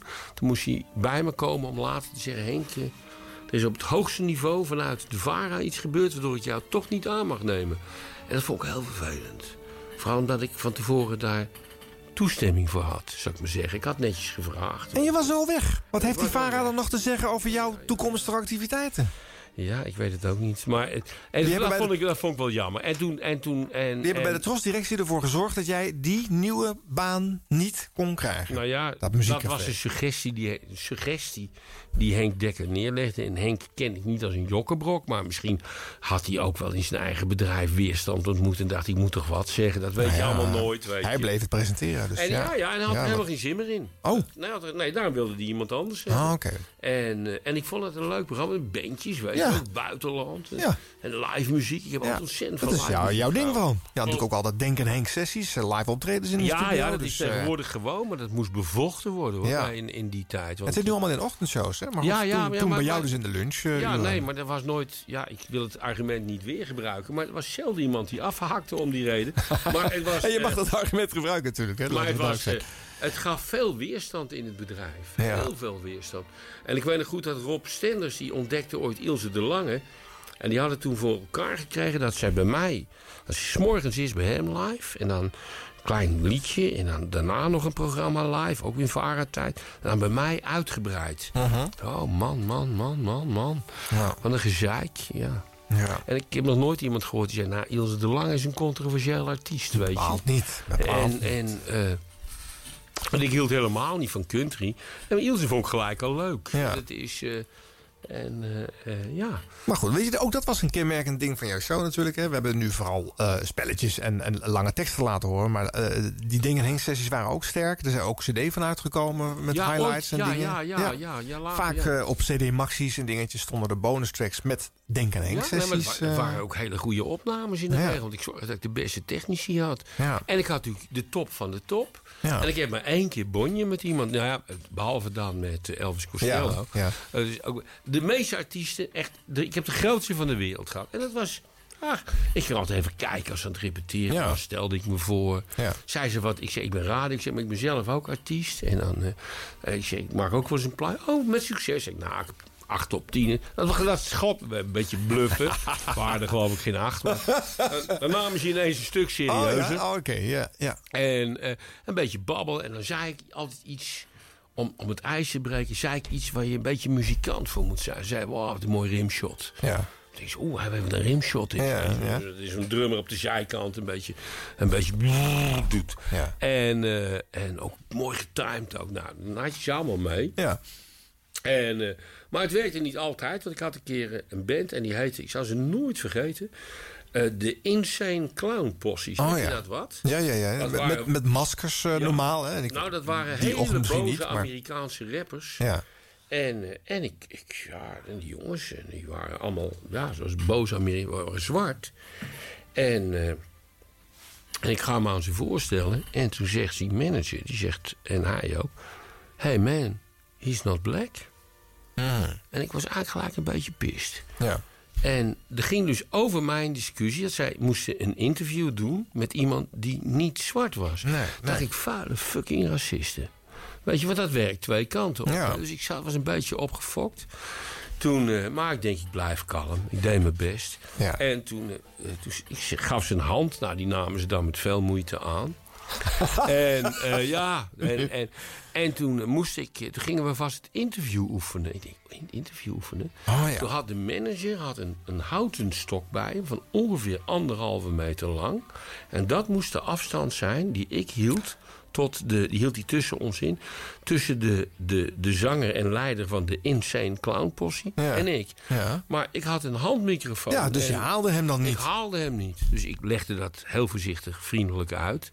En ja, mijn regels zijn regels. En toen was ik eigenlijk toen was ik er klaar mee. Ja. Weet je wat we doen, joh? Wat ik nou zeg, het is, ik zeg, jullie vinden het niet leuk om door een blanke geïnterviewd te worden. Ik vind het niet leuk om racisten te interviewen. Ga lekker naar huis. Ik zend jullie niet uit. Nee. En ik draai wel een plaatje van jullie, van hoor je niet wat voor ontzettende kuttenkoppen jullie zijn. ik ben zo, de enige bands konden zo naar huis een plaatje van ze gedraaid. Met smoesje, ja, ze zijn helaas ziek. Zo onaangenaam was dat. Ja. Dat is, maar voor de rest. Ja, Zou dat niet komen omdat zij gewend zijn in Amerika... waar natuurlijk heel gesegregeerd eh, radio gemaakt wordt... en met alleen maar blanke stations en zwarte stations... dat zij natuurlijk als zwarte muzikanten alleen maar in de scene kwamen... met zwarte DJ's. En, en, Hoe het komt, komt. en dan komen ze hier in Nederland... en wij, wij, wij discrimineren niet zo heftig op, op, op kleur van En gelukkig muziek. niet, Nee, gelukkig niet. maar die denken dus... Hè, we, hebben ook, Ja, als mogen je dan uitgenodigd wordt en als je hebt drie begeleiders bij je. Ja, die hadden, En, die hadden ze natuurlijk moeten influisteren hoe en, zat. ja. eh, en dat je, dat je, hè, en dat je denkt van, joh, ik zou dan, als je als zwarte muzikant in een blank programma, om het zo maar eens te zeggen, dan zou ik denken, hé, hey, een breakthrough moment. Ja. Maar zulke onaangename mensen. Ja. En, en, maar ik heb, eh, daarna ben ik altijd keurig een plaatje. Dus nu en dan een plaatje van ze gedraaid. denk je, ja, het moet, moet me dit niet, ik moet me, dit moet me hier... Ik vind wel ettenbakken, Ja. maar het moet niet zo zijn dat ik daardoor hun muziek minder vind. Weet je? Dat is wat heel vaak zag gebeuren op 3FM, trouwens, op de hele radio. Ja. En ik heb, altijd, ik heb altijd een hekel gehad aan bepaalde Nederlandse bands. eh, die ook Nederlandstalig beoefenen. Ik heb altijd hun plaatjes gedraaid. Ja. Juist omdat ik het zulke kuttenkoppen vond. Ja, ja. Nee, weet je, dat moet je een beetje weten te scheiden, vind ik. Ja. En eh, het is niet altijd makkelijk, maar je mag het altijd proberen. maar dat waren, eh, dat waren zulke akelige. Maar aan de andere kant, weet je, dan kwam...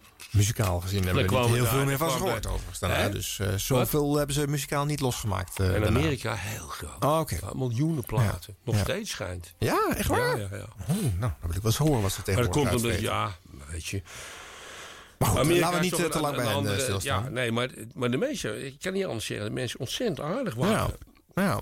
En ik was nooit te beroerd om, als ik een, eh, een grote artiest tegenkwam om een paar platen mee te die ze gelijk liet signeren. Ja. En, en dan, en Ja. dan gaf ik ze ook een plaat van mij. Ah, ja. En dan zei ik van, joh, ik zeg, ja, ik, zeg, ik vraag het, ik zeg, maar, voor mij ben jij geen hand. Ik zeg, maar toch, ik zeg, dat verzamel ik. It's Kom. in Dutch, but uh, Eh, listen nee, to it anyway. Nou ja, ik heb eh, Herbert Greunemeyer, waar ik mij, eh, waar ik mij eh, eh, eh, in mijn solowerk toch wel een beetje eh, naar ja. dacht, nooit populair geworden. Ik vind hem ongeveer de grootste van de wereld. Ja, je hebt hem veel ja. ah, die vond ik zo goed. Ja. En die man sprak ook Nederlands. Hè? Hmm. Ik had hem een keer live en er was nooit iemand. En, en toen eh, zei ik, hoe kan het nou dat je Nederlands spreekt? Toen bleek dat hij met zijn ouders altijd in Zeeland op Ah, ja, vakantie ja, ja, ging. dat hoor je wel eens, ja. En dat had hij Nederlands geleerd, want anders kon hij geen meisjes neuken. Ah, ja. Dus ik had de première, Greunemeyer, in het Nederlands zei. Ik heb Nederlands geleerd om Nederlandse Zeeuwse meisjes te kunnen, kunnen neuken. En ik dacht gelijk van, nou, dat Zeeuwse meisjes zijn een stuk minder braaf dan je wel eens denkt. Ja. En, eh,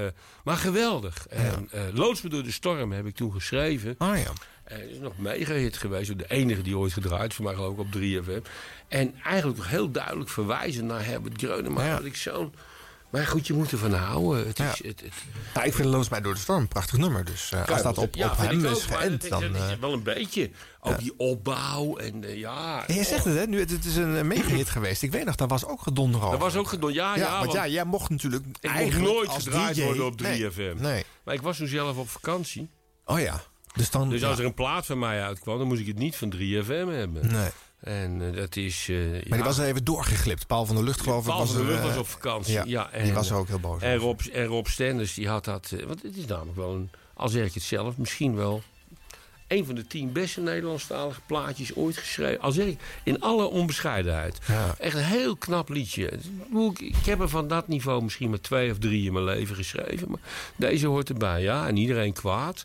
Want als ik een plaatje maakte, dan moest dat eigenlijk direct op de mesvaalt van de Ook een beetje. Maar ik had er geen last van, want er waren andere omroepen zat. Ja, ja, ja, ja, oké, ja. En eh, dus ik moest ook, ik lachte dus ook altijd een beetje uit. Ik vond het niet leuk.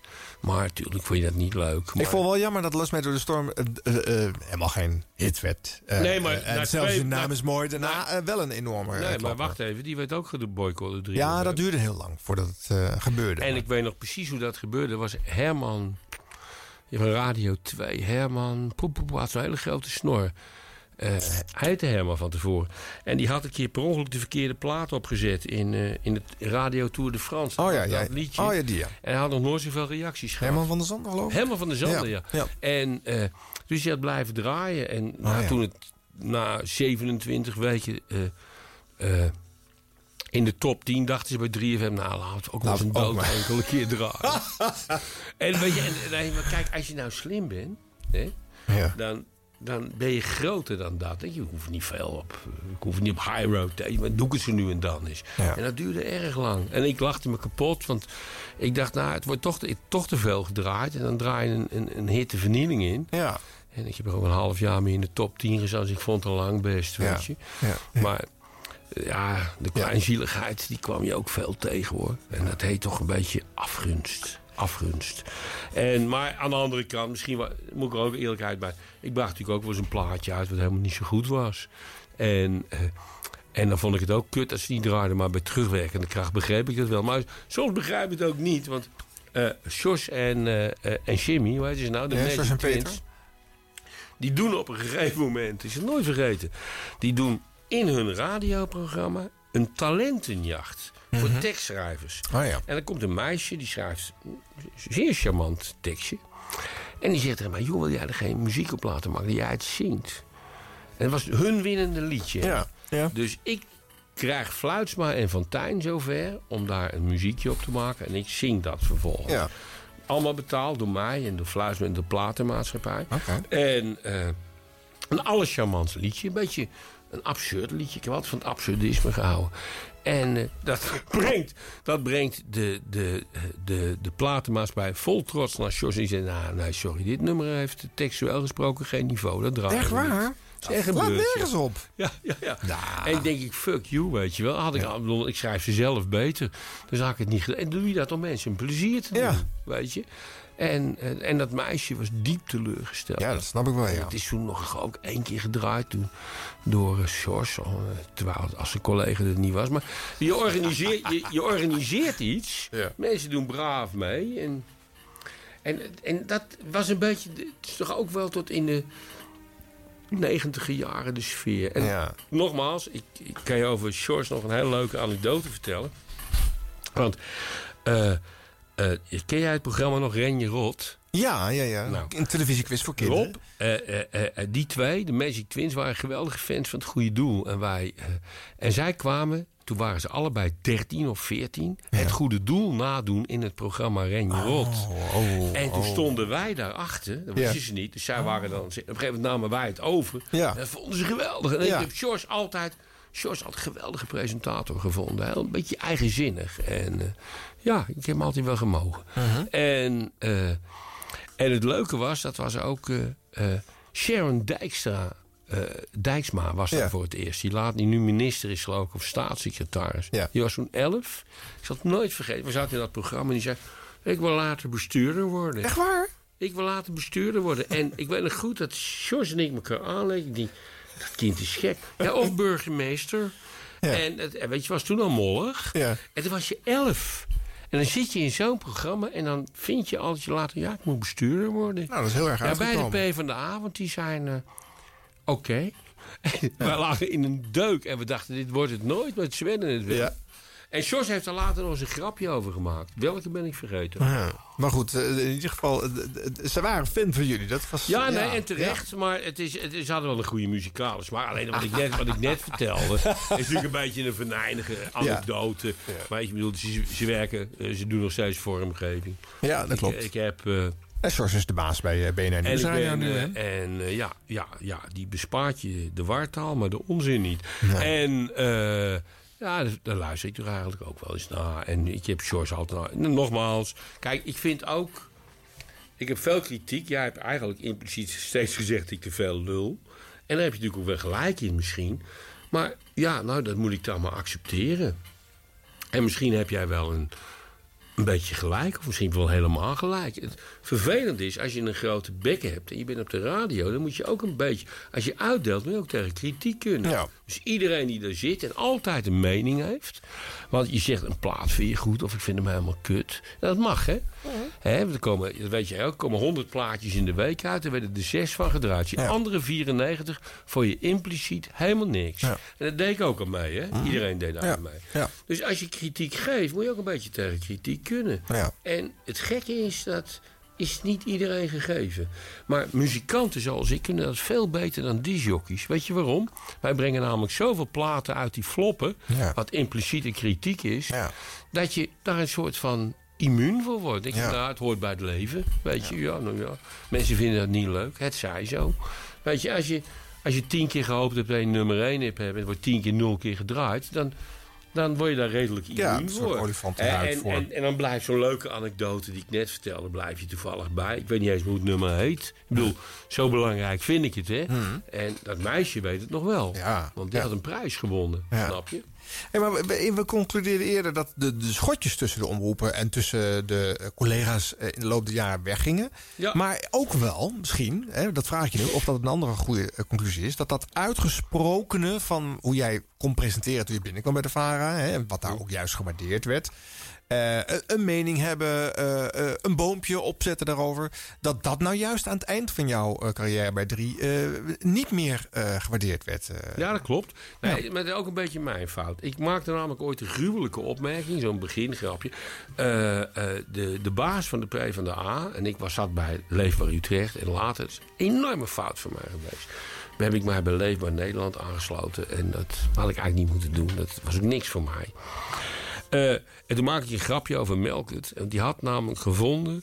die vond namelijk dat eh, Schiphol een stad van een kwart miljoen mensen moest worden. En dat was mijn grapje het volgende. Meneer Melkert wil nu dat iedereen ze ziet vliegen. Flauw, hè? en toen moest ik bij de directie komen... en ik op staande voet ontslagen. Ja. En, eh, en nou ja, dat deed ze dan nou, niet helemaal op staande voet. Ik moest vier dagen later komen. Waardoor het gevolg was dat ze zich niet gehouden hadden aan allerlei wettelijke regelingen. Oh ja. En, dus ze moesten me weer terugnemen. Ja, ja. En dan weet je dat je laatst... Als je, Dan is het klaar. naar een jaar en dan weet je dat is klaar. En, en, eh, dus ik had alleen maar meningsverschillen. Ik kreeg de ene brief naar de andere... dat ik platen per definitie goed moest vinden. Ja. Beetje plagen. En aan de andere kant vond ik dat wel leuk. En mijn fout was... ik wist dat ik ging...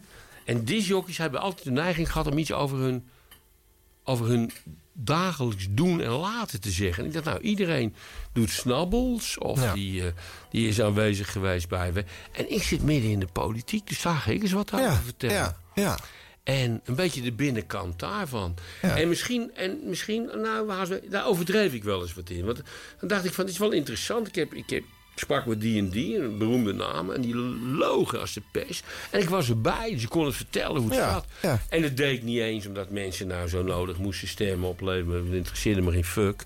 Maar om ook een beetje die binnenkant te laten zien. Hè. Ik heb het altijd leuk gevonden om mensen de binnenkant van.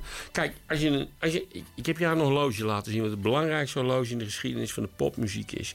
Mag je zelf een keer vertellen, die anekdote. Anders moet het maar aan eh, Leo Blokfluit vragen. Eh, eh, de Bulova Accutron. Mag ik hem even vertellen of Ja, niet? ja. Nou, er is een, een horloge, heet de Bulova Accutron. En als, die is uitgevonden om naar de maan te gaan. Want het is het eerste half automatische horloge. En er zitten weinig bewegende delen in. Nou is- het, het, het logo ervan is een, is een stemvork. En als die goed is afgesteld, dus precies goed op tijd loopt... dan geeft het geluid... Kan ik hem even tegen de microfoon? Ja, maar- Deze is, loopt niet goed, dus het is niet helemaal zo... Een rechte E. Let op. Hoor je hem? Of niet? Ja, geen idee. Ik hoor wel een piepje, maar... Ik zal, ja, misschien. Het is misschien een heel zacht zacht. geluid, hè? Even kijken. Ja, hij doet het wel. Ja, ja. Ja, ik hoor wel dat de piep toeneemt, maar... Nou, dit horloge, als je nou naar oude opnames kijkt van bijvoorbeeld Jimi Hendrix of van de gitarist van de Who, dan zie je dat ze zo'n horloge op haar hebben. En er bestonden nog geen stemmachines vroeger. Dan houden ze het horloge tegen hun oor en dan horen ze een rechte E, konden ze gitaar stemmen. Ja. Kijk, dat hoor je Leo of Jan Douwe nou nooit vertellen. Hè? maar als je, het- als je het weet, zie je het ook. Ja, ja. En, eh, kijk, en dat soort leuke anekdotes heb ik altijd leuk gevonden om te vertellen. Hè, een beetje de binnenkant van de muziek. En de binnenkant van, van, eh, van muziekpolitie. En dat is misschien een beetje het, het, het, het- ja, een beetje dwarsen in mijn karakter. Ja. Maar de binnenkant van de politiek had ik niet moeten doen. Nee, die was- dat was een- een- een Want er werden mensen, ja, werden mensen ook een beetje kwaad. De mensen, maar in ieder geval bij de varen, Ja. daar boos om. Maar het was wel heel, heel informatief. Ja. Want eh, eh, ik kon mensen op heel wat leugens betrappen.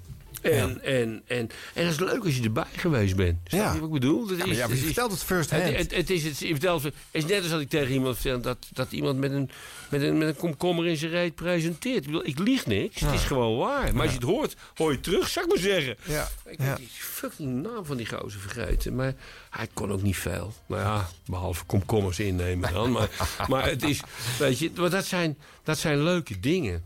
Maar zeg je dan nu met terugwerkende kracht... dat had ik dan niet moeten doen? Maar je, kon dat, je hebt dat niet Dat voorzien. had, ik, dat had ik niet moeten doen, Nee. denk ik. Maar, maar aan de andere kant, als ze nou tegen me gezegd hebben... Henk, dim een beetje. Maar ze werden gelijk kwaad. Als ze kwaad worden, word ik ook kwaad. Ja, en buiten dat, eh, op 3FM was het natuurlijk vroeg of laat toch een keer opgehouden. En, eh, ja, eh, maar ik had graag naar Radio 2 gegaan. Had Ja. ik echt leuk. Ik vond Ja. radio zo leuk. En, en iedereen heeft een, eh, een Maar toen was je aan- iets te standvastig in eh, je mening, dus begreep ik. Ja, ja. Maar niemand zei, oh ja, maar goed. We hadden zo'n ene Harm, die was onze baas. Die was zelf boekhouder geweest. Ja. En eh, ja, nou ja, een niet al te standvastige man. Die het niet opnam voor zijn personeel. Ook nooit tegen je doe dat nou niet. Of, weet je, ik had, daarvoor had ik een baas, heette Rolf Kroes. En daar kwam er een hoop op af te dingen. Maar als je dingen niet handig deed, zei hij, doe dat nou niet. Oké. Of even dat, even Ja, die ik, waarschuwde jou daarvoor. Die waarschuwde je, dat was een aardige vent. Ja. En, maar dat waren, dat waren zielenpieten. En, eh, en daarna moet je een, eh, een, eh, een afkoop, krijg je een afkoopsom. In mijn geval een jaarsalaris. En dan moet je tekenen dat je nooit iets erover vertelt. Kunnen ze terugvorderen dus. Ik hoop dat ze niet luisteren vanavond. hoewel, hoewel. Maar dat is ook wel weer geinig, weet Ja. je. En, want dat gevecht durf ik dan ook wel weer aan. Eventueel liever niet. Maar, dat zal maar het is nou, allemaal eh, zo... fucking- water under the bridge, Maar het is allemaal zo kinderachtig, Ja. weet je. Dat is... eh, omroepen zijn heel kinderachtig. Die zijn voor openheid en transparantie. Ja, ja, en wij- je mag nooit meer iets vertellen over. En dan moet je dan voor tekenen. Ja. Ja, en ik noem dat gedwongen winkelnering. Dus je hoeft, daar hoef je je ook weer niet aan te houden. Nee, nee, nou, ik vind dat wij daar vandaag een, een inzichtelijk En daarom is het wel leuk, dat moet ik dan toch even zeggen... Ja. dat toen ik dus in de ban zat bij, eh, bij de radio... kwam Robert Jensen, die ik op de dag van vandaag niet ken... Uh-huh. die belde me op en die zei wel... ja, ik kom werken voor ons radiostation. Ik zei, Oh, ja, waarom? Ja. Ik zei, hij zei, nou, ik ben een fan. Ik zei, wat moet ik doen? Nou, wat je zelf leuk vindt. En, en hij was mijn directeur. En ik heb hem in twee jaar twee keer een kwartier gesproken. Voor de rest kwam ik wel eens in zijn radioprogramma. Of zijn televisieprogramma. Vond ik wel een leuk programma. Oh ja, ja. Want eh, dan zat hij iedereen in de zaak te nemen. En toen ik één keer zei, ik hou niet zo van om door homo's in de zaak genomen te worden. Had hij gelijk op. Mijn broer is trouwens homo en mijn zus was lesbisch. Ja. En, eh, eh, en wat hij, ja, hij kon ook beter aan. Maar wel een hele charmante, leuke man. En die heeft me nog anderhalf jaar in dienst gehouden. Ja, Tot bij, hij eh, zelf moest wieberen. Bij Urin FM, want dat is de zender waar het, eh, Ja, ja, en dat mocht. Dat deed ik ook wat is waar. Maar ja, Ja. er was geen redactie meer. Dus het was, ik zat 's ochtends even in 10 minuten zat ik wat te bedenken. Oh, ja, ja. En dan wordt het ook niet beter op. Maar Nee. het werd- heel dik beluisterd. Ja. En, eh en toen is je voor zo'n soort station dan. Want elke drie weken hadden ze een ander format. Hè. Ja, Wat dat je bij 3FM ook kreeg. Toen ik weg moest, hadden ze zo'n nieuwe chef. Die jongens later ook iets heel hoogs geworden bij ergens anders. 538 geloof ik. Ja, ja, ja. Florent Luiks, hè? Florent Luiks. Die besloot dat we urban moesten worden. Weet je? Mm. We moesten alles wat er gedraaid werd, was helemaal kut. Het moest urban worden. En hij had scheid aan de hele wereld. Daarom draaien was, waren de eerste twee megahits. De eerste in ieder geval was van ze, de platenmaatschappij waar hij vandaan kwam. Scheid aan de wereld, weet je wel. eh. maar toevallig word ik er zelf iets beter van. Weet je, die sfeer. Ik het als zo'n lul, Ja. een lul behangen. En eh, ik had die man nog nooit ontmoet. Is echt een historisch waar. Toen zegt Rob uh, Stens, die zegt tegen me... Wat, heeft die man? Wat heb jij met die man? Ik, weet niet eens hoe die eruit ziet. Ik heb hem nog nooit ontmoet. Hij zegt, nou, hij tegen iedereen te vertellen dat eh, je moet toch weg. Dat hij, eh, zijn missie is om jou te ontslaan. Ik zeg, maar hij zit altijd... Stond hij achter zo'n glazen ruit. Hij had zich nooit voorgesteld. Zat hij al maanden. Ik zeg, maar ik ken die man niet. Ik zeg, en die heeft zich nooit voorgesteld. Ik weet echt niet wie het is. er staan er daar twee. Als je mij vraagt, wie is Florent Luiks? Dan, eh, eh, en eh, nou ja, dat bleek dus aardig te kloppen. Ja. En later zat ik eh, eens een keer, toen was er iets heel leuks op 3FM. En dan mocht ik met mijn band spelen. Ik had toen een solo band. En er was Florent Luiks. En die begon tegen ons een trosprogramma tegen Henk Dekker te vertellen dat het schande was dat ik mocht spelen op 3FM. En toen heb ik hem echt zo gevierendeeld. Want ik denk, nou, als je toch wil discussiëren, eens kijken wie het beter kan. Ik vond het echt een, tra- een tragische man. En ik vind het niet echt dat je iemand niet mag. Ik vind het ook niet erg dat je iemand niet goed vindt. En hij vond mij niet goed, hij mocht me niet. Maar zeg het dan even in iemand zijn gezicht. En toen heb ik hem, eh, toen heb ik hem vreselijk te grazen genomen. Is wel even leuk bij 3FM. Hij had namelijk een interview gegeven in de Volkskrant. Als hij iemand goed vond, dan verdubbelde de waarde van, van, van zijn contract. Als hij, wat hij er niet bij zei, is dat als hij iemand kut vond... dat zei hij altijd over mij. zei ik, nou, dan, dan halveert de waarde van je contract, toch? Dus ik heb hem via de beste advocaat van Nederland een brief laten schrijven. Als je het nog één keer over mij zou zeggen... dat tastte tenslotte de waarde van mijn contract aan... dat ik hem daarvoor persoonlijk financieel aansprakelijk zou stellen. Heeft hij via via zijn excuses aangeboden, de laffe hond. Oké. Wel even leuke anekdotes. Dit vind ik nou leuke anekdotes, hè? En, eh, en, Henk eh, Westbroek maakt schoonschip, mensen. Nee, nee, ik mag helemaal geen schoonschip. Maar dat, weet je... Ik vind... Nee, als ik, wij kennen elkaar al een eeuwigheid. Als ik een ekel aan je zou hebben, zou ik zeggen... Jij bent mijn soort mens niet. En dat mag Ja. je tegen mij ook zeggen. Ja. Even goede vrienden. Mhm. Want je hebt mensen... Wat ik net over Jack Spijkerman zei. Ik heb geen kwaad woord over die man te melden. Maar de chemie is er niet. Weet je, die was er nooit. En dat kan ik hem niet kwalijk nemen. Kan ik mezelf niet kwalijk nemen. Het is er gewoon niet. Zoals sommige relaties. En let wel, als je duo presenteert, is de relatie heel belangrijk. Ja, ja, ja. ja? Dus als die chemie er niet is, is net als wanneer je naast iemand in bed ligt waar je ja, denkt van, ah, Als ik er niet mee in bed lig, vind ik het al niet leuk. Als ik er nou mee in bed lig, weet ik niet wat ik ermee aan moet. Snap je? Dat, Zo is dat een beetje. Ja. Ja. En, en dat is helemaal geen schande om dat te constateren. Want dat, dat doe je niemand. Ik bedoel, natuurlijk met, bij, bij Jorin met, met, met, eh, met verschuren en zo, weet je. Ja, schat van de man. Als, als hij dit deed, wist ik dat ik dit moest doen. Want Je was chemie. Ja. En dan kun je, kun je heel... Met, met, met Giel Beulen had ik ook chemie. Ja. En hij met mij. Het was echt zo leuk. Ja. Weet je, en niet dat je dan ooit bij elkaar over de vloer komt. Of denkt, kom, we gaan nou vanavond eens... eh, We kopen een ons koken, we kijken wie het meeste op kan snuiven. Maar het is wel zo dat... Het maakt je radioprogramma's niet slechter, hè? Nee, nee, nee. Radiochemie is heel belangrijk. Zeker, Toch? ja, ja, zeker. Ja. En, eh, En het is ook en- belangrijk dat je in een veilige omgeving en een gewaardeerde omgeving Is het zit. toch zo? Het is toch- ik moest elke dag mijn laatste jaar, was ook een slecht jaar. Ja. Zat ik te kijken naar iemand waarvan ik van Rob Stennis wil dat hij zo'n hekel aan me had. Hij vond mij een, eh, een somber mans. En ik zei altijd maar ja, het kan wel waar zijn. Maar al die vrolijke jongens, er wordt er veel minder naar geluisterd. En lagere waardering, dus wat wil je nou nog meer? En ik denk, nou ja, de stijl kan je niet bevallen. De mens kan je niet bevallen. De combinatie van de twee kan je niet bevallen. Maar wees een kerel, stap naar iemand toe. Ik heb zelf een bedrijf. Ik moet wel eens iemand ontslaan. Dat vind ik niet leuk. Nee. vind ik het ergste wat er bestaat. En dan moet ik wel eens tegen iemand zeggen... ja, sorry, maar je kan het eigenlijk niet zo goed. En wij moeten... Oh, kan ik een nacht niet verslaan. Ja. Maar het hoort er wel bij. Ja, ja, ja. Maar als je dan alleen maar tegen Rob Stenders... en tegen alle collega's loopt te roepen wat een lul iemand is... en het niet in zijn gezicht durft te zeggen... dan ben je voor mij eigenlijk een falende leider. En toen begon die met... En toen begon die met... eh, alles moest urban worden. En toen waren in Robs, ik moest weg, Rob Ste- iedereen moest weg, alles moet urban worden. En drie maanden later hadden ze, hadden ze, de- hadden ze, hadden ze 40% van de luistercijfers waren ze kwijt. Ja. En toen dacht ik, ik heb een heel goed idee. Moet weer precies worden zoals het was. Dus je neemt iemand aan, omdat hij een visie heeft. Die visie blijkt totaal kut te zijn. En daarna heeft hij weer een nieuwe visie, namelijk dat je dat moet doen wat, hij, wat, wat, wat er altijd was. en dan is er niemand die zegt, nou, misschien is het niet zo'n hele slimmerik. Nee. Ik, maar goed, hij is ver gekomen, veel verder dan ik ooit in mijn leven. En, en, maar ik Ja, het is daarna wel gelukt. Dus de- je kan ook zeggen, hij heeft iets geprobeerd wat niet heeft gewerkt. Zo kan ja, maar daar ben je op aangenomen. Ja, ja, ja, I know. En, Nee. en, en je wordt niet aangenomen omdat je eh, gewoon. Ik bedoel, En het- enige goede, en eerlijk is eerlijk, heb ik altijd weer gevonden van eh, dat glazen huis. Dat was een Ja. gouden idee. Ja, ja, ja, En ja, ik is weet waar. niet wie het bedacht heeft, misschien hij wel. Een clubje mensen. Een- ja, maar dat was echt een heel goed idee. En ook leuk en aardig. En ja, er komt misschien een beetje de oude socialist in me boven. Ook wel heel mooi eigenlijk. Ja. Ik heb ook altijd met groot genoeg aan het programma meegewerkt. En, en dat, ja, weet je, kijk, een beetje... Ik heb dan wel een grote bek, maar een beetje mededogen met de mensen waar, die wel een beetje begrip nodig hebben. Ik vind dat mag een radiostation ook wel uitdragen. Ja.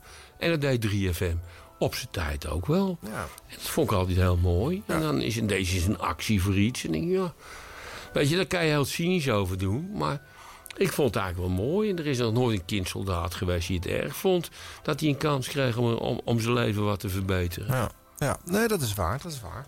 En, en in die zin is het. eh, eh, eh, ik denk dat een ander groot verschil nog wel is. Is dat jij hebt vooral op 3FM gezeten in een tijd dat er ook best wel veel klappen werden uitgedeeld. Ook vanuit de pers. En, er was veel kritiek op de zender. Ik kreeg vaak. Nou ja, maar ook niet geld te onrecht, hè? Ja, en dat is daarna is dat wel sinds het glazen huis zeg maar is dat is dat omgeslagen. 3FM is nu wel weer een cool merk en het, Ja, dat is waar. Ja. Dat is waar. Maar de kritiek was altijd op die gruwelijke formatering. En, en Frits Spits en ik, je weet, we hebben één keer een aanvaring gehad. En verder kunnen Frits en ik heel goed door één deur. Ja. Eh, waren het eens met het feit dat formatering de dood van 3FM Ja. geweest is. Ja. En dat vind ik tot op de dag van vandaag. Ik wil, als ik in deze...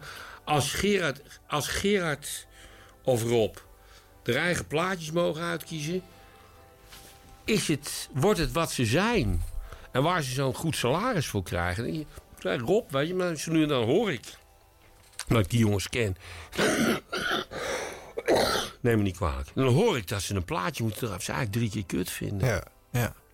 En nou zijn dat toevallig grote jongens. Dus die hebben tegenwoordig weer wat meer vrijheid. Ja, ja, die kunnen wel, Hè, die eh, kunnen iets meer vrij doen. veel, en, eh, en, sturen en, ja, nu weer wel. Dat is lange tijd niet zo geweest. Mhm. En, eh, ja, en dat is...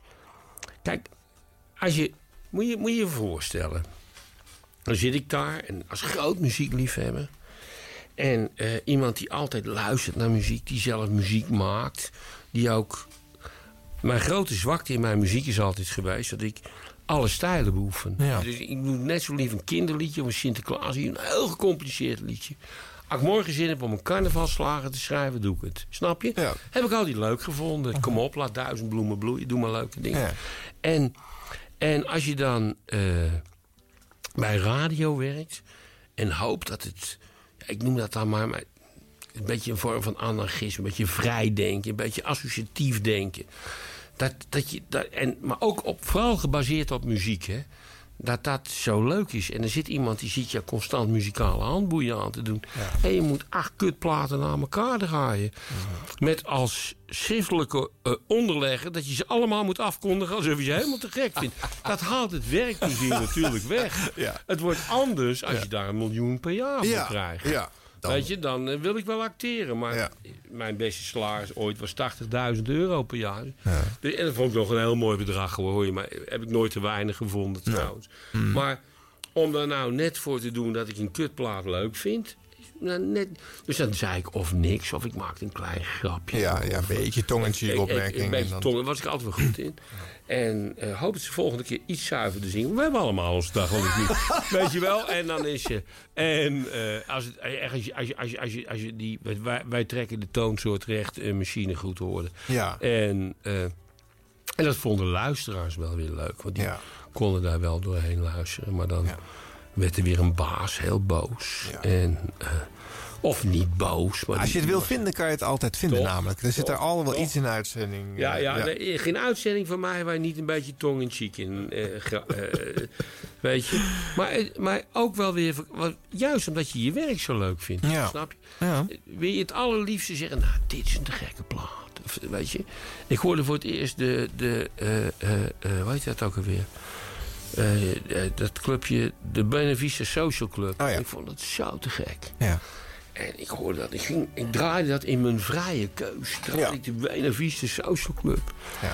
En dan hoorde je later dat helemaal niet past in het format van dat het nooit meer mocht in je vrije keuze. Mhm. En dacht ik van fuck you, dat is geniaal. Ja. En drie maanden later was verplicht. Want ze hadden 300.000 platen verkocht. Ja, dus van, toen jongens, moest je op de jongens, playlist, Toen eh. moest je. Ja. En dan denk ik van, als je mensen vrijheid geeft, doe die, dat kleine beetje vrijheid moet je niet aan, aan boeien leggen, weet je. En vond- dat vond ik ook altijd wel zo leuk. eh, mocht je één plaats zelf uitkiezen. Dan was ik in een dwarse baal. Ze met de, zei ik, denk, nou, ik denk toen vandaag één gouden ouwe. Mag dat? Ja, dat mag. Deed Tubular Bells. Duurt 47 minuten. en dan was je wel kwaad. Ja. En iedereen vond het leuk. Of iedereen, maar het was niet zo dat je dan dacht... nou, eh, mensen schakelen gelijk om naar, eh, Nee. naar, eh, naar 538 of zo. Ja, Bells. Of één kant ervan. Ja, ja, ja, ja, Een minuutje of dertig. Ja. En, en dan ging je daarna iets vertellen over de invloed van die plaat. Ja. De moderne popmuziek. En die is echt heel groot geweest. Ja. Ik werden mensen weer boos. Ja, maar het is niet de bedoeling dat je een plaat draait die langer dan vier minuten. Nou, dat is me nooit verteld. Nee. Had één liedje. Ja. Het zat nergens een tijdsbeperkt. Het is ook natuurlijk flauw van mij. Maar, Ja, ja, dat de is, zo ben je wel, hè? Het is, het is een beetje, je zegt dat het, moet, het mag schuren, maar je, je, je, je- jij- jij duwt het ook nog wel even ietsje dieper Nou ja, erin als het weet kan, je, hè? Weet je, het is, ik, ik hoop dan altijd dat mensen denken... Godverdorie, zegt die kut Westbroek. Die zit ons nou in de zijk te nemen en dan moeten wij om lachen. En dan zeg ik tegen hem, joh, je hebt ons goed in de maling genomen. Wil je het alsjeblieft niet meer doen? Dan denk ik, nou, oké, Ja, ja. ik heb een punt gescoord. eh, Ik heb gelachen. Net als bij Frits, dat ik die eigenlijk een beetje kwalijk... omdat hij niet om zijn eigen. Waar gaat het in godsnaam over, weet je? Ja. Is de derde wereldoorlog niet. Het is gewoon iemand die jou een plaatje geeft... en die blijkt niet te zijn wat, wat je dacht dat het was. Het is alles wat het is, weet je. Ja, ja, ja. En, eh, en, en, en, en dat je dat... Ja, dat je zo boos om... Dat verwondert mij dan. Ja. En, ja. Nou, en- hij neemt dat dus op, op een hele andere manier zoveel nee, serieuzer. ja, zo, jij daar lichtvoetig. Ja, lichtvoetig. omgaat. Maar later ook zat Frits er ook een keer, geloof ik, bij De Wereld Draait Door. Toen had Oh, hij ja, ook ja, eens- ja. werd hij ook heel boos. Ja. En Frits is echt een man die deugt. Voor alle duidelijkheid. Het, is, eh, het, is, het is best een aardige man. Hij doet zijn best. En altijd gedaan ook. En je kan het... Hij vond ook wel eens de grootste baggerplaten goed. En eh, eh, goed, weet je, maar dat vond hij van mij ook. Maar eh, ik, ik heb hem altijd graag gemogen. En, Er zijn zoveel en- mensen zoveel smaken. En, Ja, en- toch? ja, en- nou ja, goed. En ik zit hem altijd in de zeik te nemen. Want dan heeft hij, hij heeft nou zo'n programma iets, van, iets met taal. Ja, de taal staat. En de op taal Radio één. staat. En dan hoor je dus eh eh, Akde. En dan ben ik, taal staat! Ja. Taal staat! Het is Batman! Batman! Oh ja, ja. Dus het is echt precies hetzelfde. Dus dan zeg ik, Frits, zeg... eh, kan je nog niks beters laten bedenken dan Batman... maar dan met, met een ander twee letter Dan wordt hij heel boos op mij. Maar ook wel weer op een leuke manier boos, weet je. En eh, ik vind dat niet zo'n goede jingle. Nee. En eh wel ik die jongens verder wel goed vind. Maar ik vind, heel, ik vind eigenlijk alle jingles kut. nou, we hebben er weinig gedraaid, eh, eh, Henk, in deze show. Ja. Eh, eh, we hebben Ik ken helemaal niemand en daarom vind ik ze kut. Ik kan het ook verdedigen. Ja. Ik heb nog nooit afgestemd op een radiostation vanwege de jingles. Nee. Ik heb nog nooit geluisterd naar een disjockey of een programma. Ik dacht, nou, te gek. Dan krijg ik weer een uur lang geniale jingles. Ik luister, zoals iedereen, naar de muziek. En vandaar er wordt steeds meer geïnvesteerd in formats en jingles. Ik zou, ik zou eens wat investeren in een betere platenkeuze. Ja. Want dan krijg je dat mensen doen wat ik ook doe. Dan heb je zo'n zo'n zo'n iPodje, weet je wel. waar Ja, ja, ja. 80.000 Ja, dan haal je daar je muziek vandaan. En dan zet je in de auto aan. Ja. En, Er is en- wel één show waar de jingles eh, de moeite waard waren. Eh Ron Flon Flon. Ja, maar dat... is- Buitenklasse. ja. Ja.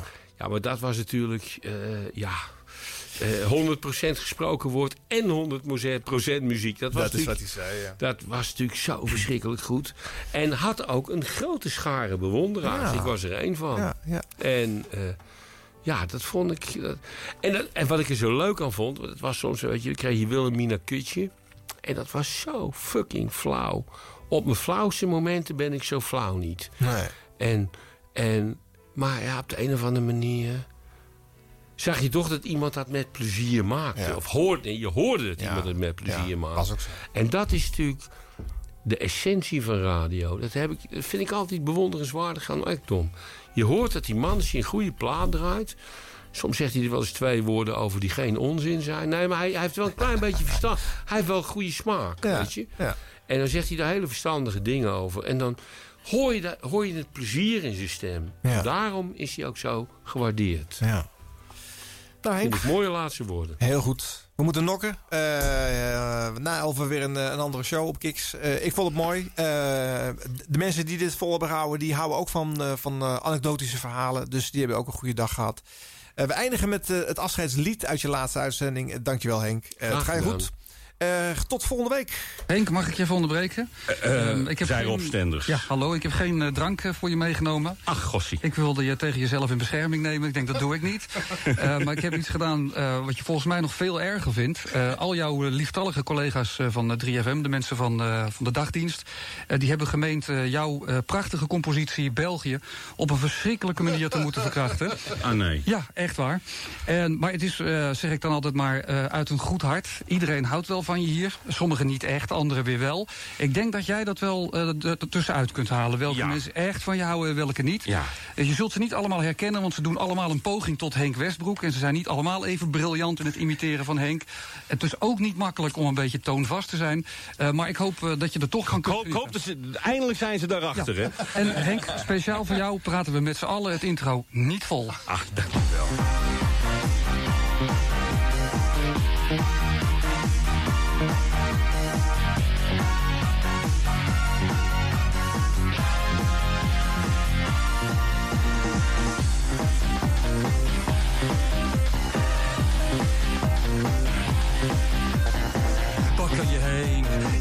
Voor mijn Henk. Niet naar Jorin, daar hoor je niet bij. Waar kan ik heen, mijn lieve Henk Westbroek? Niet naar Noordzee, daar zijn ze te blij. Radio 1 is geen optie, want Radio 1 brengt niks nieuws. En wat dacht je dan van Sky? dat is toch veel te saai. Waar kan je heen? Bel mij maar Giel Belen. Ook weg bij de VARA. En het gaat mij best goed. Waar kan ik heen? Niet naar Radio 2. Je hoort nog eens wat, daar zijn ze zo zoet. Bij 38 is geen optie, een scooter is niks voor jou. En dat nieuwe Veronica,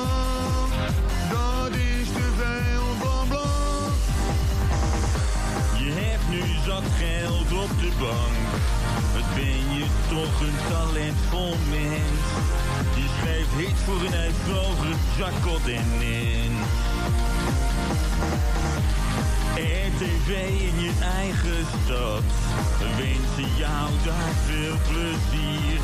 Namens je muziekvrienden, we zullen je missen hier.